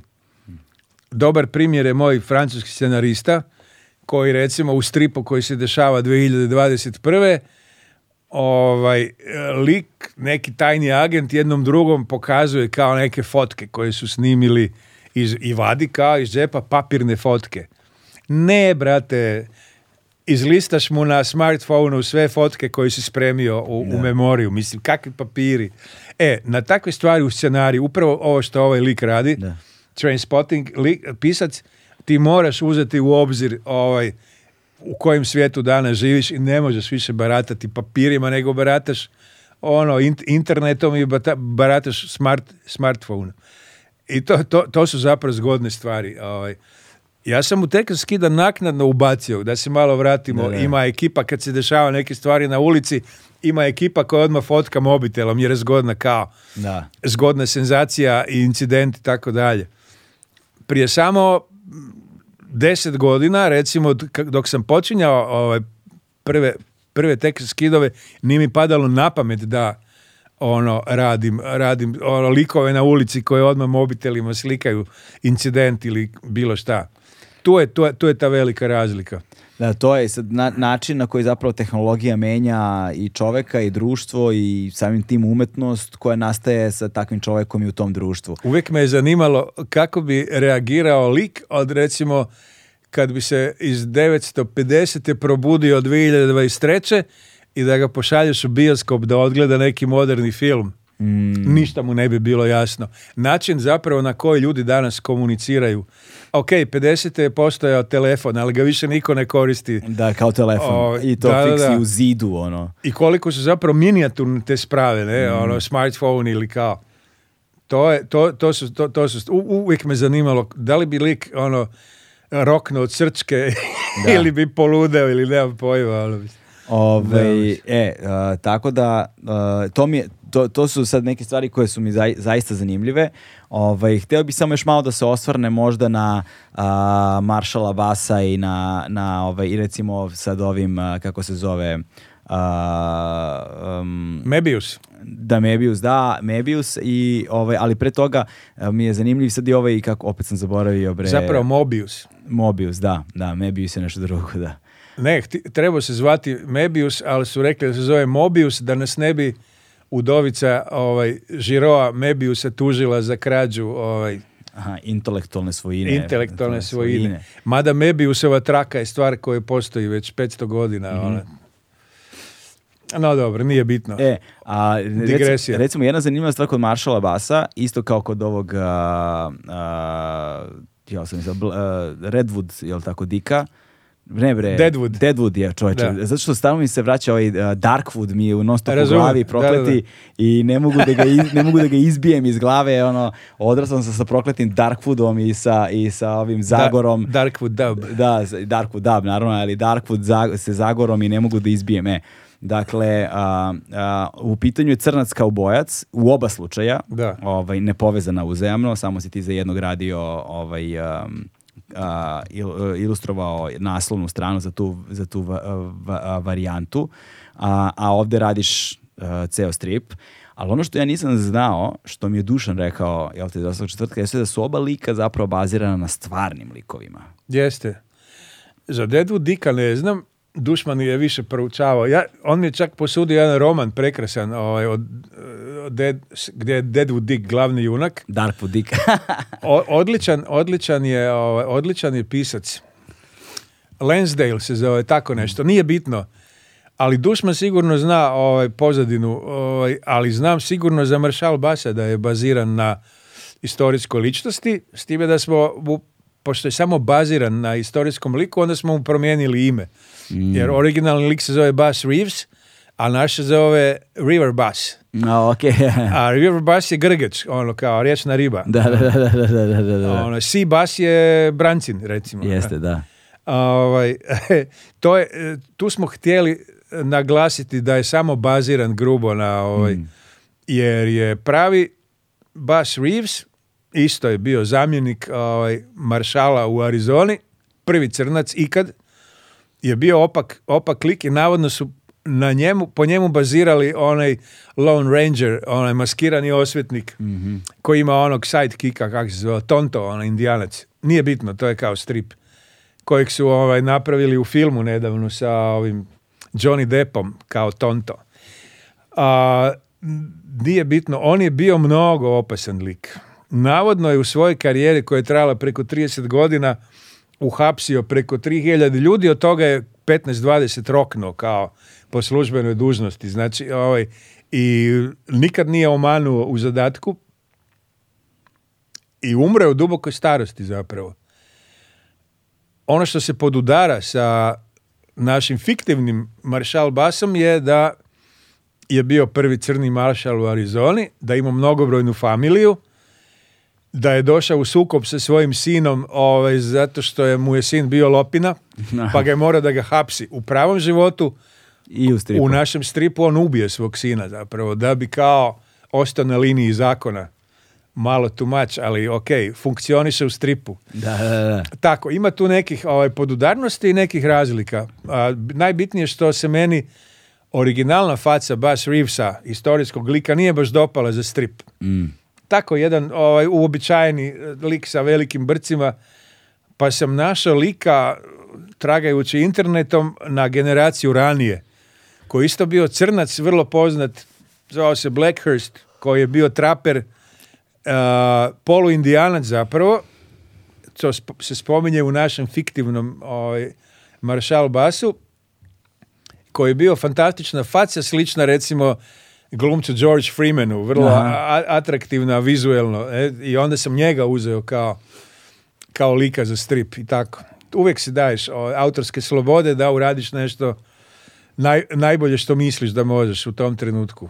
Eto. E, da, i, kao što je recimo u sad evo, savremenom Disneyu u određenim krugovima izazvalo kontroverzu što je ono mala sirena meleskinja, što ja mislim da je genijalno, ovaj, jer se kao odstupa od originalnog, a sada je naš pitanje i te, svega ostalog što savremeno od vreme donosi s i što, i što ispravlja neke greške iz prošlosti, što ja potpuno stojim u stoji i apsolutno mi ne smeta ni na koji način, šta više.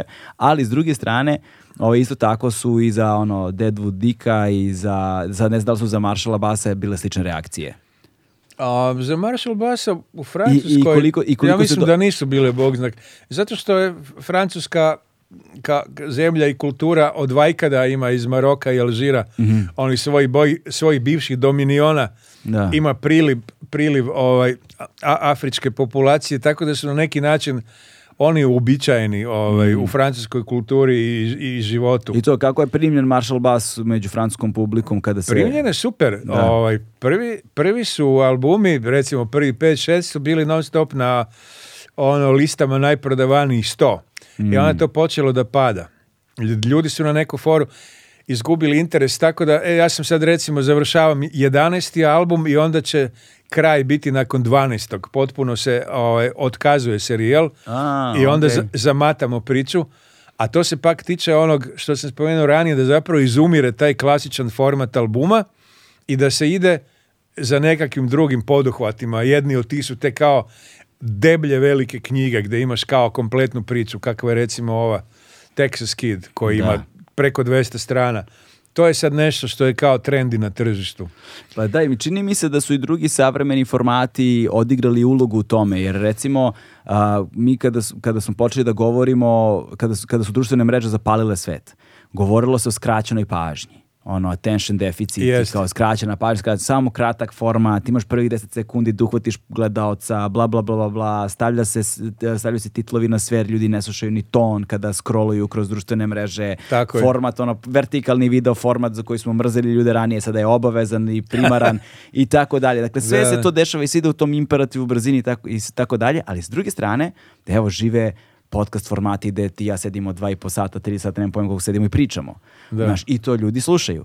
A, s druge strane, e, nemamo strpljenja da gledamo ovo, gledamo ono, ali su nam streaming platforme omogućile binžovanje serija. Čovječe, ljudi sednu i ono, neće da počnu da gledaju seriju ako nije već cela, gotova, spakovana i da odmah mogu da izbinđuju 175.000 epizoda, ja. da, da, da ne spavaju tri dana, znaš.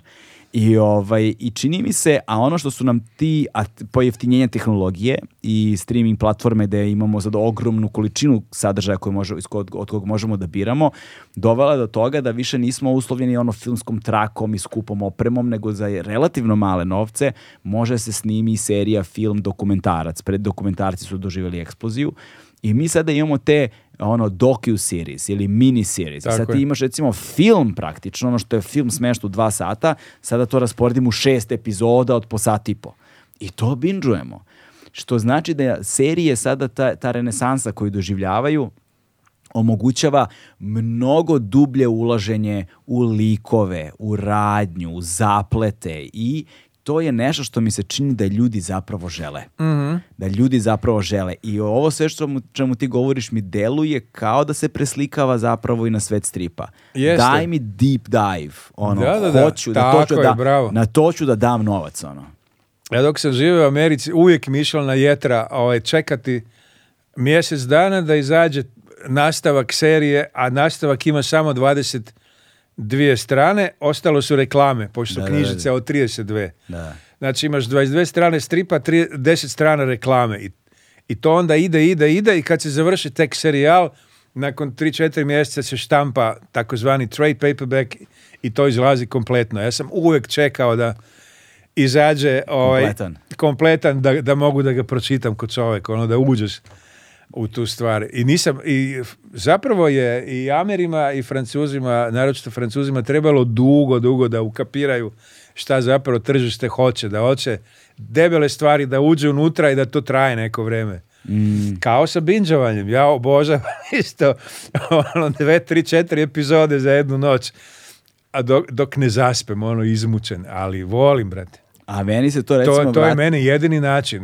Kad smo bili klinci smo morali isto, čekati, tipa na X-Files, mm. da prođe sedam dana i onda opet, o, i onda opet čekaš, strašno, ubistvo. Ono. E, to, to je, to je nešto što se, što se na čudan način vratilo i u kinževnost Ovaj, ono, što ljudi sad vole to, ide na godišnji odmor i onda ponesu jednu knjigu, ali epopeja i ono, dok je na odmoru putuje i sa tom knjigom danima. Da, da, da. Znaš, I čini mi se da nekako su ove no, ovi novi formati koliko god da nam je vreme skraćeno, da nam je pažnja možda u nekim aspektima oduzeta, na drugi način smo istrenirani da ipak možemo da posvetimo pažnju ukoliko se ponudi kvalitetan sadržaj. Da, to se kompenzira na taj neki drugi način, to je okej. Da, tako da. na kraju dana smo ipak ostali ljudi pre svega. Ma da. Ovaj, e, hvala ti puno. Ljudi, ljudi čitaju, nije, ovaj, neće ništa od toga izumriti, bez brige. ovaj, a, Igore, a, hvala ti puno ovaj, što si došao. Hvala tebi što si me primio. Hvala ti puno što si došao. Uživao sam u razgovoru i da podsjetimo samo još jednom ljude. Dakle, Igor Korda i Darko Macan, Texas Kid, moj brat. Nakon 15 godina aktivnog rada ugledao je svetlost dana i vredi svake pare, stavit ću link u opis ovaj, ukoliko želite da poručite, da kupite za sebe ili možda nekome da poklonite pravi jedan hrvatski srpski, jugoslovenski roman, rekao bih pre svega, sa posvetom, posvetom Zagrebu, sa osvrtom na drugi svjetski rat, na ove ratove ovde, na popularnu kulturu, na na kulturnu identitet ovih prostora autentičan roman, iako se zove Texas Kid, nema nikakve veze sa Teksasom, niti sa decom, ovaj, stvari na neki način ima u rod, odnosu roditelja oca i sina, ali ćete više ukoliko budete pročitali. To je to. Jej. Stigli smo do kraja. Hvala ti puno. Vidimo Hvala se. Hvala tebi. Ćao. Ćao.